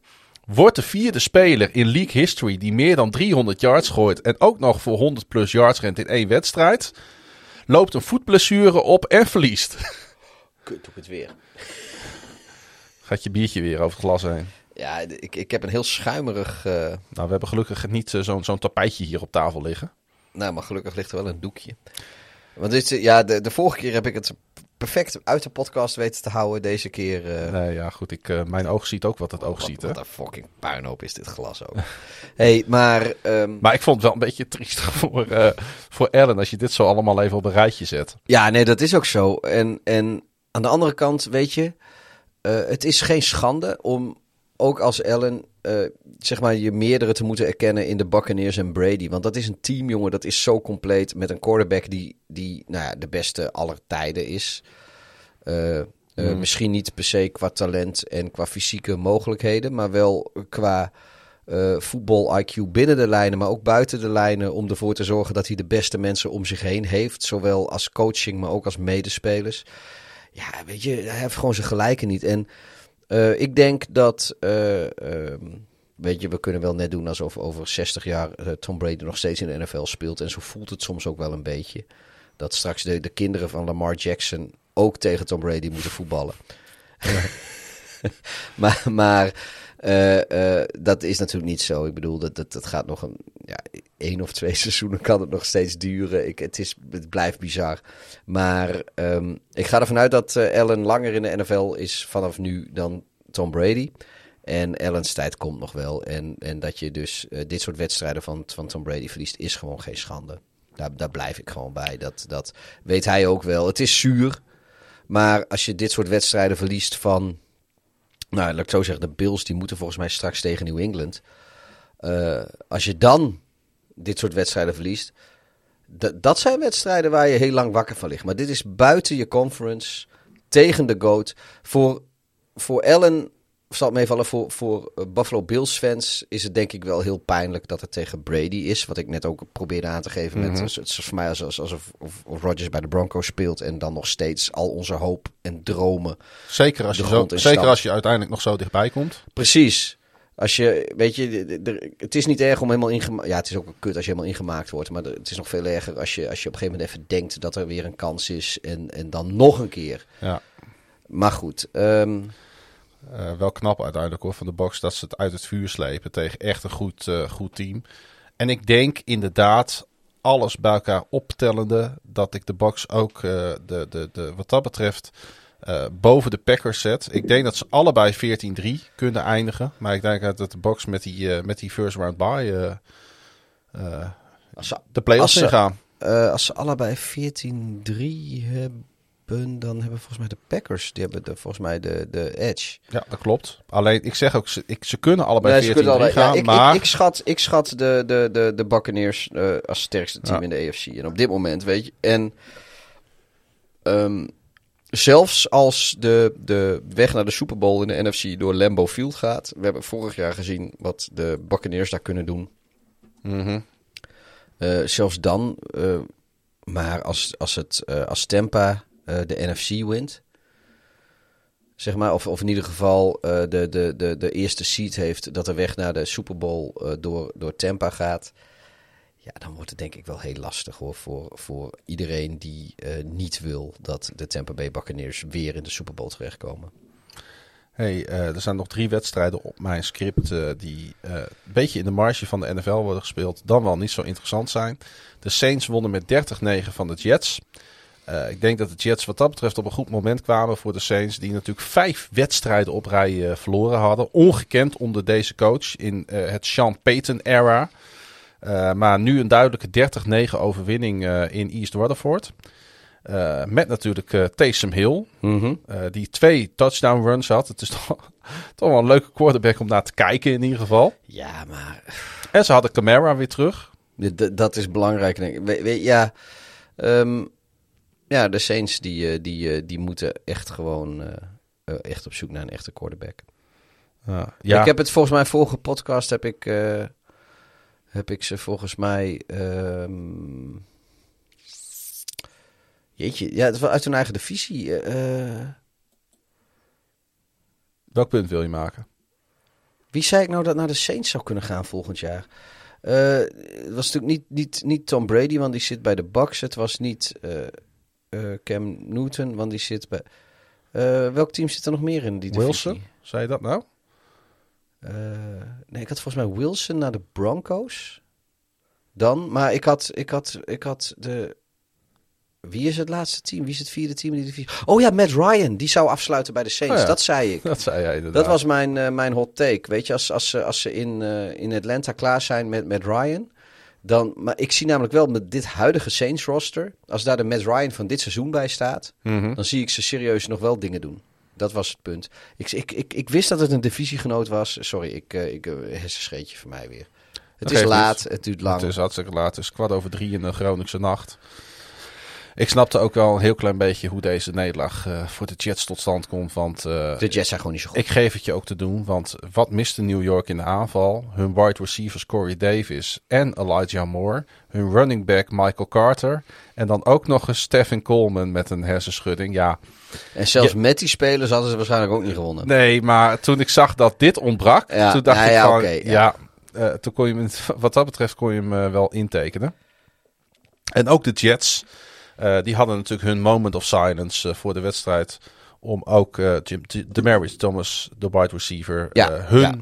eh, volgens mij maar voor één seizoen, maar dat maakt natuurlijk eh, niks uit. Hij, Twee- ik geloof hij speelde, twee, nee maar- eentje, hij Oh. speelde alleen zijn laatste van zijn tien NFL-seizoenen speelde hij voor de Jets in 2019. Eh, een seizoen waarin hij 36 passes voor 433 yards en één touchdown in 11 wedstrijden ving. Oké. Dan weten we dat ook weer. Eh, de Saints die, eh, eh, die moeten dus het gaan doen tegen Tom Brady. En de Bucks kunnen met een overwinning dan ook echt definitief dat divisie Ja, dan is het op slot. de divisie klaar. winnen. Dat is een Sunday Night Football. Ik ben bang dat hij een klein beetje gaat tegenvallen, maar we weten het natuurlijk nooit. En ehm, Ja, dat dacht je van, eh van eh Bears at Packers ook. En uiteindelijk heb je daar... eh, ook van genoten. ben jij, jij bent in de rust niet naar bed gegaan. Wat je misschien eigenlijk wel Ja. van tevoren had verwacht Daar dat heb kon je gaan gebeuren. wat dat betreft ook wel weer gelijk. De Jets spelen trouwens tegen Miami, die deze week een bye hadden. De Falcons en de Een Panthers. goede late bye trouwens. Ja. Is heel Volgens mij laat. ook de laatste, laatste bye uit de NFL geschiedenis. Volgens mij, want dit was week 14. Normaal Ja. zijn in week 14 geen byes meer. Nee, omdat we natuurlijk een uh, Nee, dat klopt. seizoensverlengte hebben. Ja. Dat, Maar, je, dat, je, eh, dat je tegen de kerst aan nog even je bye hebt. Ja, Want dat is eigenlijk wat er aan de hand is. Eh, de Falcons en de Panthers. eh 29-21 overwinning voor de Falcons. Ik zei vorige week al, ik heb beter gevoel bij de Falcons dan bij de Panthers. Zei ik in de, in de voorspellingen die ik verder dramatisch heb eh, gedaan volgens mij trouwens. Maar daarover natuurlijk later meer in de extra content. Eh, Falcons at Panthers 29-21. nou ik wil wel even zeggen dat omdat wij de voorspellingen vorige keer open gedaan hebben, wil ik de uitslag ook nog even in, het open, in de open podcast roepen. Maar je hebt Falcons Panthers, heb jij... Falcons Panthers, dat is eh, ATL tegen Kar. Ja, Je hebt hem op ATL gezet. natuurlijk. En ik ook, dus die hebben we allebei Ja. goed gehad. Eh, hey, de eh, Falcons, dat vind ik wel echt wel heel opvallend. Die zijn eh 5-2 in uitwedstrijden. Dus die hebben van de zeven uitwedstrijden de vijf gewonnen. Terwijl ze zo'n mooi stadion hebben. zelf thuis. Ja, vier je dat? Dat, ja, weet je wat het is? Je hebt zeg maar drie soorten stadions in de NFL. Oude stadions die kont zijn. Dat is zoals bijvoorbeeld Washington voetbalteams. Uh-huh. Of Washington voetbalteam. Eh, je hebt nieuwe stadions die hartstikke mooi zijn. Eh, dat heeft bijvoorbeeld eh, Minnesota en de Los Angeles teams. En je hebt stadions waar de fanbeleving op één staat. En dat hebben ze bijvoorbeeld in Baltimore. En dat hebben ze ook in Atlanta. Daar kun je dus in Baltimore. Kijk, ik betaalde wel eh 10,50 dollar voor een halve liter blik bier. Maar dat was wel een fatsoenlijke, fucking hartstikke goede IPA. Als ik daar een blik Miller Lite gekocht had, was ik volgens mij voor 7 dollar klaar geweest. Wat voor NFL-begrippen eh, hartstikke goedkoop Hartstikke is. goedkoop, maar ja. zelfs voor Nederlandse begrippen, dat is een gewoon, dat is een normaal bier uit de tap, of nou, uit blik in dit geval, in een halve liter voor 7 dollar. Dus dat is eh 6 euro of zo. Nou, 6 euro voor een halve liter blik bier in een stadion. Hmm. Ja, weet je, het, is niet goedkoop. Thuis drink je goedkoper, maar het is ook niet belachelijk duur. Betaal je in de Ziggo Dome ook? Nee, en je kan bijvoorbeeld een, een is volgens de recensies in elk geval, ik ben nog nooit in Atlanta geweest, ik wilde nog wel een, een keer naartoe. Maar je kan er bijvoorbeeld broodjes pulled pork halen, die gewoon als een van de beste stadionbroodjes van alle Amerikaanse pro-sports eh gerate worden. Voor, ik geloof, 6,5 dollar. De prijzen daar, eh, de, ik, ik heb geen idee over hoe de stoeltjesprijzen zijn of voor wedstrijd. Dat zal per wedstrijd Zijn- verschillen, per zijn- plek zijn- verschillen. dat erg is, duur daar. zal, zal hartstikke variëren ook. Maar de, de, de eten- en drinkenprijzen, net als in Baltimore, daar vallen ze ook wel mee. Mhm. Kijk, Soldier Field is belachelijk duur. Ja. Eh, Baltimore valt mee, eh, maar Atlanta valt ook mee. Maar Atlanta schijnt de kwaliteit ook gewoon echt heel goed te zijn van het eten wat je krijgt in het Stad stadion. staat natuurlijk ook bekend om zijn eten. Hè? Ja, maar dat is bijvoorbeeld in Las Vegas schijnt het ook zo te zijn. De, de kaartjes zijn heel duur, maar je kan daar voor een beetje, dat is misschien ook wel een beetje de casino-sfeer die daar hangt. Eh, je kan daar heel Mhm. goedkoop heel goed eten. Omdat ze niet willen dat je de deur uitgaat. Dus je willen niet dat je naar een goed restaurant gaat. Dus je kan al goed binnenshuis eten. Dat is casino. Maar, de, maar goed, eh, Atlanta kun je goed eten voor, in het stadion voor weinig geld. Ze geven heel veel om, om... Ja, je kan er relatief goedkoop gewoon een leuke dag hebben. Met, met eten en drinken. Het probleem is alleen dat de fans daar op dit moment niet zulke leuke dagen hebben. Omdat ze 0-5 in thuiswedstrijden zijn. Ja, precies. Ja, dan, dan, dan, ja, dan zit je is een de beetje lol er op een gegeven moment ook wel een zit je beetje die af. hete saus van dat broodje pulled pork ook gewoon op je oogbal uit te wrijven. Maar 5-2, ik zei het net al, in, eh, in uitwedstrijden. Waardoor de Falcons in die NFC Gewoon op dit meedoen. moment gewoon playoff kandidaat Ze doen zijn. gewoon mee. Ja, ze doen mee voor wildcard. Ja, is bizar. en dat is echt... Absoluut dat, bizar. Ja, dat, dat, dat, dat, nou ja, daar moeten we ook gewoon eerlijk over zijn. Dat, eh, dat hadden we ze gewoon niet toegedicht. Komt ook omdat ze eh, eh, tegen de Carolina Panthers spelen. Die, ja, hun hele seizoen. het begon allemaal nog wel leuk daar. Maar het is, op dit moment is het chaos troef. Ze hebben een offens- offensive coordinator ontslagen. Cam Newton die met alle Hosanna eh, weer binnen werd gedragen in het stadion. Zijn eerste twee balbezitten waren alle twee touchdowns. Sindsdien is het kont. Ja, nu gooit hij twee intercepties en wordt hij gewoon op de bank gezet. Dus een commitment is er ook niet meer. PJ Walker, die ook die intercepties ook twee gooit. intercepties gooit. ja, je mag er eigenlijk niet om lachen, maar het is echt absoluut eh, eh, een Nou, mismanagement wat daar Ja. plaatsvindt. Zal, zal ik jou eens vertellen hoe akelig het op dit moment in, in, bij de Carolina Panthers is? Nou? Ze verlangen terug naar de rentree van Sam Darnold. Ja, dat klopt inderdaad. En die lijkt ook aanstaande te zijn weer. Nee, maar het feit dat je dus terug verlangt naar Sam Darnold. Als je dat vorig jaar of twee jaar geleden tegen iemand gezegd had. Terwijl je ook bijvoorbeeld Cam Newton eh, hebt zitten. Die ook fit is. Niet geblesseerd, gewoon fit. Ja, dat, dat toont wel aan dat het, eh, dat, dat het niet helemaal lekker loopt. Ik vond het ook raar, want achteraf zei Rule, waar ik steeds meer eh, mijn bedenkingen bij aan het krijgen ben. Zei van, ja, het was eigenlijk mijn wel be- bedoeling om met Walker te gaan spelen. Want als we dan two-minute drive, eh, drills zouden spelen, dan zou ik hem erin zetten, want daar is hij eigenlijk wel veel beter in dan Newton. Dat is wat hij na de wedstrijd zei. Toen dacht ik van, man, wat lul je nou dom. Ja, dat is Je hebt, je hebt gewoon je quarterback gebenched omdat je gewoon pissig bent. En daarna is die andere quarterback ook gewoon absoluut ruk. En dan ga je Ja. na de wedstrijd zeggen... ja, het was eigenlijk mijn bedoeling om ze allebei te laten spelen. Ja, het is gewoon, gewoon ja, je emoties, die, die laat je voor de ratio gaan. En dat is prima, want dat doen wij ook iedere week. Maar wij zijn fans. Ja. Als je coach bent, dan eh, kun je dat niet maken. ja. 19 september is het alweer... eh eh, dat de Panthers een thuiswedstrijd wisten te winnen. Zijn ook, ook weer zo'n zo'n zo'n team wat, wat thuis struggelt en eigenlijk uit het veel beter doet. Eh, ja, misschien is het voor hun maar te hopen dat Sam Darnold terugkomt. We gaan hem Want, meemaken. want dit is het in ieder geval niet. Eh, de Falcons staan met vier andere teams op dit moment in NFC, dus op een eh, 6-7 eh, record. Ehm, ja, en, eh, en, en, en ik moet heel eerlijk zeggen, ik gun Matt Ryan nog een playoff game. Waarin hij nog één keer op national television kan laten zien wat voor goede quarterback die eigenlijk is. Ja, ik ook, maar volgend jaar met de Saints. nee hoor, nee, weet je, het, het, het zou schitterend zijn als... Weet je, meer nog dan met Ryan gun ik het Cordero Patterson. Ik wil, die, die man, die, die, hij kost 2 miljoen per jaar hè, voor de Falcons. En het Ja. is, als je, als je gewoon heel droog gaat kijken naar de MVP-race. Je zegt de most valuable player. Mm. En je zegt gewoon van ik, heb, ik steek dit seizoen als Atlanta Falcons 2 miljoen dollar in Cordero Patterson. En je krijgt de, de, de, de, de eh, resultaten die Patterson heeft. Hij scoorde weer een belangrijke touchdown deze wedstrijd. Dan eh, kun je eigenlijk hoog springen, laag springen, lang lullen, kort lullen. Maar de meest waardevolle speler tot nu toe dit seizoen. Voor zeg maar bang for your buck. Wat de droogste redenering of de droogste betekenis van MVP is. Is Cordero Patterson. Dat, dat hij is eigenlijk, hij zou de leading MVP-kandidaat moeten zijn. Wat hij doet voor 2 miljoen, ongekend. Hij komt, eh, denk ik, in ons eh, Team of the Year eh, te staan. Nou, hij, is, hij is MVP in mijn hart. Ja, ik zie het ook aan je.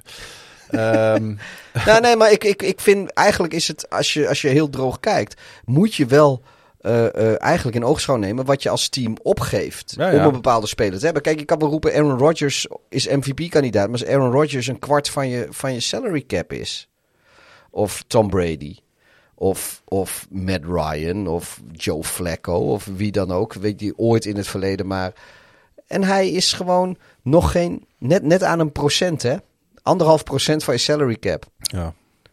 Dus wat, wie is dan waardevol? Het enige wat ik waardevol op dit moment vind is dat de naam van Joe Flacco weer genoemd is in een van onze podcasts. speciaal voor jou. Ik zie verdomme die erectie alweer. En eh, nou, ben je de enige.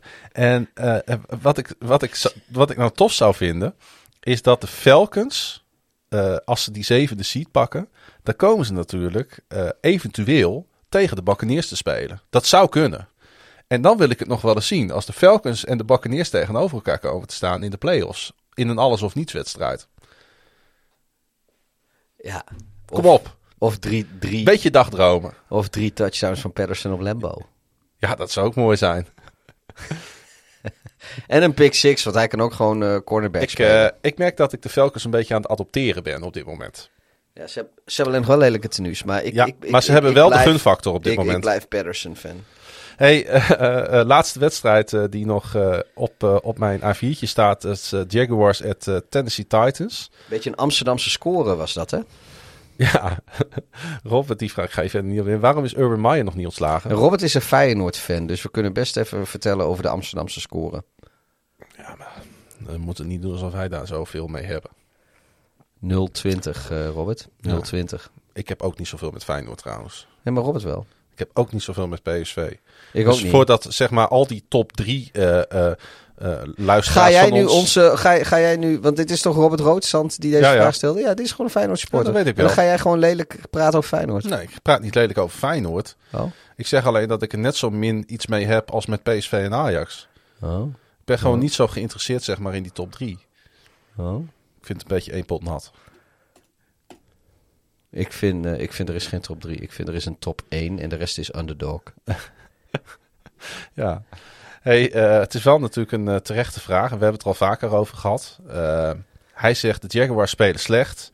Er is nul ontwikkeling zichtbaar. En de manier waarop hij zich, hij, Urban Meyer, zich publiekelijk opstelt... is schadelijk voor de uitstraling van het team en de moraal.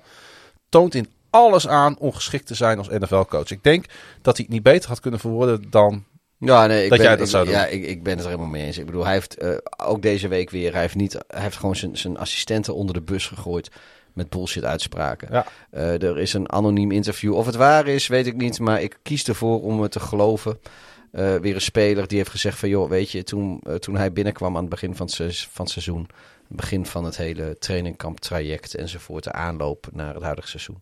begon hij over family values, team spirit, al, al, al dat soort dingen.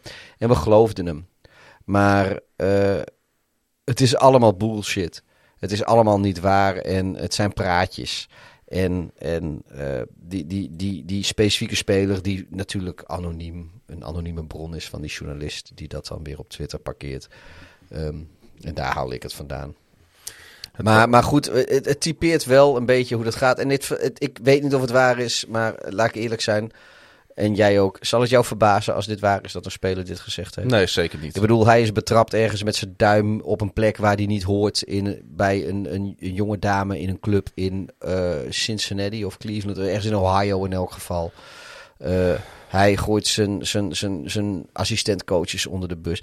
De, de werd, van de week werd hem een vraag gesteld over een speler. En ik ben helaas de naam van die specifieke speler kwijt.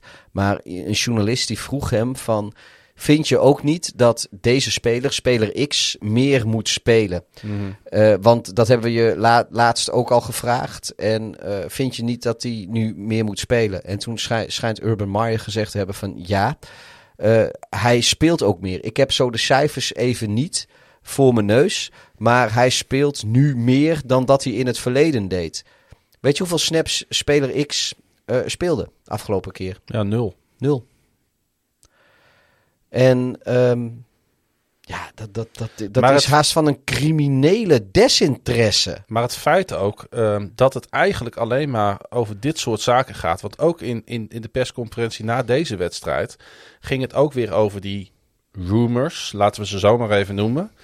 Eh, eh, in plaats van dat het over het sportieve ging. Want hij zegt, Misschien ook wel beter trouwens hoor. Want misschien is het wel beter om het over Urban Meyer en zijn gezeik en zijn positie te hebben. Ja. dan over het team. Misschien is het.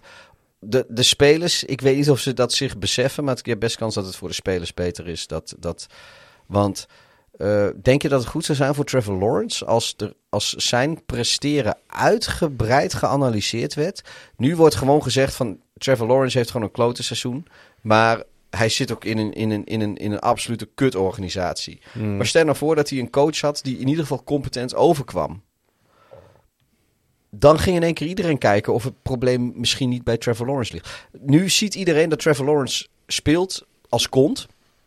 Maar iedereen accepteert ook een beetje dat het waarschijnlijk niet eens zijn schuld is dat hij gewoon in een, een klote situatie zit. ja, Stel nou eens voor als Urban Meyer eh, als, als een competente coach overkwam in de media. Ik denk dat het eh, eh, voor, voor Trevor Lawrence een, een zegen in vermomming is. Dat, eh, Ja. dat de aandacht zo wordt afgeleid van wat hij verkeerd doet. maar dus dus- als je begrijpt wat ik bedoel. Aan de andere kant, Ja. met een hele goede coach had Trevor Lawrence misschien ook beter gepresteerd. Ja, bijvoorbeeld, weet je, want er is nog wel een team wat in mij opkomt, wat, wat, wat overal gewoon absoluut niet goed genoeg is. Dat zijn de New York Giants, die het echt niet goed doen. Maar als, ik dan, maar als ik dan Joe Judge na wedstrijden zie praten Of met zijn spelers, Salou bij de, bij Salou de bij de Jets, Jets. met spelers bezig zien, verstandige dingen zie, ze- zie zeg, dat, dan denk ik van ja, jullie kiezen allebei voor een nieuw pad, net als de Jaguars dat hebben gedaan. Eh, alleen eh, bij de Giants dan niet met een nieuwe quarterback, bij de Jets wel. Dat is natuurlijk wel een wereld van verschil. Maar dan nog. Maar dan nog, dat, en je zet het inderdaad naast de... de, de, de, Maar de de- media die op de, de, de, de Jacksonville Jaguars let. En de media die let op de teams Ja. uit, uit New New York. De, de, Ja.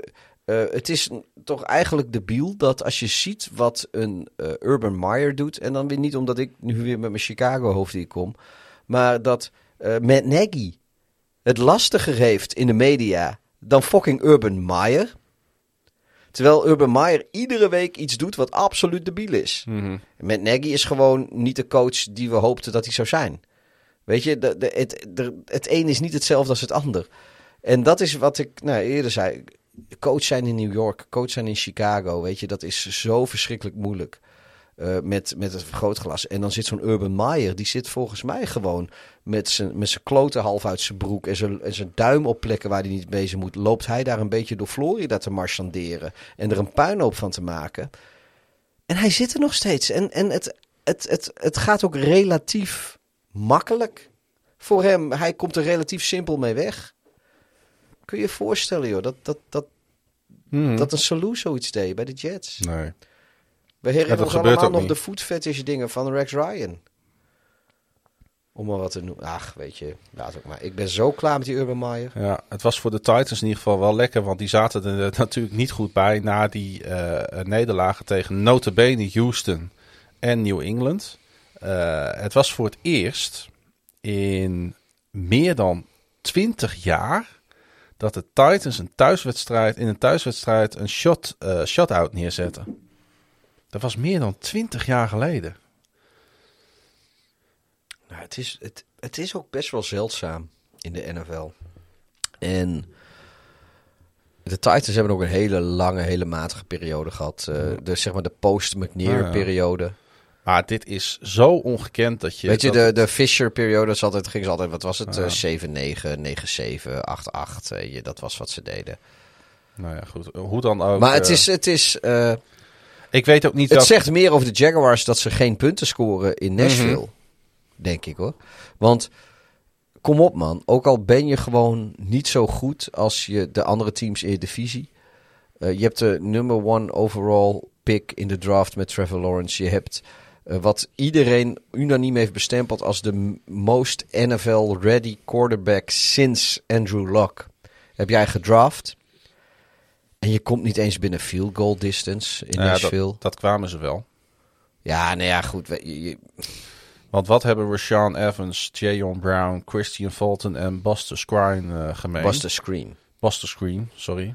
Ze hebben allemaal een paas onderschept van Lawrence. Ja, nee, maar dat, dat, dat bedoel ik. Maar dat ligt toch niet aan allemaal aan Trevor Lawrence weer. Dat, dat is wat ik bedoel.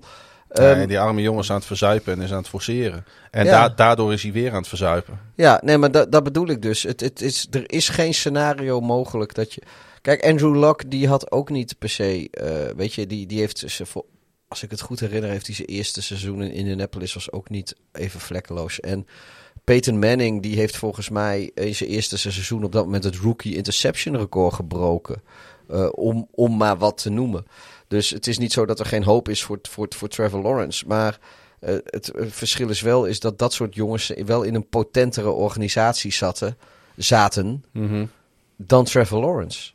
En ja, nogmaals, ik vind het gewoon zorgelijk dat ook al heb je zo'n talentmismatch, want de Titans zijn sneaky natuurlijk gewoon eh, eigenlijk op iedere positie beter dan de Jaguars. Ja. Eh, maar dat je niet eens eh, drie punten een keer kan maken.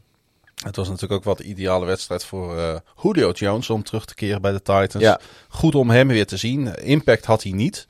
Hoewel vier passes voor 33 yards. Maar hij had natuurlijk zes wedstrijden gemist. Hij komt misschien wel iets eerder terug dan verwacht. En het zal fijn zijn voor de Titans die natuurlijk zonder Henry spelen. Om hem weer terug te hebben. Jawel. Ehm, dat waren de wedstrijden. Jezus, drie uur zijn we bezig, vriend. Ja, het duurt veel te lang dit, hè?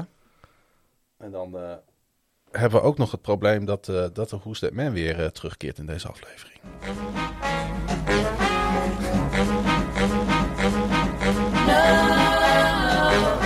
Don't you wanna know? Don't you wanna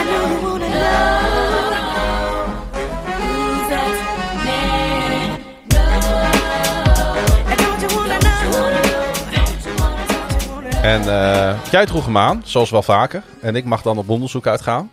Ja. En Is het je gelukt? Eh, om op onderzoek uit te gaan. Ja, en eh, met wat te komen. Ik heb namelijk geen idee meer. Ja, want ik heb last minute voorbereid. Maar misschien kun jij even uitleggen waarom jij juist met deze Who's That Man kwam. Nou, ik, het, eigenlijk is het gewoon... Als inleiding. Eh, mijn, eh, Twitter-tijdlijn, mijn persoonlijke Twitter-tijdlijn, die is eh, voornamelijk ingericht rondom de NFL. Dat zal de luisteraars niet echt eh, verbazen. Dus ik kom eh, af en toe komen er ook van die tweets over eh this day in de NFL. En dan zie je een historische gebeurtenis. Maar ook wel eens dan zie je van vandaag zou deze en deze speler zo oud zijn geworden. En nou, daarmee verklap ik al een beetje. Ik geloof 9 december, volgens mij, zou ik die tweet gezien moeten hebben. Ehm, Ja. Was er een eh, speler die, eh, geloof ik, in 2013 overleden is. Ja, Eh, klopt die, ook. David Deacon Jones. Ik verklap ook gewoon zijn naam. Hij was een defensive end voor de Los Angeles Rams van 1961 tot 1971. Hij heeft nog eventjes voor de Chargers... Ja, daar kom ik zo op. Daar kom Oh, ja, ik zo ja, op. even voor de Chargers en, de, en Washington gespeeld. Ehm, maar ten, buiten het feit dat hij natuurlijk gewoon een, een, een, een verschrikkelijk goede speler was. Want ik denk dat jij ook wel al zijn eh, accomplishments en, en zijn, zijn dingen heb je wel. Ehm, wat, wat mij opvalt is dat hij degene is geweest die eh, de term quarterback sack bedacht heeft. En eh, nou ja, dat, dat vond ik een, een dusdanig ja, Ja. juweeltje in, in alle data en statistieken en namen en dingen die we iedere eh, week langs zien komen. En voorvechter is geweest om daar een stat van te maken. Precies. Ehm, eh, dus dat. eh, ja, ik, ik vind altijd, wat mij betreft, de Who's That Man, daar, daar moet iets extra's aan zijn. Dat mag Mhm. niet zomaar, of mag, het is een groot woord, maar dat moet niet zomaar iemand zijn die ook gewoon in de NFL gespeeld heeft. Er, er moet iets moois bij zijn. En ik vond gewoon, ja, we praten tegenwoordig zo makkelijk over quarterback seks. En het zijn statistieken en, en, en, we, en, en we vinden het belangrijk. En we, we, hebben deze podcast erover gehad, over, over Garrett en, en Robert Quinn en eh, eh, Micah Parson bij de Cowboys enzovoort. En het hele idee dat we daar zo over praten, dat komt gewoon weg bij eh, niet per se de uitvinder van het feit dat je quarterback kan sacken. Maar wel dat het een naam moet hebben en dat het een statistiek moet zijn. En Ja. dat is dus eh, eh, David Jones. Ja, eh, die zichzelf Deacon Jones noemt. Eh, officieel ook zijn naam veranderd heeft naar Deacon Jones. En hij werd ergens geboren, zoals we allemaal ergens geboren worden. Namelijk in, eh, in Eatonville. Dat was zijn moeder, was dat toen ook, hè? Ja. in Eatonville, Florida. Het ligt iets ten noorden van Orlando. En hij groeide daar op eh, met een eh, familie van in totaal tien leden in een huis met vier slaapkamers. Dit is heel gedetailleerd. Ik heb, zoveel heb ik uitgezocht voor jou. Tien Dankjewel. leden in een huis met vier slaapkamers. Laat dit detail even tot je doordringen. En hij ging naar Hungerford High School. Waarvan hij ook eh, de enige notabele alumni is. Dat is dan wel weer jammer. Eh, het was een high school speciaal. Zoals Het scheelt wel 10 minuten in de duur van deze ja, podcast. het was een high school in die tijd nog speciaal voor, eh, hoe terug dat ook is, voor African Americans. En eh, de school is uiteindelijk pas in 2010 gesloten. Toen was het natuurlijk al niet meer een speciale school, was het al lang meer een public school. En ik heb even gezocht, ehm, ook op Google Maps. Het gebouw staat sinds die tijd leeg te zijn aan de Interstate 4. Dus als je er een keer langskomt, grote snelweg door Florida heen. En je komt langs Eatonville, daar kan je nog steeds het gebouw zien waar deze jongen naar school is gegaan. Terwijl hij op high school zat, werd er een, eh, een tumor in zijn dij ontdekt. Ehm, eh, dat is uiteindelijk is dat goed afgelopen. Maar goed, ik vond het toch wel een opvallend, eh, opvallend eh, eh, iets uit zijn leven. Dat je dat op jonge leeftijd al overkomt. Dat moet impact gehad hebben. En daarnaast was hij op ongeveer hetzelfde moment getuige van een heel naar incident. Want in een interview dat hij heel veel jaren later, pas na zijn carrière, eh, eh, aan de San Diego Union Tribune gaf, vertelde hij dat hij getuige was geweest van een groep witte jeugd in een grote auto die een donkere vrouw bekogelde met een grote watermeloen. En het treurige is dat die vrouw overleden is aan de gevolgen daarvan. En hij, eh, waar hij heel erg eh, moeite mee heeft gehad in zijn leven, is dat er nooit een politieonderzoek naar is geweest. Het was gewoon een hate crime eigenlijk. Dat was een hate crime, ja. Ja, gewoon, gewoon een, ja, misschien wel niet met voorbedachte raden, maar een racistische moord. Ja, en hij zegt in datzelfde interview met die eh, San Diego krant. eh, toen besloot ik dat ik niet, zoals veel donkere mensen toen de tijd, eh, eh, om, om te zijn wat de maatschappij van mij verwachtte. Maar godzijdank kon ik voetbal spelen als uitlaatklep voor alle boosheid in mijn hart. Dus dat racisme, dat institutioneel racisme, wat toen in eh, met name eh, de zuidelijke staten van Amerika plaatsvond, dat heeft heel veel impact op hem gehad. Omdat hij al op jonge leeftijd, terwijl er zelf ondertussen bij hem kanker werd gediagnosticeerd in zijn been, ook nog eens dit meemaakte. Ja. Dus dat geeft toch wel even aan ja, dat, dat, dat, dat, eh, dat niet iedere, iedere jeugd eh, vlekkeloos verloopt. Zeker niet in die tijd als je een donkere jonge man was. Nee. De college-carrière van Jones begon met een jaar South Carolina State University in 1958 en hij studeerde uiteindelijk af bij Mississippi Valley State, die als voetbalteam de Delta Devils hebben. Prachtige naam, de Delta Devils. Het ehm, is een bescheiden college waar één hele bekende speler vandaan komt, die ook in de eerste ronde van de 1985 NFL Draft gekozen werd door de San Francisco 49ers en daar 15 jaar speelde. Nou, moet er al wel een lichtje gaan branden bij jou en bij de luisteraars, denk ik. Is zijn achternaam niet zo oud? Niet zo oud? Is, is het Vince Young? Nee. Nee, hij speelde daarna ook nog drie jaar voor de Oakland Raiders en een jaar voor de Seattle Seahawks. Hij won drie Super Bowls. Was één keer Super Bowl MVP als wide receiver. Twee keer NFL Offensive Player of the Year en dertienvoudig Pro Bowler. Jerry Rice? Ja, Jerry Rice. Ja, eh, zo, ja mijn eerste ding was, was, was Vince Young. Nou, dat had natuurlijk op zich gekund. Alleen eh Vince Young die Vince kwam niet in was- 1985 de NFL draft in. Nee, Maar dat geeft niet. Eh, zes keer was Ray, Rice, moet je mij nou horen. Jerry Rice, zou je eerst je, je vriendin de lift in moeten, Ja. moeten hoeken. precies. Zes keer was hij NFL, zes keer was hij NFL receiving yards leader. Zes keer. Ja, echt, als je naar de statistieken van Rice gaat kijken, dan weet je niet wat je ziet. En hij noteerde 208 total touchdowns. Jerry Rice kwam van ditzelfde kleine bescheiden college. Ze hebben ook maar een klein stadionnetje, zag ik, minder dan 10.000 toeschouwers. Nou, dan weet je een beetje in welke grootte van orde je moet wat is denken. de naam van die college nog een keer? Even. Eh, dat is, eh, wat zei ik nou? Dat is eh, de Delta Devils van de Mississippi Valley State. Ook een goede naam trouwens, de Mississippi Valley State met de Ja. Delta Devils. Dat klinkt Ja. allemaal goed. Ik wil een shirtje van hem. Maar dat dus naast, want eigenlijk staat Jerry Rice en deze Deacon Jones staan gek genoeg wel een beetje op eenzelfde niveau als het gaat om eh, hun staat van dienst. Alleen dan in een ander tijdperk. Ja, maar ook een andere kant van de bal. Andere kant van de bal, precies. Eh, samen met Deacon Jones zij, is hij, zijn zij dus de bekendste Delta Devils. Jones, die speelde ehm, eh, defensive end.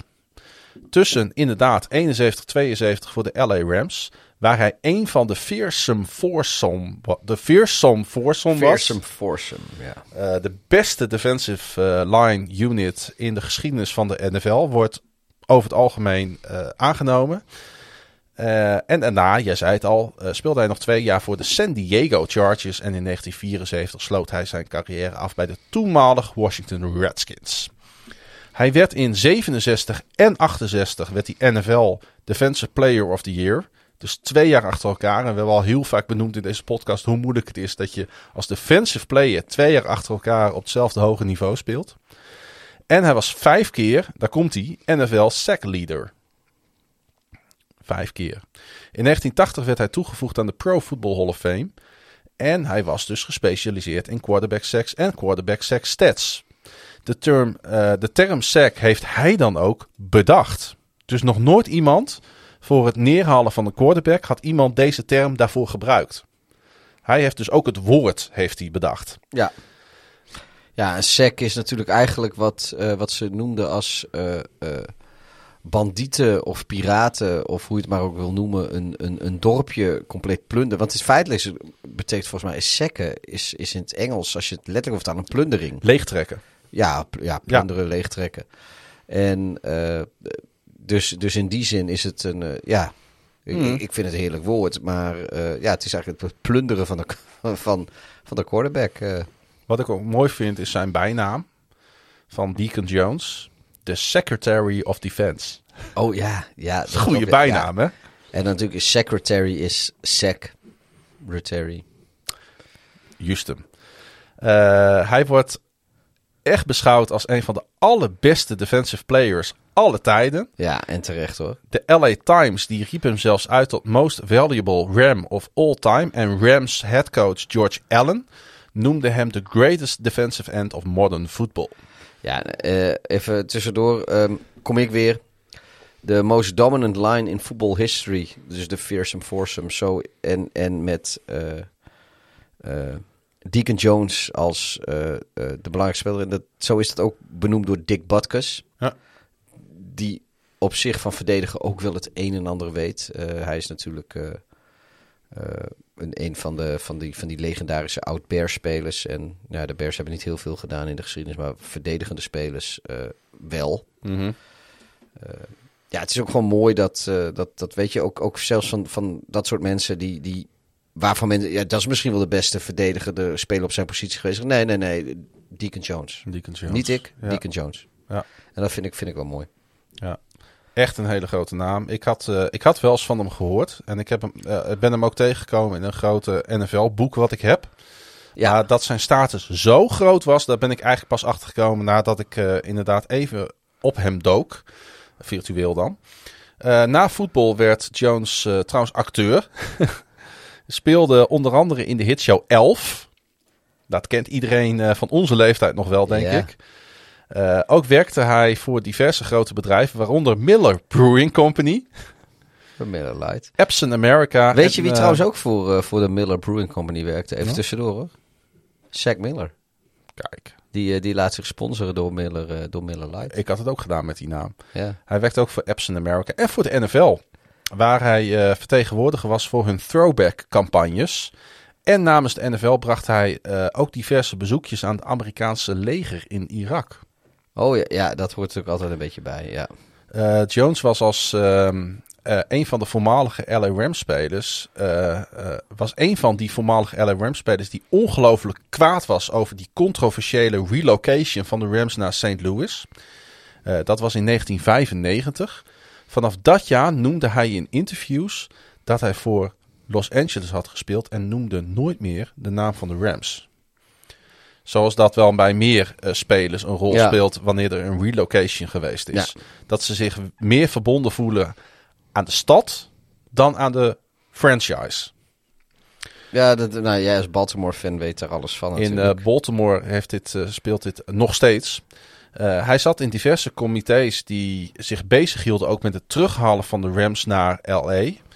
Hij hield zich ook met nieuwe stadionplannen bezig.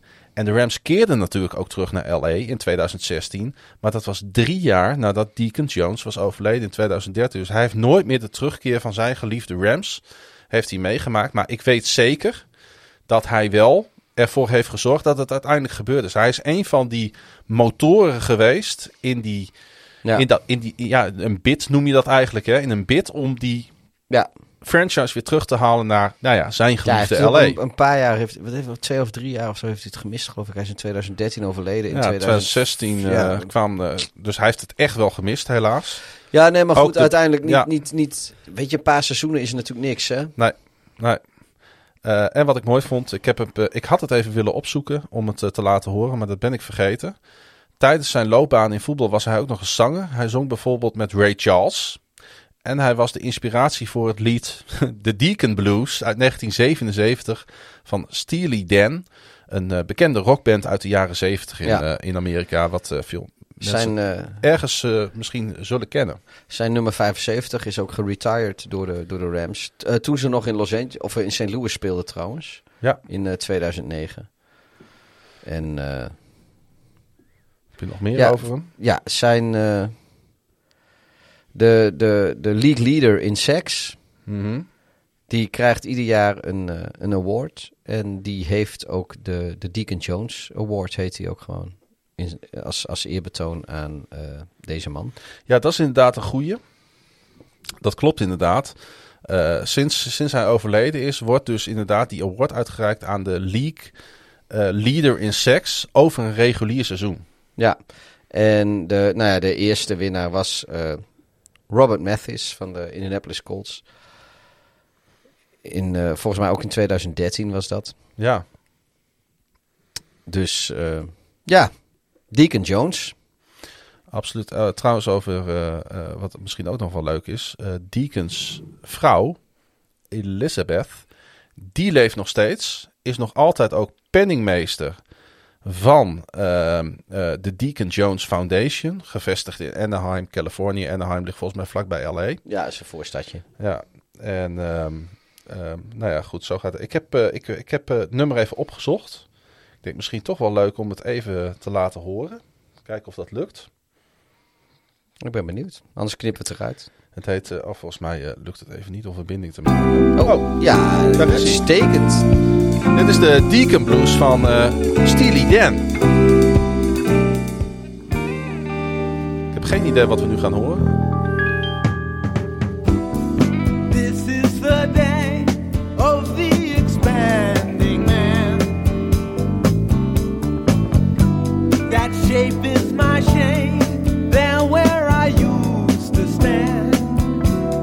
Moeten we hiermee? Het is echt schitterend. It seems like only yesterday. Nee, ik mis eh, Guillermo en Tropical Danny. Is, eh, is nee, weet je. ehm, Nou ja, dus dit is dus de Deacon Blues van Steely Dan.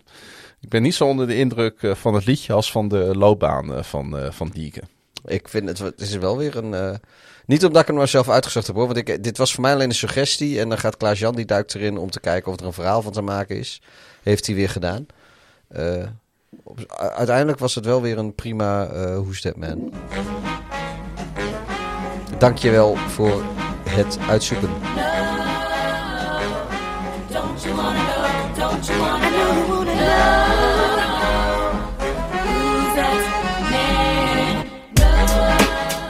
De Who's That Man van deze week is dus Deacon Jones. Op 3 juni 2013 overleed hij op ze- 74-jarige leeftijd.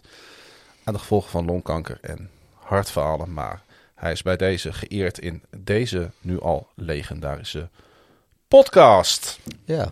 Ehm, nou ja, en zoals de oplettende luisteraar weet, we gaan eh, niet meer voorspellen. Want dat eh, doen wij eh, in een losse uitzending voor onze betalende leden. Want die moeten natuurlijk ook premium content bieden. Ja, die uitzending zou, die aflevering zal trouwens komende donderdagochtend online komen op onze Ja, pagina. eh, we gaan hem vanavond niet meer doen, we gaan hem morgen doen. hebben we besloten. Ja.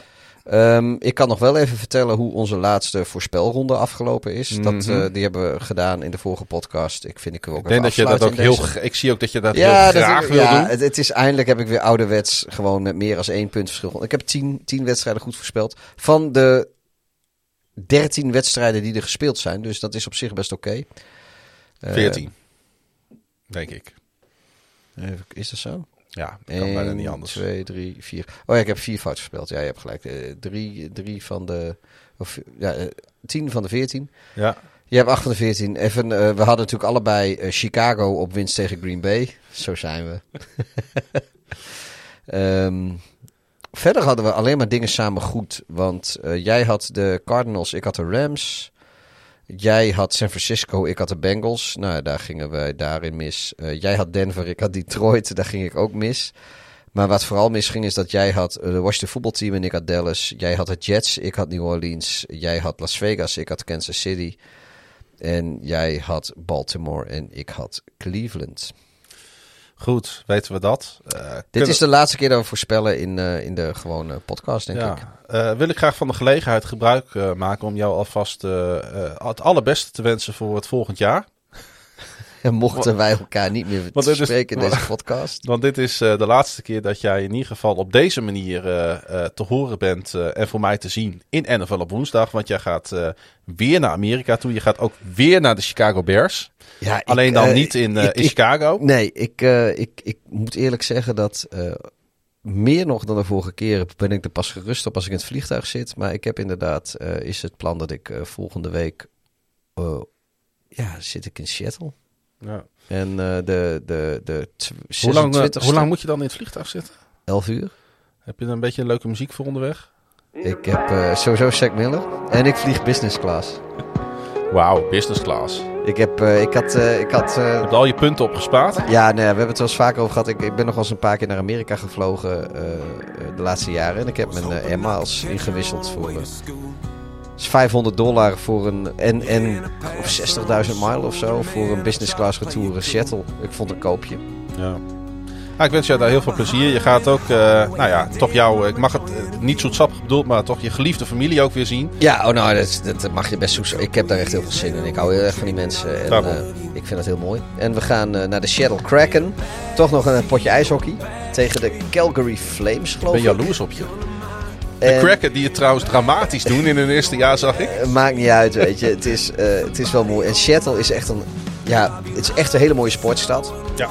Eh, Het is sowieso een mooie stad. Ja, maar, maar de sportbeleving is er ook echt heel mooi. En ik, ik ben echt wel heel benieuwd hoe het is bij de Kraken. Daar kijk ik misschien haast nog meer naar uit dan eh, Bears at Seahawks. Wat volgens mij in Nederland tweede kerstdag is. In Amerika is de 26, volgens mij is de 26e.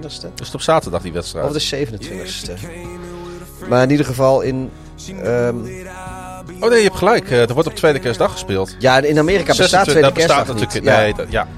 Eh, Maar je hebt gelijk, 26 december. Ja, Dus eh, ja, zie je, tweede kerstdag zit ik eh, daar lekker... eh, in de late window voor ons. Ik heb een Chicago Bears kersttrui. Ik heb hem al klaar liggen om mee te nemen.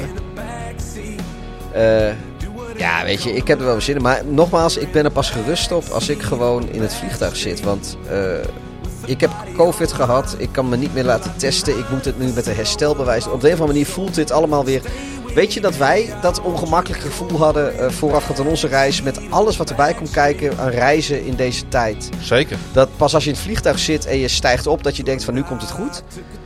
Pas Nou. toen ik aan de bar zat in de Avondale Ja. Toen geloofde ik het eigenlijk. Ja, nee, maar goed, ik heb dat nu hetzelfde weer. Want alles is veranderd Ja. in één keer. Voor mij ook. Alleen, ik heb nu wel zoiets. Ik ga niet pas wachten tot ik in Seattle ben. Ik ga wachten tot... Want ik zit business class. Ik mag als eerste boorden. En dan krijg ik meteen een glas champagne. Want zo werkt dat. En als ik aan die champagne zit in dat, eh, in dat vliegtuig... Dan heb ik zoiets van, kom jonkje. En dat betekent ook gelijk het einde van deze aflevering. Ja, ik wil Eh, niet opscheppen, maar ik, wil, ik, ben, ik, ja, eh, ik, ik ben er aan de ene kant een beetje, een beetje ongedurig over. Aan de andere kant, ik kijk er verschrikkelijk heel hard naar uit. Want in Nederland wordt, blijft het ook niet leuk met die vijf uur... eh, Nee, ik heb er ook wel wat moeite mee hoor. Ik wil in ieder geval zeggen, ik wil deze aflevering graag opdragen aan Michiel. Die zegt als ik 3,5 uur zie staan, dan eh, maakt mijn hart een sprongetje. Ja, Michiel, je kan je lol op, want volgens mij... Dat was eh, 3,5 uur geleden namelijk dat, eh, dat ik dat zei, dat ik dat Ja. voordroeg. En ik kan, eh, Michiel, weet je, als je, als je het echt zo mooi vindt, eh, word, eh, word lid via uh, nflopwoensdag.nl. En dan hebben we nog volgens mij twee uur lang reisverslag voor je klaarstaan. Zeker, ga daar ook naar luisteren naast de 3,5 uur die we nu on tape hebben staan.